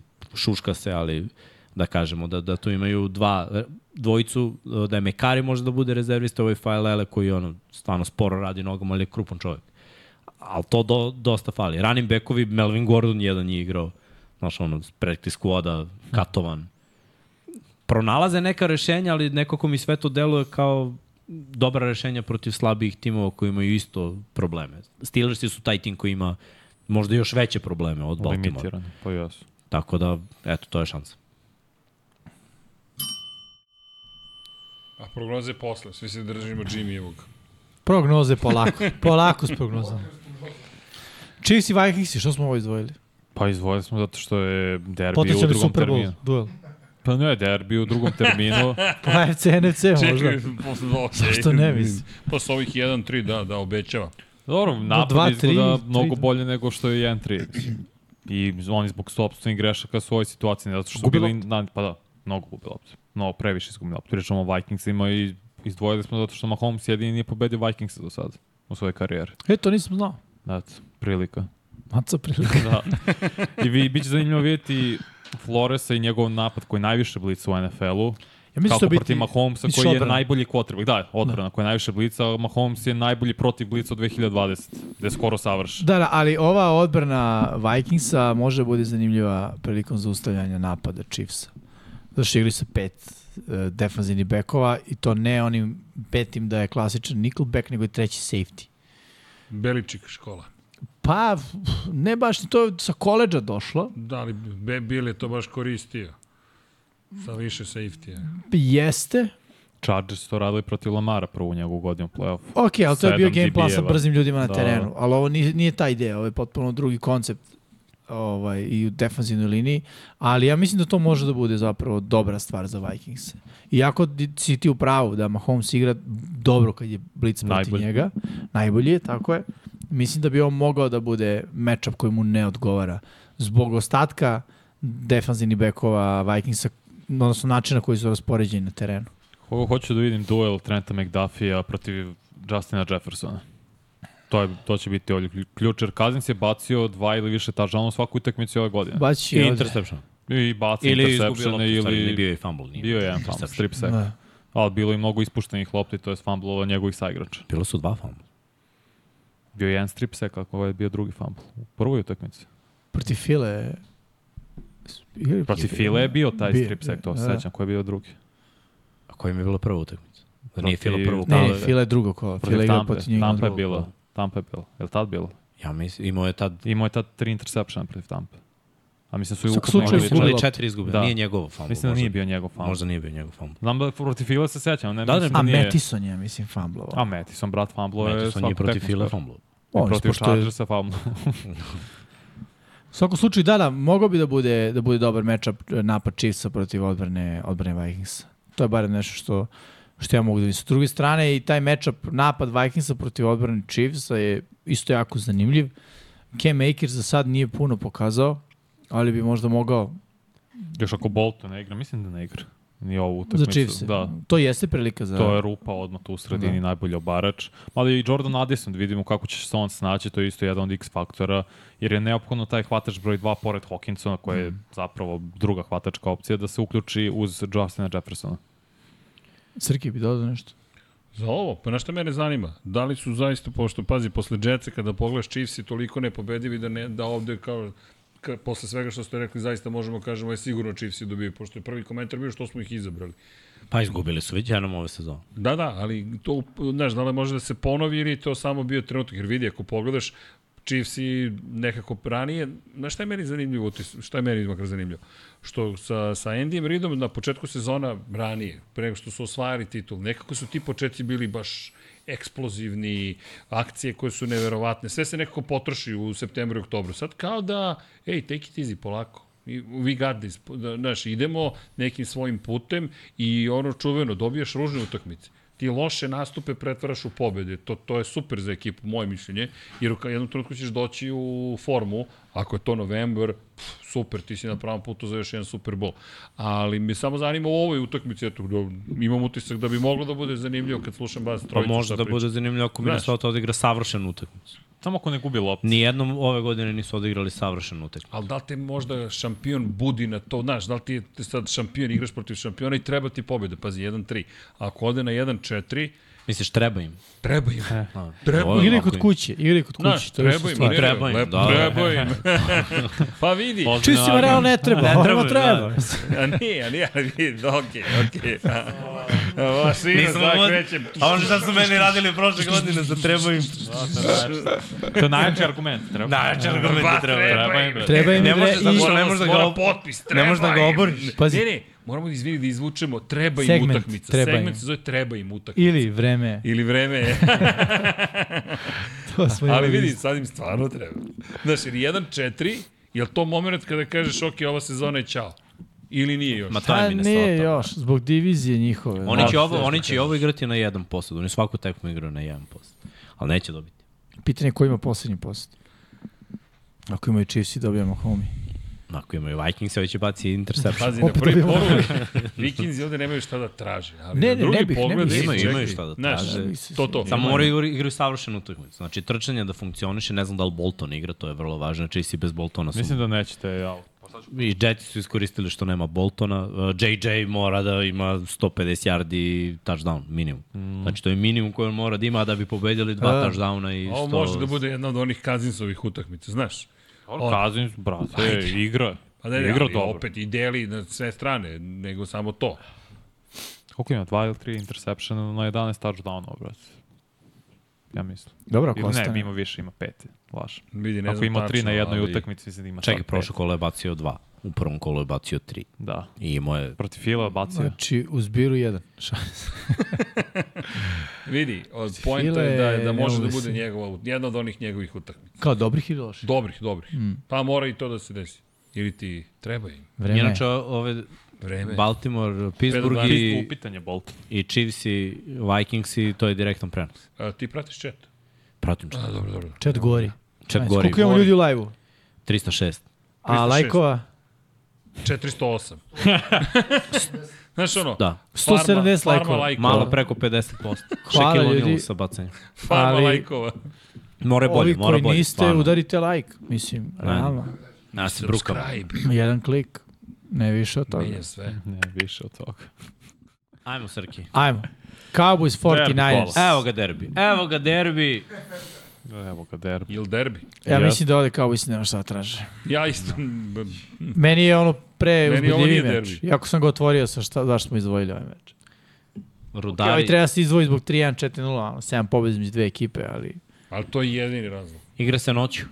Tako je sad. Šta, kad su a, bolji? kao bojici tada da, muzu šta? krave, šta? Nakon napornog dana kao šta, i kasna tada spavaju, ne a rudari se bude. A, a o, pa, pa Misliš, ko je udari šans- su bolji po mraku, pa dobro jesu, A, da. Pa i činjenica. Ima pilkom da ih Što ispilkaju. znači, misliš da ovde nema šta traži kauboji. Kad uješ u San da, Francisco, bit će, ajmo, kad Rodeo Rodeo je po noći. Dok oni stave konje na odmor, razumeš, i zalegnu. Dobro, Rudari, da, brate, bolje tup, vide, tup, tup. upali se svetlo ovde. Mislim, gledaj, 49, ako govorimo o rudarenju, mislim, trčanje, trčanje 49 jeste kao rudarenje, ono, konstantno neko probijanje, baš je Iskopat će Bitcoin koliko je rudara. Tako je. Ko pa će tebe bil, Bitcoin. Eksplozivom će da naprave rupu za McCaffrey-a. Ma nema, nemaju kako se ovde. Bez da- Trevona Ne, Diggs oni nemaju šta traže. Vidi, ne samo Kod kauboja. to. Mislim da će to biti suprotne strane. Da. to ti kažem. Pa ne, znaš, Brock Pardy protiv man coverage je jedan od najboljih quarterbackova. Dallas uglavnom igra man coverage jer se oslanja na igru dobrih cornerbackova i Blend igra stvarno dobro ove godine. Fali će Diggs, ali Blend za sad radi sa A znam ok zašto je Brock posao. Party toliko dobar? Zašto su sve rute, zapravo sistem je dobar za men kao. Naravno, ja to pričam od prošle godine. Inače, Brandon Ayuk ima 17 hvatanja ove godine. Svaki je bio ili za prvi down ili za touchdown. Što je efikasnost na maksimalnom nivou. I zamisli Gregory se skine za ovu tekmu i kaže Može. kao bi si, vi ste me prvi otpustili. Tako Da, je. da. Sad ću da polomim Da, crnu nisu ga Kirka otpustili. Nisu ga otpustili. On je dobio ugovor, na kraju su bacili dodatnu klauzulu. Njegov ugovor pet Da ne sme bije ženu, šta? Ne, nešto za, da li za rečnik. On je imao taj incident. Nije, Ne, za rečnik je nešto bilo. Ma bre, nije imao za nesportsko ponašanje. Nije bre imao neki Ma van... klauzulu u ugovoru. A, okej, ugovora okej, je ali imao je inače Ako problem ima, van terena. Ako ima nesportsko neki- ponašanje ili to... Nasilje u kući. Oduzme mu. oduzmu mu para ili je rekao, ne, brate, ono, pa to je kod mene, hoda mi žuta zastavica, razumeš, dišem 15 yardi kazne, Glasno disanje. u pravcu quarterbacka. Disu si, disu si u pravcu quarterbacka, tako da, ovaj, Jerry ga je baš, Jerry legendica kad sklopi ugovor. Voli Jerry, brate. U svakom slučaju mislim da će ovo da bude onaj meč da se Cowboysi ne pojave. Rekli smo da ono, Da, da, najđe na ozbiljnu mečeva. ekipu i onda budu Pa prebijeni. nisu se pojavili već jednom ove godine. Da. Sad će se drugo, zove, Arizona ih očepila. Da. Možda im ne leže ove ekipe sa zapada. Misliš, Možda. mrak je pa. Druga vremenska zona. Ne znam šta. Da, ovo su bili kardinali. Arizona ih je rešila sad, znaš.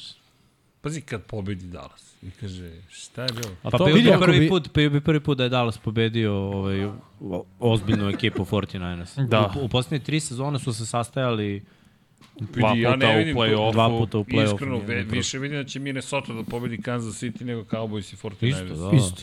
Isto. Znaš, Dak je tu... Možda zvučim grubo. Ova defanzivna linija, pritisak, trčanje, prvo, Cowboysi moraju da uspostave trčanje. Neće protiv San Francisco, niko ne trče. I moraju da zaustave trčanje 49ers, što isto ne znam kako će se desiti. A tr Arizona im je trčala 222 jarda. Ako Da. im Arizona trčala 222, gledaj McCaffrey da ima 222.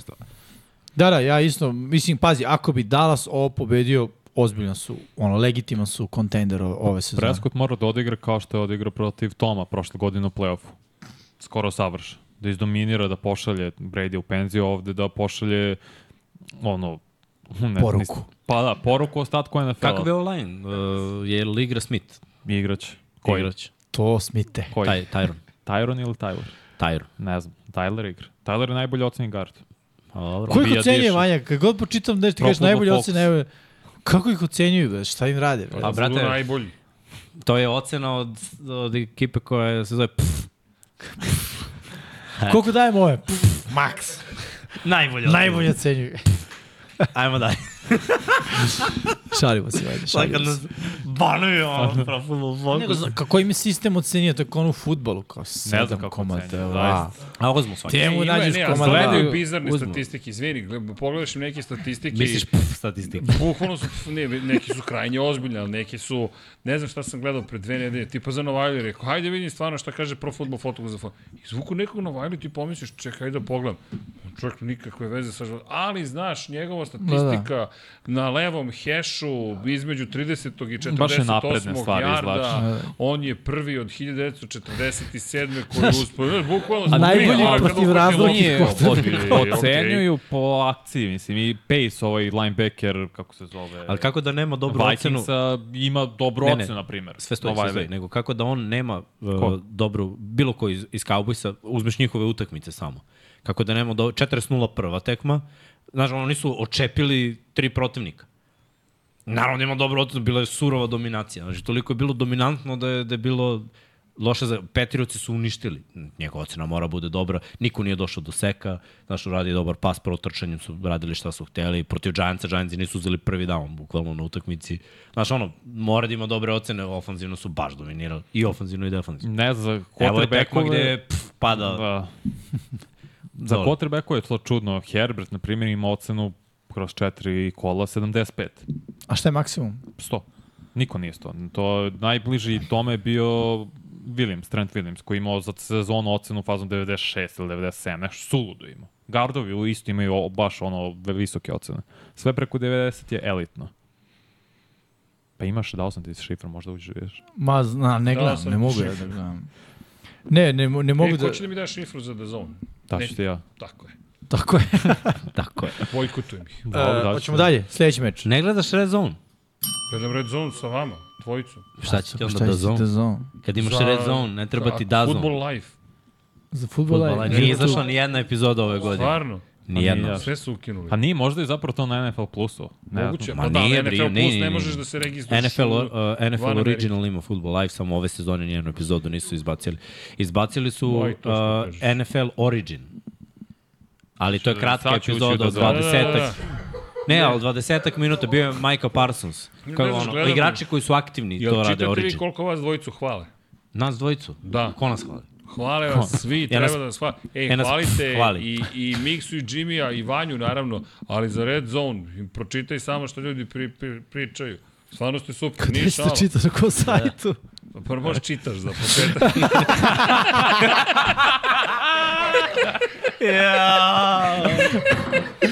Pao je, pao je tuš puš. Tuš puš. Nekako se samo Došlo je, š- došlo je. namestilo. Došlo je. Bliži se witching hour, šta da radite. Da. Ne, ne, ali sad šalno na stranu, ne, ima još i u komentarima i na društvenim mrežama. Stvarno radite super posao. Znaš šta mi je bilo fascinantno? Ni- Nikad nisam pomislio da bi neko mogao da, da radi udvoje red zone. Znaš, i onda mi je bilo zanimljivo Ček da vidim kako će ovo da ispadne. Onda slušam vas dvojicu koji samo bum, bum, bum, bum, bum, bum, samo ide. Znaš, a- i pri čemu ono što mi je fenomenalno, koja god da je ekipa, e ovaj, ovaj, ovaj, ovaj, ovaj, ovaj, zva, zva, ja ne mogu. Znači, ono, poznajem vas, razumeš, ali stvarno svaka čast. A stvarno. Hvala. I koliko se, mislim, znam koliko se spremate, koliko volite, ali opet i, i Ne veruješ poznajem vas, ali slušam i razmišljam, ok, ušli su u zonu, ali baš je crvena A zona. priznaj, Da, je, da, te, je te bolelo kad smo rekli da Jetsi neće prebaciti 10 pojena. Pisao sam ti. Pisao sam ti. Srke mi šalje, hvala druže. Ne, ne, sad sve u zonu i nastavljaju. znači, A imali su polivaju. 10 na toj O, utakmici. Kofa ovako. A možda neće uopšte biti, evo sad sam ušao u Football Life. Sledeća, da. poslednja epizoda je za Amon Ra Saint Browna. Prošle godine? Ne, prošle godine, vidio što sad u subotu. Ali to je Origin. To je Origin, Nije da, da. to Football Live. Ali ne znam da li će, kažem ti, jer se ovo spada u Football Life, ali, Ali no, Origin, nije pa da, Football ali ne Life. znam da li će Pa izbacivati. Pa možda, Life. možda, Hoće, misliš, produkcija neće. Nemam Zato što pojma. Football Life nik, gotovo nikad nije za Viš. uh, aktivne igrače, osim ako ti igrači Ne, nisu Hall of Fame materijal. Vidi šta god Znam, gledao sam to. Samo znam zašto hoću to. Dakle, Dobro, to, daću ti šifru. ne problem. Da, eventualno Monday morning, ne Monday morning, to je, to je Peter Kingov bio. Futbol. Ali... Good morning football. Good Pa morning da, football. Ti imaš YouTube listu. Pa da, stvarno, Brown. počeli da puštaju, onda je okej. Ne, jer vidi Red Zone gledam s vama dvojicom. A moram ti priznam da, da neko je prokomentarisao da mu je ponekad malo mnogo. I da zaista posle 7 sati tuf, tuf, tuf, tuf, tuf, tuf, tuf, šamaranje sam u fazonu. Ok, ček sad da saberem Znaš šta je se nama sve gleda. naj, naj, najviše u tome kao da je malo mnogo? Da. Kad se završi sve utakmice, ostane jedna koja je dosadna. I ostane pet minuta do kraja. I onda onaj red zone mrcvarenje, bude u fazonu we'll be right back. Znaš kao, Pusti time out. ne šta ja pričam o... Kao imamo jedan time out, kao ajde da, Da, iskoristi. ispucaj ga. Je, ali drugačije, potpuno je drugi tempo. E, Izvinite, ako smijem da samo da, evo kratko, kratko, 10 sekundi. Sam, ne, ne, znam, znam, žurimo, žurimo. A, samo, znaš šta je, neko je prokomentarisao baš u komentarima da jedna utakmica, znaš, i stvarno, kad imaš jednu utakmicu NFL-a, nekako mi je lepo, prva četvrtina onako, znaš, polako se uhodava, druga, upa, malo se zagralo, pa je pauzica, pa onda treća, i onda Da. četvrta je drama. Sa, sa red zonom, to je ono, mešalica. Žb, Da, da. odmah, nema prva, druga, Pa da, treća, četvrta moraš, četvrtina. moraš da bude, mora da gledaš red zone. Dozirano. Ne možeš da počneš sa red zonom i da ti bude odmah prijatno. Mnogo je, mnogo Ni nama nije bilo prijatno na početku. Ne, ne, znaš, vidi, Ali ja posle, brate, Hensona mnogo- sam gledao toliko puta, ali Posle znaš, mnogo godina nisam ga nikad gledao to, non stop. Znaš, uvek napravi neku pauzu, preskoči. Vas dvojicu sam baš teo i da ispuštujem i da odslušam i verujem mi, šta, u jedan ovaj, ujutru sam bio u fazonu, okej. Biće, biće lakše ovo što je NFL uradio sad na početku, bilo 16 tekmi. Da, da, da. I ti računaš da u prvom, pazi, nisu lepo rasporedili, jer ti kad odbiješ Thursday, Monday i Sunday, trebalo bi da bude 13. I oni od 13 stave 9 U U sedam. prvi u cijel. 7. Da, da. 9 tekmu u isto vreme. To ne može da ne leti, razumiješ? I najgore utakmice da staviš nešto će se desiti na tvojoj Ba, da. utakmici, moraš i o njoj Da, da, da, da da. pričaš. Znaš, glupa je podela 9-4, po mom mišljenju. Ali, Mogli su ovo staviti Od ono 6. je bilo. samo još Ne, jednom... bilo je da, 8-4 zbog dva Monday night. 11 mora Da. se... Prošlo je 11. Prošli Prošle dan. dane. Ajmo, tempo, tempo, up, tempo, up, tempo. Jel imamo još utakmica? Pa imamo sve ostalo. Ajde. Hoćeš ti, aj, mislim da izdvojimo to. Jaguars i Bills i 15-30, London, Arena Premium 2. Uh, Texans i protiv Falconsa, 2-2-2-2, zanimljivo, obe ekipe s juga, LAFC-a i NFC-a, Texans u boljem naletu, Falconsi krenuli 2-0, sad su 2-2, Texansi krenuli 0-2, sad su 2-2, bolja energija, bolje sazrevanje, bolji quarterback, bolja energija, Rekao Bolje si sazrevanje, bolje kotrbe. to. E, Desmond Reader je savršen kod kuće, nije izgubio 4-0, a u gostima ima 0-4. Vreme. Pa, A i ja Texansima sam birao treba. Texansima, tako da ne verujem Reader, bre. Pa ako nekome treba, to je Karolini, ali oni idu Detroit, a sve treba. ide kroz... Uh, Poraz. nema šanse. Da. Baš teško. Mislim, nemoguće skoro. Mislim, nema šanse. Mislim da neće biti lepa utakmica za gledati, ali mi ćemo je pratiti u E, red ovo je dobar. Titans i. Coltsi, mm. prva divizijska za Tennessee, 2-2-2-2. Ko pobedi ide na prvo mesto na jugu AFC-a i bit će zanimljivo videti kako će se formirati ova divizija s aspekta play-offa. Dosta toga je ulog uh, na momente su mi Titansi pokazali da su ozbiljna ekipa protiv u ove dve utakmice u dve pobede. Ovo ostalo, pa ono, protiv Saintsa tu i tamo. Kolci, ja ne znam da li mogu da... Oni su za sad jurili rezultat ove godine. Protiv Baltimora su jurili, napravili preokret, pobedili. Uh, jurili protiv Jacksonvilla u prvom kolu izgubili. Jurili protiv Ramsa izgubili. Za, znaš, ni, nisu mi protiv Texansa su jedino su, su vodili. vodili jedino. Ne znam da li mogu da krenu u ovu utakmicu, jer Tennessee ako gubi, Tennessee u problemu. A Tennessee ako povede, to je druga priča. Mislim, Još, ni, izvim što se prekidam, Tennessee je pobedio poslednjih pet puta kolce, Da. poslednji put ih je dobio Rivers, kolci kod kuće su izgubili sedam za redom. Derrick Henry uvek dobro trče protiv divizije i to može da bude. Ako odbrana odradi posao i njega, šta je beše bilo na statistike Kada Derrick Henry spustiš ispod 70 yardi, Ima šanse, šanse, šanse, pobediš. rastu ozbiljno da Da. pobediš. Eto, to je game plan. Da li će 85%. Hopkins imati prvi put 100 yardi u ove sezone? To je pitanje. Ko će mu baci za 100 yardi? Derrick Henry. pa jedino tako. Giants i Dolphins i takođe od 19 časova za Giants je težak ispita, za Dolphins je ovo, mislim, najbolje. Izgubiš od Billsa, imaš 3-1 i naletiti Giantsi koji ne mogu da se povežu. Znači, dobar, dobar dan na pobedu. Da, da. Saintsi protiv Patriotsa, a ovo će biti minus, ka, e, uvatili smo tri minusa prošle nedelje, Jel? što smo rekli. Da. I ovo je minus. Ja ne mogu da Pa, vidim da ovo ode bi. preko 40 pojena. Pa kako da ode, neće otići preko 30. Saints i 15 pojena u proseku 15,5, Patriots je 13,8. Katastrofa. Da, da. Nijedan i drugi nemaju trčanje. Mislim, nisu spostavili trčanje. Senci malo bolji kroz vazduh, ali Bill to zna da brani. Baš, baš čupao. Ravens i Steelers i to smo najavili. Nedelja takođe 19 časova. Eaglesi protiv Ramsa, bit će ovo zanimljiv meč. Hoće. Koliko god deluje da su Eaglesi favoriti, Ramsi su jako nezgodni, još ako se vrati Cooper Cup, pričamo o Fili i problemima koje imaju, pričamo o sredini terena, a Ramsi to znaju lepo da bockaju sa svojim šemama ovaj, kroz vazduh, a, Ramsi lepo i trče, ok, Fila dobro brani trčanje, ali vidjet ćemo. Mislim da ključni matchup je napad Ramsa protiv odbrane Eaglesa, jer mislim da napad Eaglesa ne bi trebao da ima veliki problem protiv odbrane Pa. Eagle, napad Eaglesa od prošle godine 13 utakmica, u 13 utakmica su prebacili 400 yardi. Ne vidim kako mogu da ih uspore Ramsi odbrome, makar. Mislim da će tako to iskoristiti i opet igrati na veći broj poena. Više poena mm. i Eaglesi pobeđuju. Isti termin je 22.05, Cardinalsi dočekuju Bengalse, prilika za Cardinalse, da budem iskren. Pa jeste, Da baš. šokiraju opet. Mada, ajde, ja nekako i dalje verujem u Bengalsa će da pobede ove prosek ekipe. Moraju, treba im. To je to, treba. Isto, isto mogimo se voditi. Baš im treba, brate. Ako krenu 1-4, piše propalo. Znaš šta je najgore? My brother from another mother. Cinci dopušta po utakmici skoro 160 yardi trčanja. Ma do, Što je je jedno istrče najgorih. 200, nije to problem, ali i dalje postoji šansa. Dobro. Jetsi protiv Broncosa, 20 minuta kasnije, odnosno 22-25. 1-3, 1-3. Jetsi imaju šansu. Imaju. Pogotovo Realno. ako koriste Brisa Hola protiv najgore odbrane protiv trčanja. To Ocenjuju. su A Denver. dodavanjem su bolji. Ne znam, oni su najgori. Loši, loši. Ako Zeka- Wilson ovde ne uradi nešto. Ne, ne, ne treba. Ne znam Ne kad treba... Zach Wilsonu, se. samo se u fantaziju, Yahoo-om, Zach Wilson je, pišemo da igra protiv ono, najgore odbrane Mm. i matchup mu je 5 zvezdica od 5. Znači ono, savršeno. Sve je savršeno. Ma ovde je Samo ovaj meč prangije. za Brisa Hola i, i kako se zove? Mogu nešto da vam kažem? Wilson za Wilsona. Strahujem. Wilson za Wilsona protiv Wilsona. Tri Gospode. Wilsona. na jednom mestu. Bolest. Previše Internet. Wilson. Tom Hanks. www. 666. Jetsi for the win. Da, da, baš na Ali, mestu. znaš, ali, ali ja se iskreno plašim. Ja mislim da ćemo izgubiti. Iako Ne. sam tipovao na Da, Jetsi. ma svi smo. Svi smo. škola. Pazi, kad smo prvi put svi stali ujedinjeno iza Jetsa, mora ne, neka, nešto se desi. Uh, Chiefs i protiv Vikingsa, to smo rekli. Rodgers. Da. Da, to će biti dobar meč, nedelja 22-25, sviđane pucaj dalje. Šut. Cowboysi protiv 49ersa, Sunday Night Football, odnosno ponedjeljak po našem vremenu 2 i 20, 49ersi su domaćini. I, I Monday Night Packersi protiv Raidersa, igra se u Las Vegasu. Prilika, prilika za da Jordana pobedite? Lava. Hoće. Prilika za Lava da se vrati što se tiče dobrih partija, da postane Red prvi quarterback u istoriji Green Bay-a koji je vezao pet prvih utakmica sa touchdownom na početku sezone. Eto, to ni Rodgers Eto ni Favre nisu radili. Focus. Nije, to je Pro Football Vanja istraži pa pronađe.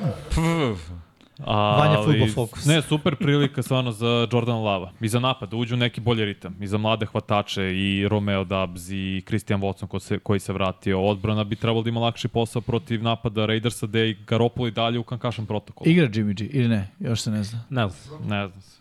Dobro, da li vi... Ajde da protokol. napravimo segment manjina statistika. Ajde. Banja u delu s naučarima, onako i gomila papira. Može, može, može. Znači, fale mu samo na E, očar. ali moraš da izvučeš nešto Jedan. nemoguće, neku statistiku. Piljuku sinoć. Prodao. Sebra, lik izlači statistiku, verovatno će da stignemo za pola sata odavde peške do arene. I stignemo. da. Ma ba. Koliko nam treba ako 10 minuta odemo do Maksija i skrenemo s puta i vratimo se nazad? Onog do... Ne možda veruješ šta lik radi. Nerealan. Dakle, vanjina matematika. Ne matematika, statistika. Vati, vastisti, vatistika. Vanjis, vanjistika. Vanjistika. Vanjistika. Vanjistika. Va, oduševljen. vanjifiko. Vanjifiko. E, na, na E, baju ajmo, su... ajmo da požurimo. Jimmy, Da. strpljiv čovjek, ali... Na baju su Brownsi, Buccaneersi, Chargersi, Seahawksi. Na Krećemo, bajsu su. krećemo sa baj nedeljama u NFL-u od ove nedelje broj 5. Uh, Srki, ajmo dalje. Menjaj. Imamo naše prognoze. Naše Ajde da ispričamo prognoze. ko je kako prognozio. Randy Gregory je out, neće igrati ovu nedelju. Pa. Cowboysa. Samo da, eto, znate, stigla. Ajmo je. naše prognoze. Izašla karta. Naše Znači, prognoze. hrana mi stigne. Ajmo. Dalje realno. Svi A ja ne vidim Washington bio protiv Chicaga bili. Nismo verovali u mečke. Fail, E, fail. to znači da Jacksonville pobeđuje. Pa dobro, ne mora da znači. Nismo baš toliko vidoviti. Da.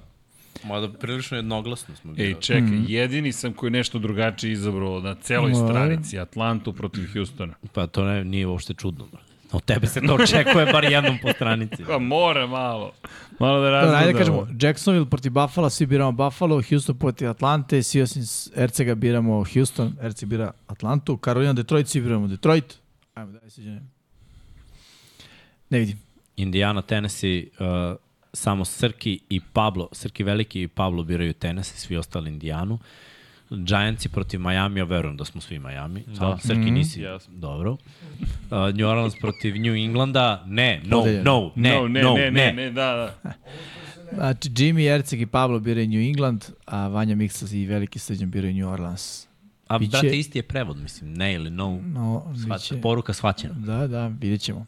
I Baltimore protiv Pittsburgha, svi biramo Baltimore, niko ne veruje u čelične čeličare. Philadelphia protiv Remsa. Dom Pablo i ja verujem u Remse. Hrabro. Da, Naravno da je hrabro. Nije nemoguće. Arizona, Cincinnati, iako im treba, Ne veruješ, no? ne verujem. Ko veruje, Cincinnati. vidi manje i ja. Kardinal je zeznuta ptica. Da, da, da. Znaš, Vanja? Samo vanje ja, a? Šta Opa, Vanja? mi A imamo- ne Vanja- vidim od kamere. Za šta? Zvonio nam je neko na vrata, samo što... Neko nam je zvonio na vrata. Da, da, da. Mi imamo Dole. zvono. E, to ja, To je dole u prizemlju. To je dole, ja to ti odmah. klopa ti Da, stigla. da. Pa trči po klopu, bre, čoveče. Klopu si Stigla uzeo, hrana. a klopa za nas. Klopa, a, a si nas pitao? a? Možete ako E, pa hoćete da. da uzmete. Aj daj nam tvoju porciju da isečemo. Znaš šta će ti ostati? Evo, čekaj. Uh, ko je birao Arizonu? Jimmy i ja smo birali Arizonu. Znači svi sinci? Svi su, svi ste, svi wow. Osim Jimmy i mene. Wow, Mi smo Arizona. bravo. Arizona Blues, hvala. A New York Jetsi smo svi birali osim Dom Pabla. Pričat ćemo o tome. Jimmy izabrao Minnesota. Svi Da, da. smo izabrali Kansas Dobar City. matchup defensivno. Da, da, da, ima, ima, ima priče. Ima Treba priče. im. To je, tre, tre, treba im. San Francisco smo svi birali protiv Dallasa osim Dom Pabla. I svi ste birali Green Bay, Bay osim mene izdajnika koji sam prvi put izdao i Las Vegas sam birao. A Pablo Dobro. ti vratio A Dom Pablo i nije, nije birao Jets. nije birao Jetsi. Nek, nek, sve u redu. Dobro. Hoće, imamo li onu tabelu? A imamo, to smo već prošli. Prošli Ko smo. gde? Da, da, da. prošlo. Dobro. Pa ajmo pitanje i odgovori. A ja moram da vas napustim, drugari. Ne može. Moram. Baš moram. Zaista moram. Ja sam trebao pre 15 minuta Beži, da vas Jimmy. napustim. Treba ti. Ej, vidi, Ajde. ispoštovo Treba mi, više, da. I vreme. i više nego E, za vas, drugari koji nas gledate, e, laku noć i postavite dobre pitanja. Ali ne meni, te mislim. like, Like, share and subscribe. Apsolutno. Filip je pitao nešto tebi i mene, ponašanje Dejbola za Monday night, ali... Ostajem tebi. U sigurnim rukama. Ma šta znam? Ovaj, mislim, samo vođenje utakmici, sve, meni je užas. Dejbol ove godine baš katastrofa.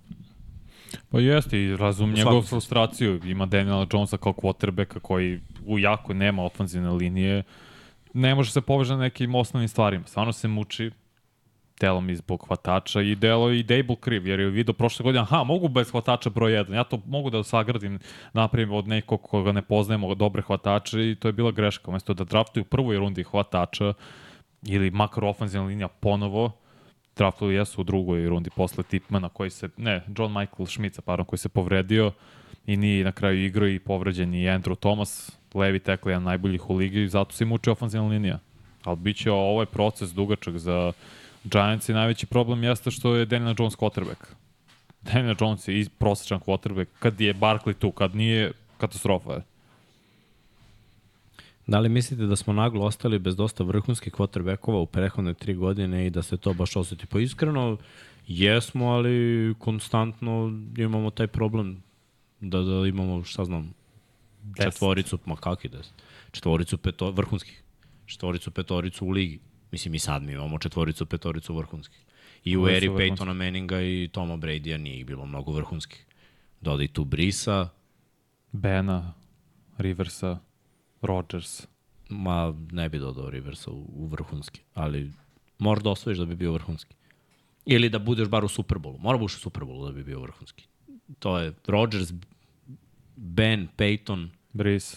Brice i Tom. To je bilo, da kažemo, neka prethodna era. Sada Mahomes, Pa, samo pa i Buro, onda samo i to je to. pa Ali dobro, oni su, ali ali oni su mladi. nije elit. Jebi ga, ove, ove računam na karijeru od 20 godina, ovi momci igraju 5 godina. Da. Nije, nije fair da, da poredimo 5 godina i, i 20 godina. Mislim, nisu svi igrali 20, ali Brice igrao dosta. Peyton je igrao dosta. 2001. Peyton 97. 8. Tom Brady, 99. Brady igrao 20. Big Ben igrao dosta. mislim, 2004. ali je igrao do pre koju godinu. Igrao 15 godina, 16. Da, da. Tako da, ono, nije fair. Jesmo ostali bez tih legendi, ali ostajemo na svakoj poziciji manje više. I ovi momci koji su došli su legitimni naslednici. Znaš, ti kad pogledaš danas, imaš jako dobre quarterbackove. Mislim, Pogotovo u AFC. ni, ne, ne možemo ovaj da, da kažemo. Kako deluju Ravensi, 3-1 i mnogo ljudi, mnogo ljudi veruju u njih, ali mnogo mi neubedljivo deluju, deluju napadu i mislim da nije sve samo do povreda. Ma kako nije do povreda? Do povreda je većina, ali uh, ne, deluju, ne deluje napad savršeno, fali igra trčanjem, fali prvi running back, jer bilo bi verovatno mnogo bolje da ide, ali ima dobrih momenta, znaš. Mark Andrews ulazi u formu, Zay Flowers deluje vrhunski, Zay mm. Flowers deluje on, Pik prve runde. najbolje od svih hvatača Ravensa koji su izabrani od strane Ravensa ikada. Niko ko je izabran od strane Ravensa, izuzev Torija Smitha koji je radio jako dobre stvari na početku svoje karijere za Baltimore, nije bio ni na približnom nivou, tako da za sad to deluje dobro. Ni odbrana nije na nekom vrhunskom nivou, fali pritisak ovaj, što se toga tiče od strane defanzivne linije pa mora mnogo da se kompenzuje, rade neke stvari, ali 3-1 sasvim dobro, mislim ja sam pričao o tome, ja Baltimore vidim u play-offu, vidio sam i pre početka ove sezone. To je ekipa sa pobedničkom tradicijom i ekipa koja znaš, zna, zna šta treba da uradi da bi se našla u play-offu, ali jedna pobeda u play-offu maks i, i to je to. Uh, jer jednostavno fali taj drugi nivo. To je to ono š... Nemaju premium igrača na, na većini pozicije i to će na kraju da, da košta. Najbitnijim pozicijama. Sad kad kaže najbitnije je defanzivni end, Nemaš Cornerback. vrhunskog igrača, nemaš vrhunskog igrača, Humphrey je daleko. Mislim, hvatač takođe nemaš vrhunskog nemaš igrača. premium igrača. Tebi je Andrews top tight end, running back ti nije premium igrač, da kažeš da ti quarterback jeste premium Naravno igrač, da ali je levi tackle. jeste, mislim, Stanley je dobro ocen, ali opet ne igra, znaš, do, do, on dosta ne igra. Poslednje tri godine je propustio Dve cele. dve cele i sad opet ga nema. To su, to su problemi. Uh, top 3 cornerback u ligi. Pa, ako računamo sam uzorak ove sezone ili generalno, meni je Xavier Howard top 3, Marshawn Latimore mi je top 3, Jair. pa i Jair bi mi bio top 3, da. Morao bi dobro da razmislim, ovaj, ako gledam samo Patrick ovu Surtain je sezonu, baš pao, mislim možda je zbog odbrane celokupne, pa je to da. se ostavlja loš utisak na njemu. Diggs je igrao odlično dok se nije povredio. Jeste, ali se povredio i to je to. Da. Njega nema ništa za ovu sezonu. Nema. Od ovih koji su zdravi, mislim, ima dosta dobrih. Moramo da vidimo malo veći uzor. Kako gledam samo AJ ovu Terrell sezonu. iz Falconca je vrlo dobar. Reću i odličan cornerback. Ima, ima dosta dobrih momaka u ligi. Ako New England bude sa 6-7 pobjeda na kraju sezone, ko ide Beličik ili Jones Beličik? Ne ide Mac dok je živ. Jones, vrati, čao. Beličik kao Tito, brate, u Petriocima. A, si bio pionir ti. Jesam. ti znaš, brate. Ja se Kad će, kad će Beliček da najure? To se neće desiti nikad. Pa nema šansa. Samo možda kaže sam dajem Ma ostavku. ne, Da, ma ne, ma ne, vidi, on je toliko dobar, ba, ajmo ovako, Robert Kraft prvo se tu najviše pita, Kraft i on, to je, to je sad na jedan legat koji ostaje iza njih, za veštanje, bukvalno i ne mora ništa više da uradi, oni su postigli svoje ciljeve. Tako je. Čemu pričamo? Šest titula šampiona. To je tih 20 godina gde, koje nisu ni sanjali. Sad ćeš ti da kažeš najboljim treneru svih vremena da, e, kao, e, hoćemo nešto više. Nekako, znaš, on krcka sad pobede. Da Ne. bi bio na vrhu. Tako ja. Malo po malo, kod 6-7 6-7 svake godine, ako bude Da. bilo, daj mi ljudi, još dve, kad tri bude godine, to, je to. kad Beličik bude rekao, ljudi, ja sam rešio da idem, ta će Kraft možda da mu dođe i kaže, bili jesi siguran, on će reći, jesam siguran sam, ok, ajmo sad da pravimo neku novu ekipu i onda će Jonathanu Kraftu da preda ekipu i da mu kaže, Johnny Boy, sad je tvoja. Ja sam svoju eru odradio, porodica je sanjala da bude vlasnica firme, to je firme, Petrioca, to su Franšize. postigli, nisu mogli, da li je kod njih verovao da će osvojiti šest titula? Šta sa Beličikom kad su počeli, da će Brady da im donese Devet to? puta Super Bowl. Jedno što mogu zamislim jeste da Bill ode negde za poslednju sezonu, da bude sa sklo, sklopljen tim, da fali trener, kaže jedna godina da proba. Ja mislim da on ne nije pati on za tim. trener, nije on, ne, nešto to ne pati, nije on trener koji je taj instant posao za godinu mm. dana uspeh bili je neko ko gradi sve unapred, on je čovjek šahisto. Sve Jest. planira nekoliko poteza, mislim. I ovo je verovatno, iako nema smisla trenutno za Patriots, deo nekog većeg plana. Pa, daš kako, ajmo ovako. Su, stalno se postavljalo pitanje Brady ili Beličik, Brady ili Beličik. Zajedno ko dvokomponentni lepak, ne može jače. Pa da, bukvalno. Ali, što se tiče rezultata, Brady je svoje uradio. To ne znači da Bill neće sutra naći nekog. Moje mišljenje je da on sada traži opet rešenje u vidu quarterbacka i mislim da je njemu jasno moram ipak da imam playmakera Mora, mora, da. i to je to. To ovaj trenutni playmaker nije, još, znaš kako, to je teško, gde će da nađeš drugu Brady tek tako, ne ide, to ne pa Da, skruši. znaš šta, ali Bill, ono što on dobro radi jeste ta evolucija, ipak je izabrao Jest. neki old school i nije se isplatilo. Mislim da je vreme da Loše biraju ofenzivne playmakere Patriots Da. poslednjih 10 godina. Jer mi je zamisao, znaš šta, malo i McDaniels ga je, ovaj, McDaniels je verovatno hteo Meka Jones i taj neki stil, jer McDaniels voli te statične kotrbe koja, vidjet ćemo, kada Bill bude ovaj, dao svoj pelcer, ja verujem da će ići u pravcu ovih modernih Jedino mobilnih ima. Pa da, Sledeće godine potencijalno šestorica u prvoj rundi. Baš ozbiljno. Pitaju klasa. te da li dalje ne veruješ u komentatorsku kletvu nakon što si urekao Goffa za interception. Ne verujem. ja to ne verujem. Ni, ne, niti prih, ne prihvat, to jest Polako. niti prihvatam. Ni mi ne verujemo, ali realno. MVP Ne. pik trenutno meni je CMC, Isto. kido CMC. Nemam još. Ok. Nemam još. jer- Kaže, ako je neko ispratio Lane Johnson, krene milisekundu ranije, to je moment reakcije koji Vidio sam se te snimke ocenjuje. koje, ali to je baš mili, mili, Da. to nije To je kao što moment- radi Javan Taylor. Da, moment reakcije uvek od, od, od sudija. Ti si pričao Jason Peters je to isto ima. Pirpe, da, uvek, pa najbolji igrači, njima se to gleda kroz prste, jer sudije smatraju i Baktijari, bravo Srki. Za njih se smatra da imaju taj neverovatni moment reakcije da kad lopta ono bukvalno krene milimetar, oni su već krenuli u svom stavu. Uh, a, a, a, kako je prošao tiki za vikend, nisam igrao ništa za vikend, a trebao sam, jer su ne, neke stvari baš prošle. Uh, kako komentarišete odluku Atlante da ne ode na baj posle Londona? Pa dobro, mislim, Atlanta je mlada ekipa, njima nije to neki preterani problem. Imaju oni više problema ovako u igri, pre svega nekorišćenje playmakera, ostalog. koji nije sazreo još. Kako misliš kako je to odluka Atlante, ne razumem. Pa verovatno uh, posle, mislim, trebalo bi, je, su Billsi na baju sledeće nedelje. Ne, Bills Svi koji se vraćaju iz Evrope, Mm, sad ću ti vidjeti. pogledaj, Ne znam kako, možda to, ne znam, da da to je uvek odluka NFL-a, ali ne znam pa zakako. verovatno im ponude ono kaj da budete na baju. Oni kažu, ne, ne, ne, mi baš hoćemo da igramo kad se vratimo iz Evrope. Pa, dobro, šta ću? Igraju kod kuće, mislim.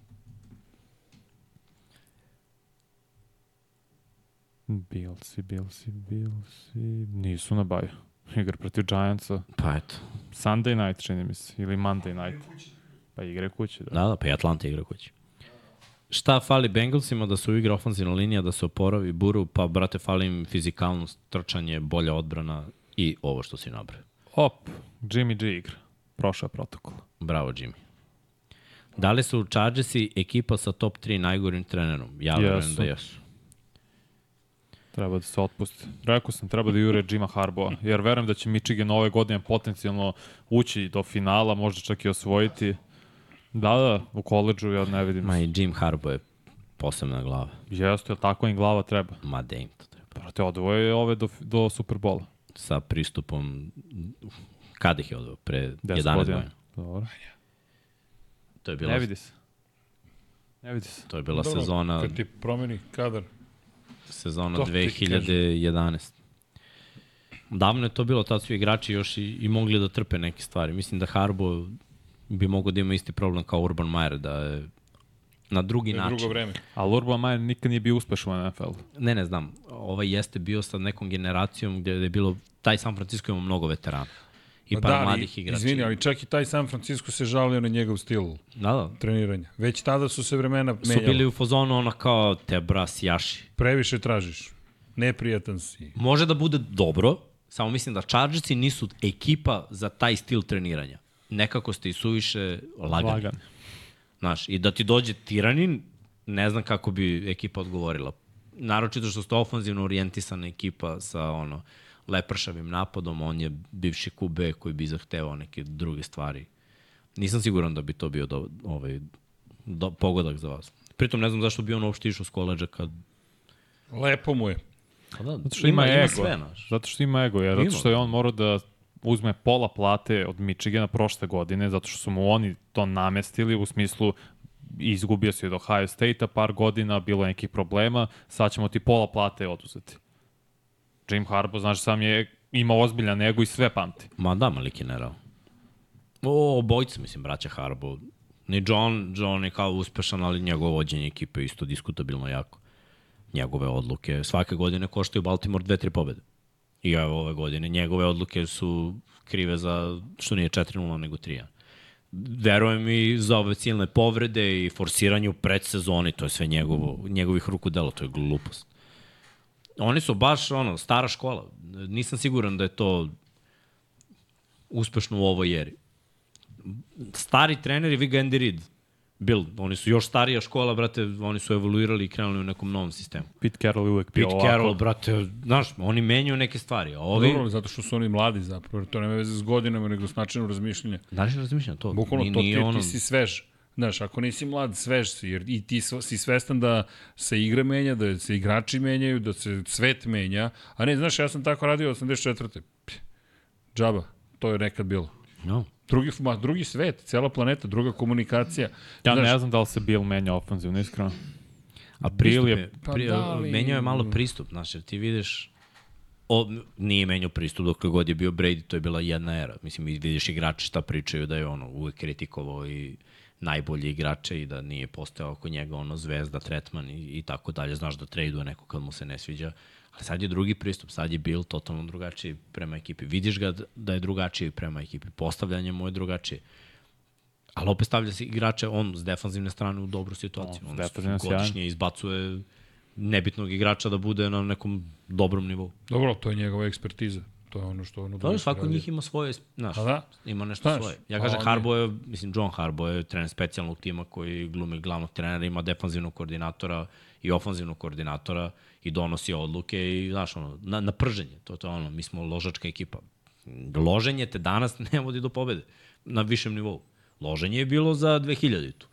Tad je sve bilo, sve je bilo u Dobro, hajpu, pa- razumiješ? Čekaj, trenduješ sa, sa, sa NBA-em.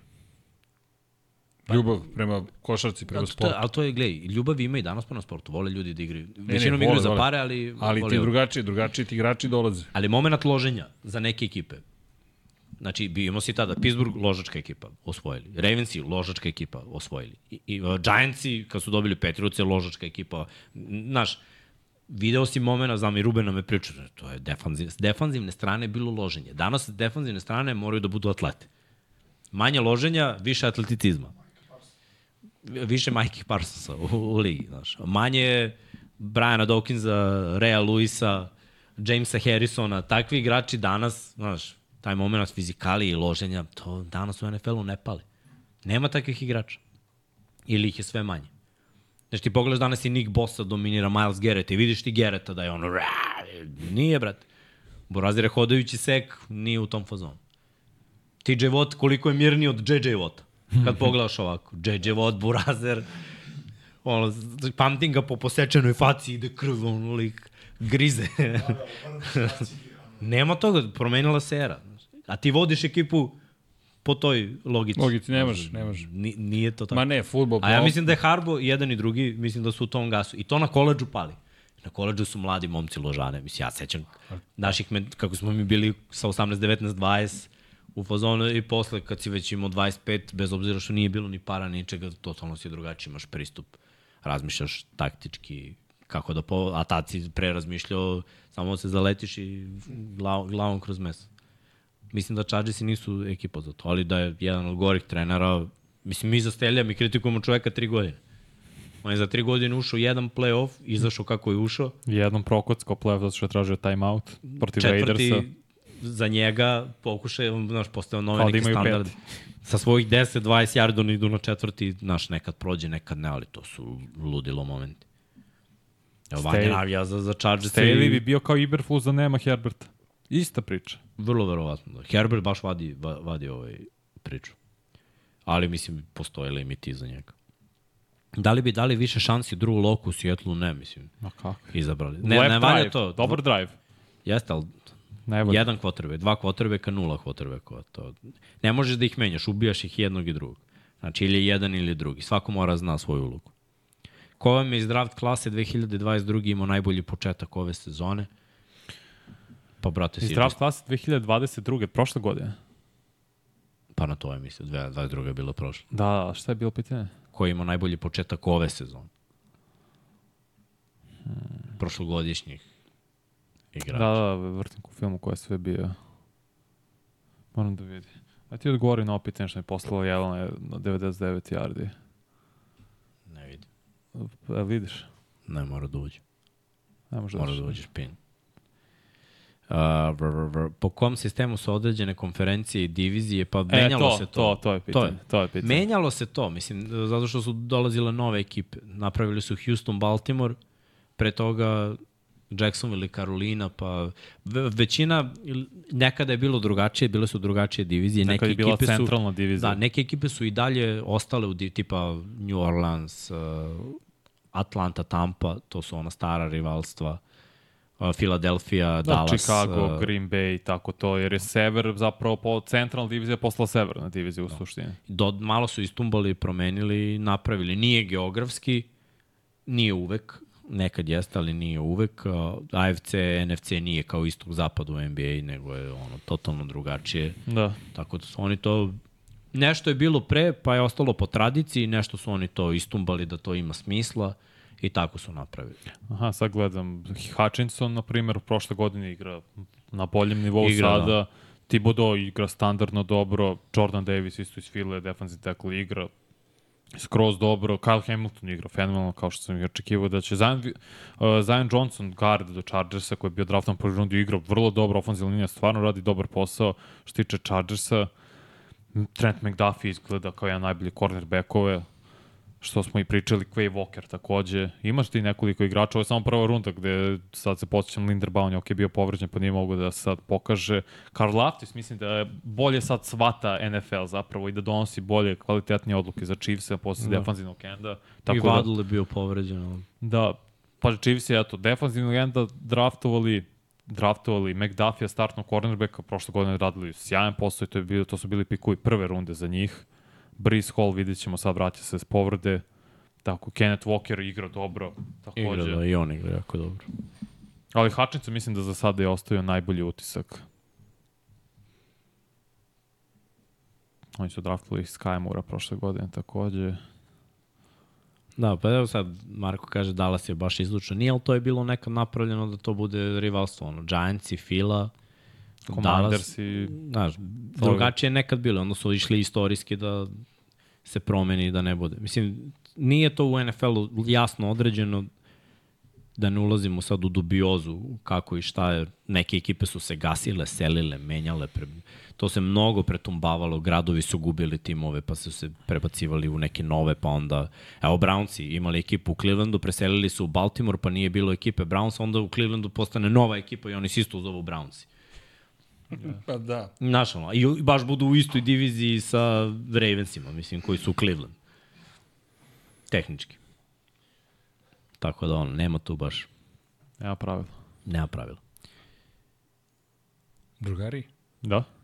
To je to. ja moram ujutro da dočekam vodoinstalatera u novom prostoru. Baš si, brate, Busy. vredan, no? A jesmo, jesmo, kako ne. Kako ne? Pa ne znam, vidi, vi ste u, sad u, u jeku sezone. Vidiš, mm. se trudimo da, da... Dobro je, dobro je. Gledam Srke, Srki, čujemo. Danas šta kako? Treba, naravno, intelektualna pre svega. Da nosiš lavabo. To smo doneli, ne, to smo sve doneli. Ne, treba, treba pomoć. Nameštamo. Jedan TV je stigao, stigao je drugi TV, pripremamo još tri. Da, ko želi da gleda trku Formula 1 sutra i preko sutra, dobrodošli ste. NFL će još malo 16, isto da... 18 časova. 18 časova i u subotu i u nedelju u novom prostoru Gastro Shore, jel te, Žorža Clemenceau 29G, pripremamo se za gledanje utakmica NFL-a. Arhitekta stiže naša Nikolina zajedno sa Dankom u ponedeljak, pošto moramo da predamo projekat kako će sve to da izgleda. Za sad smo u betonu, ali dođite, lazy bagovi još čekaju i sve ostale lepe stvari. Biće dobro. Biće stvarno dobro. Baš smo uzbuđeni. Da, da, ni ja sam već gotov. Energija mi je ono, o, potonuo sam. Oj, ni mi nismo ništa bolji. Ali bukvalno, znaš, prvi put posle mnogo, mnogo meseci, godina sam ono, nemam snage. No puedo. No No, puedo puedo. mas. Znaš, ono, a mora ima, a tek je krenula akcija. Ali imamo super neke ideje, pričat ću. Dobro, ljudi baš pitaju kad će novi studio biti. Kreće, kreće. Evo, do kraja oktobra nam je plan da sve završimo. Ove, s tim što ne znam da ćemo stići baš sve, pošto ima malo više stvari da sagradimo nego što smo mislili, ali bit će top. Topić. Šopa. Ali verujte, da, da ciljem je pre svega NFL sezona cela da može da se isprati kako treba. To, to. Ništa, ovaj, ajde da, da privodimo Radimo. kraju. Mislim, sve vreme oko 300 ljudi, 200 lajkova, dobar procenat, dobar procenat kompletiranih dodavanja. Idemo polako na 38 soma subscribera i to nam je lepo i drago. Vidi, Sezona odmiče, tvoj videli tight ste, end čeka loptu. da, videli ste sve prenose koji će biti u direktnom prenosu Jeste. i ove nedelje imamo London, tri utakmice u nedelju, Monday Night, Thursday odigran, Red Zone. Uh, takođe, smo pozvali ljude da gledaju trku sutra Ne, hvala. U novi, u Da, novi da, to prostor. bi bilo zaista lepo. Dođite da se družimo.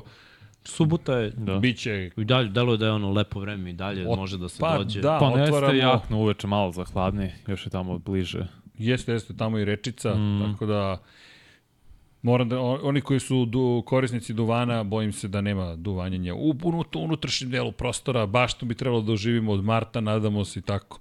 Kafe bar će biti aktivan sutra, preko sutra. Sad trenutno istražujemo gde da gradimo bar, znaš, pa imamo onaj mobilni. Sad i vi nam dajte predloge, dođite na pomoć. Ej ljudi, mi smo vrlo otvoreni. Dakle, nije ovo klasična ekipa, dovedi arhitektu nacrtaj. Ne, nego ćete vi da dođete sa nama da kažete šta ćemo da radimo. Onda ćemo da idemo arhitektu da kažemo, e, nacrtaj ovo što mi zajedno hoćemo. I onda ćemo da pošaljemo projekat. U Japanu tako je, u Japanu pustiš park i onda kad ljudi šetaju parkom ti tu sagradiš stazu i to je to. I ista priča, ovo treba da služi svima nama da se lepo zabavimo, družimo i uživamo. Tako da sve ideje su dobrodošle, verujte. Sve. Dobro. Moram da da Zamolite. da da da se pa nema problema, potpisat ćemo se. Srke voli da se potpisuje Mi volimo se na majici. potpisujemo, naravno. Pogotovo na majice. Uh, ništa, to bi bilo to. Da se zahvalimo još jednom svim našim pratiocima, članovima i patronima koje ćemo sada pustiti, znači taj video i da vas pozovem još jednom, ajmo, ono malo pojačamo subscribe praćenje, Da, ali lepo subscribe. ide, lepo ide, Ne, stvarno. ma ide divno, vidim, a sve super, ljudi. I ovi iz lepo su se ono provrednili, rade tamo Jesi utorak, sreda. Nestaju. brate. I onda mi finiširamo radnu nedelju. Ne, ne, imali smo sad, znaš, Mark Marquez otišao u penziju. Ne možeš, ne možeš to da ne ispratiš. Da. Da. To, to je bilo moment, to je istorijski moment. Čovjek odlazi iz najveće, najveće ekipe ikada najvećih proizvođača u privatnu italijansku ekipu koja će imati prošlogodišnju verziju motocikla. Sa bratom. Sa bratom. Znaš, to je baš posebna priča i sve se promenilo zapravo, a i to je ovo što pričaš o promjeni sveta. Svet se svugde Ma menja. sve, ma da. Znaš, ja gledao, gledao sam neke stare tekme iz 80-ih.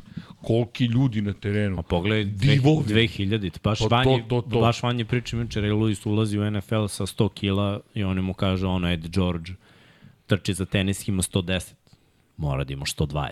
To, to, to, to, to. Znaš, a sad gledam igraču, sam čekao, ko su ovo deca. Fullbackovi su svi bili Pa 102, to, to, to. da, znaš, nemaju vratnost, onaj, r- r- neck roll, brate. Danas, brate, sve skir što manje To, to, to, opreme, nema znaš, sala, nema ničeg, da, da samo izgledaš stanje, spisteri. to je bolje, da. Ono, naskar. Ne, a sećam se kad, je, da- kad su Giantsi uveli tu celu NASCAR filozofiju, kao brzina je glavna. Ti ih gledaš danas i koja je brzina, ljudi, kao izvodimo stunt i onda zbunjujemo protivnika, ti dalje gledaš neke ogromne ljude. Sad, kojom brzinom se kreće, to ono što ti pričaš. Dok ne vidiš uživo, ne shvataš koja je to brzina. I to isto u svim sportovima. Meni tu tenis bio najbolji. Ne znam ko je pričao, pa kao tenis, šta je tu posebno? I onda je otišao čovjek, mislim da otišao na Wimbledon, baš da otišao neki na Grand Slam i vraća se, kaže, srađene. Da li si ti svestan brzine? Rekao, ja jesam, ne znam da li si ti bio svestan brzine. Neću ni da govorimo o motorima i formuli. E, to da. Da, Srki priča o pravcu, da, u Barceloni, Moto Grand Prix. Voze 300 i u fazonu si kako su svi brzi. Da, kako su svi brzi, ali ti na kameri to izgleda, približava se kameri.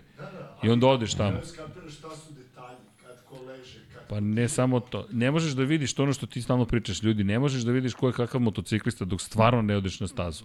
I vidiš Ma ponašanje. svaki sport, to, to, ti to. dok ne vidiš. Mi, evo, juče je bilo par trčanja o DJ Mura, znaš, tebi to na TV-u deluje, ja mogu kažem iz igračkog iskustva, sam igrao sa nekim momcima koji su bili ono All American na našim terenima, evropskim terenima.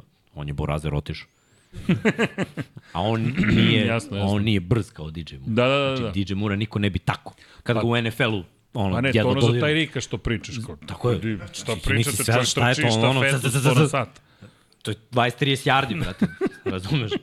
Kod nas je 10. to, to, to, to, to. Ali tačno znaš da, da ovo te neke stvari se prepoznaju. Sve ide u tom smeru. Mislim, ko, Brzina. ovaj, baš je pričao kod Mileta, sama, ono. Da, Kad mu je neko pričao da ja, mi smo nekad igli, ste u Starkama, ono čoveče, igli ste s metar 80, metar 90, su danas ljudi planine, bre, lete, bre, ne znaš šta je Ma ono. ne, nemo, to je atomska košarka, to nema veze. uz Ruke, brate, ramena, ono, dohvat, odraz. I gledaš range, evoluciju. brate, svakom. Znaš, ono, E, ali gledao sam, gledao sam ne, nešto sam gledao Megatrona ponovo kako sam kako igraju. da, I dalje je bog. I dalje je bog. Mega, a najbolje je kad je u skoku, njih dvojica i kao idu u skok. Znaš, samo malo telo, me razumeš, ma kakav ovo dvojica. a, Deca. ne, ne. Pozdravljamo brata Šoneta. Našeg? Našeg. Šoneta. Ljubav za Šoneta. Dobar Šone, nam, dobar jaki. nam. Radi, radi, Jaki. radi koleđ. Jaki. Čuli smo, baš smo pričali pre neki dan. Ovo je, no. Dobar Šone, Šone. Šone ljubav. Pokušat ćemo neki ovaj, trade. da se pojačamo. Trade deadline. Znaš kao, gde ste saznali? E, 99 yardi. Uh, uh, like, share and subscribe. da. Mislim da je ovo trenutak da se pozdravim. Pa jest. Miksa? Uh, još jedno hvala svima što ste bili tu i da završimo ovo. Još jedna nedelja gotova, najavljamo novu. NFL se zahuktava, ima tu još dosta vremena. Tek je počeo oktobar, znači uh, imamo oktobar, novembar, decembar i onda ide playoff januar, pa onda finiš u, u februaru. Uh, neke informacije ćemo još imati vezano za, za ovu sezonu, ali za sada, koliko ja vidim, ljudi su zadovoljni ovim poslom koji se radi. I mi smo imali neke ove novine ovde u 99 yardi, meni se iskreno sviđa ove i grafike, ovo pokretno, sve Biće. nekako deluje sve lepše i profesionalnije Biće još. i, i to je to je baš Perica gotivno. je smisli svašta. To, Srki, Ne, ne, Srki, Srki, brate, sve radi kako treba, to je pohvala za tebe. Izgleda ti dobro ide ovaj kick slide sa desne strane, brate. Zato što sad je na desnoj strani stola. Nije mu išlo dok je bio na levoj, ni- nije levi tackle, razumeš? Pogrešio si u postavci. mora da ide. Razumeš? Sad kad mu je monitor s desne desne strane, sve, vidiš kako mu je lakše, brate, sve. Kreativna strana mozga radi. To, puštaj Patreone, Vanja da jede, mi da se razilazimo. Ne i- zamerite, večeras neću čitati zato što ću vam se srušiti manje više. Trenutno se držim, ono, bukvalno imamo a, ovde ovako najlon otprilike koji me drži, ali, ljudi, šta da vam kažemo? Tu ste, hvala vam, podržavate priču, hvala i drugim sponsorima, i Dogmi, i Pepsiju, i idemo još jače i bit će ih još više.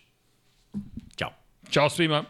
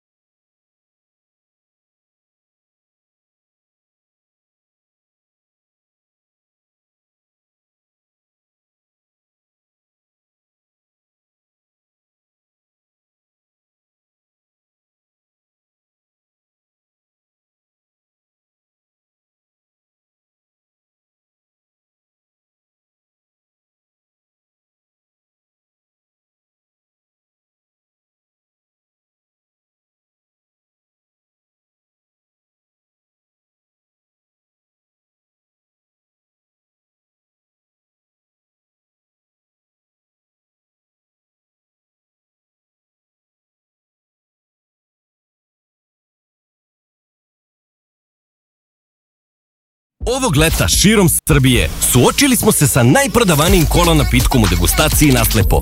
Više od 20.000 učesnika pridružilo se Pepsi izazovu. Pitali smo koji kola ukus vam se više dopada. 57% učesnika izabralo je Pepsi ukus. Hvala na učešću. Prati svoj ukus.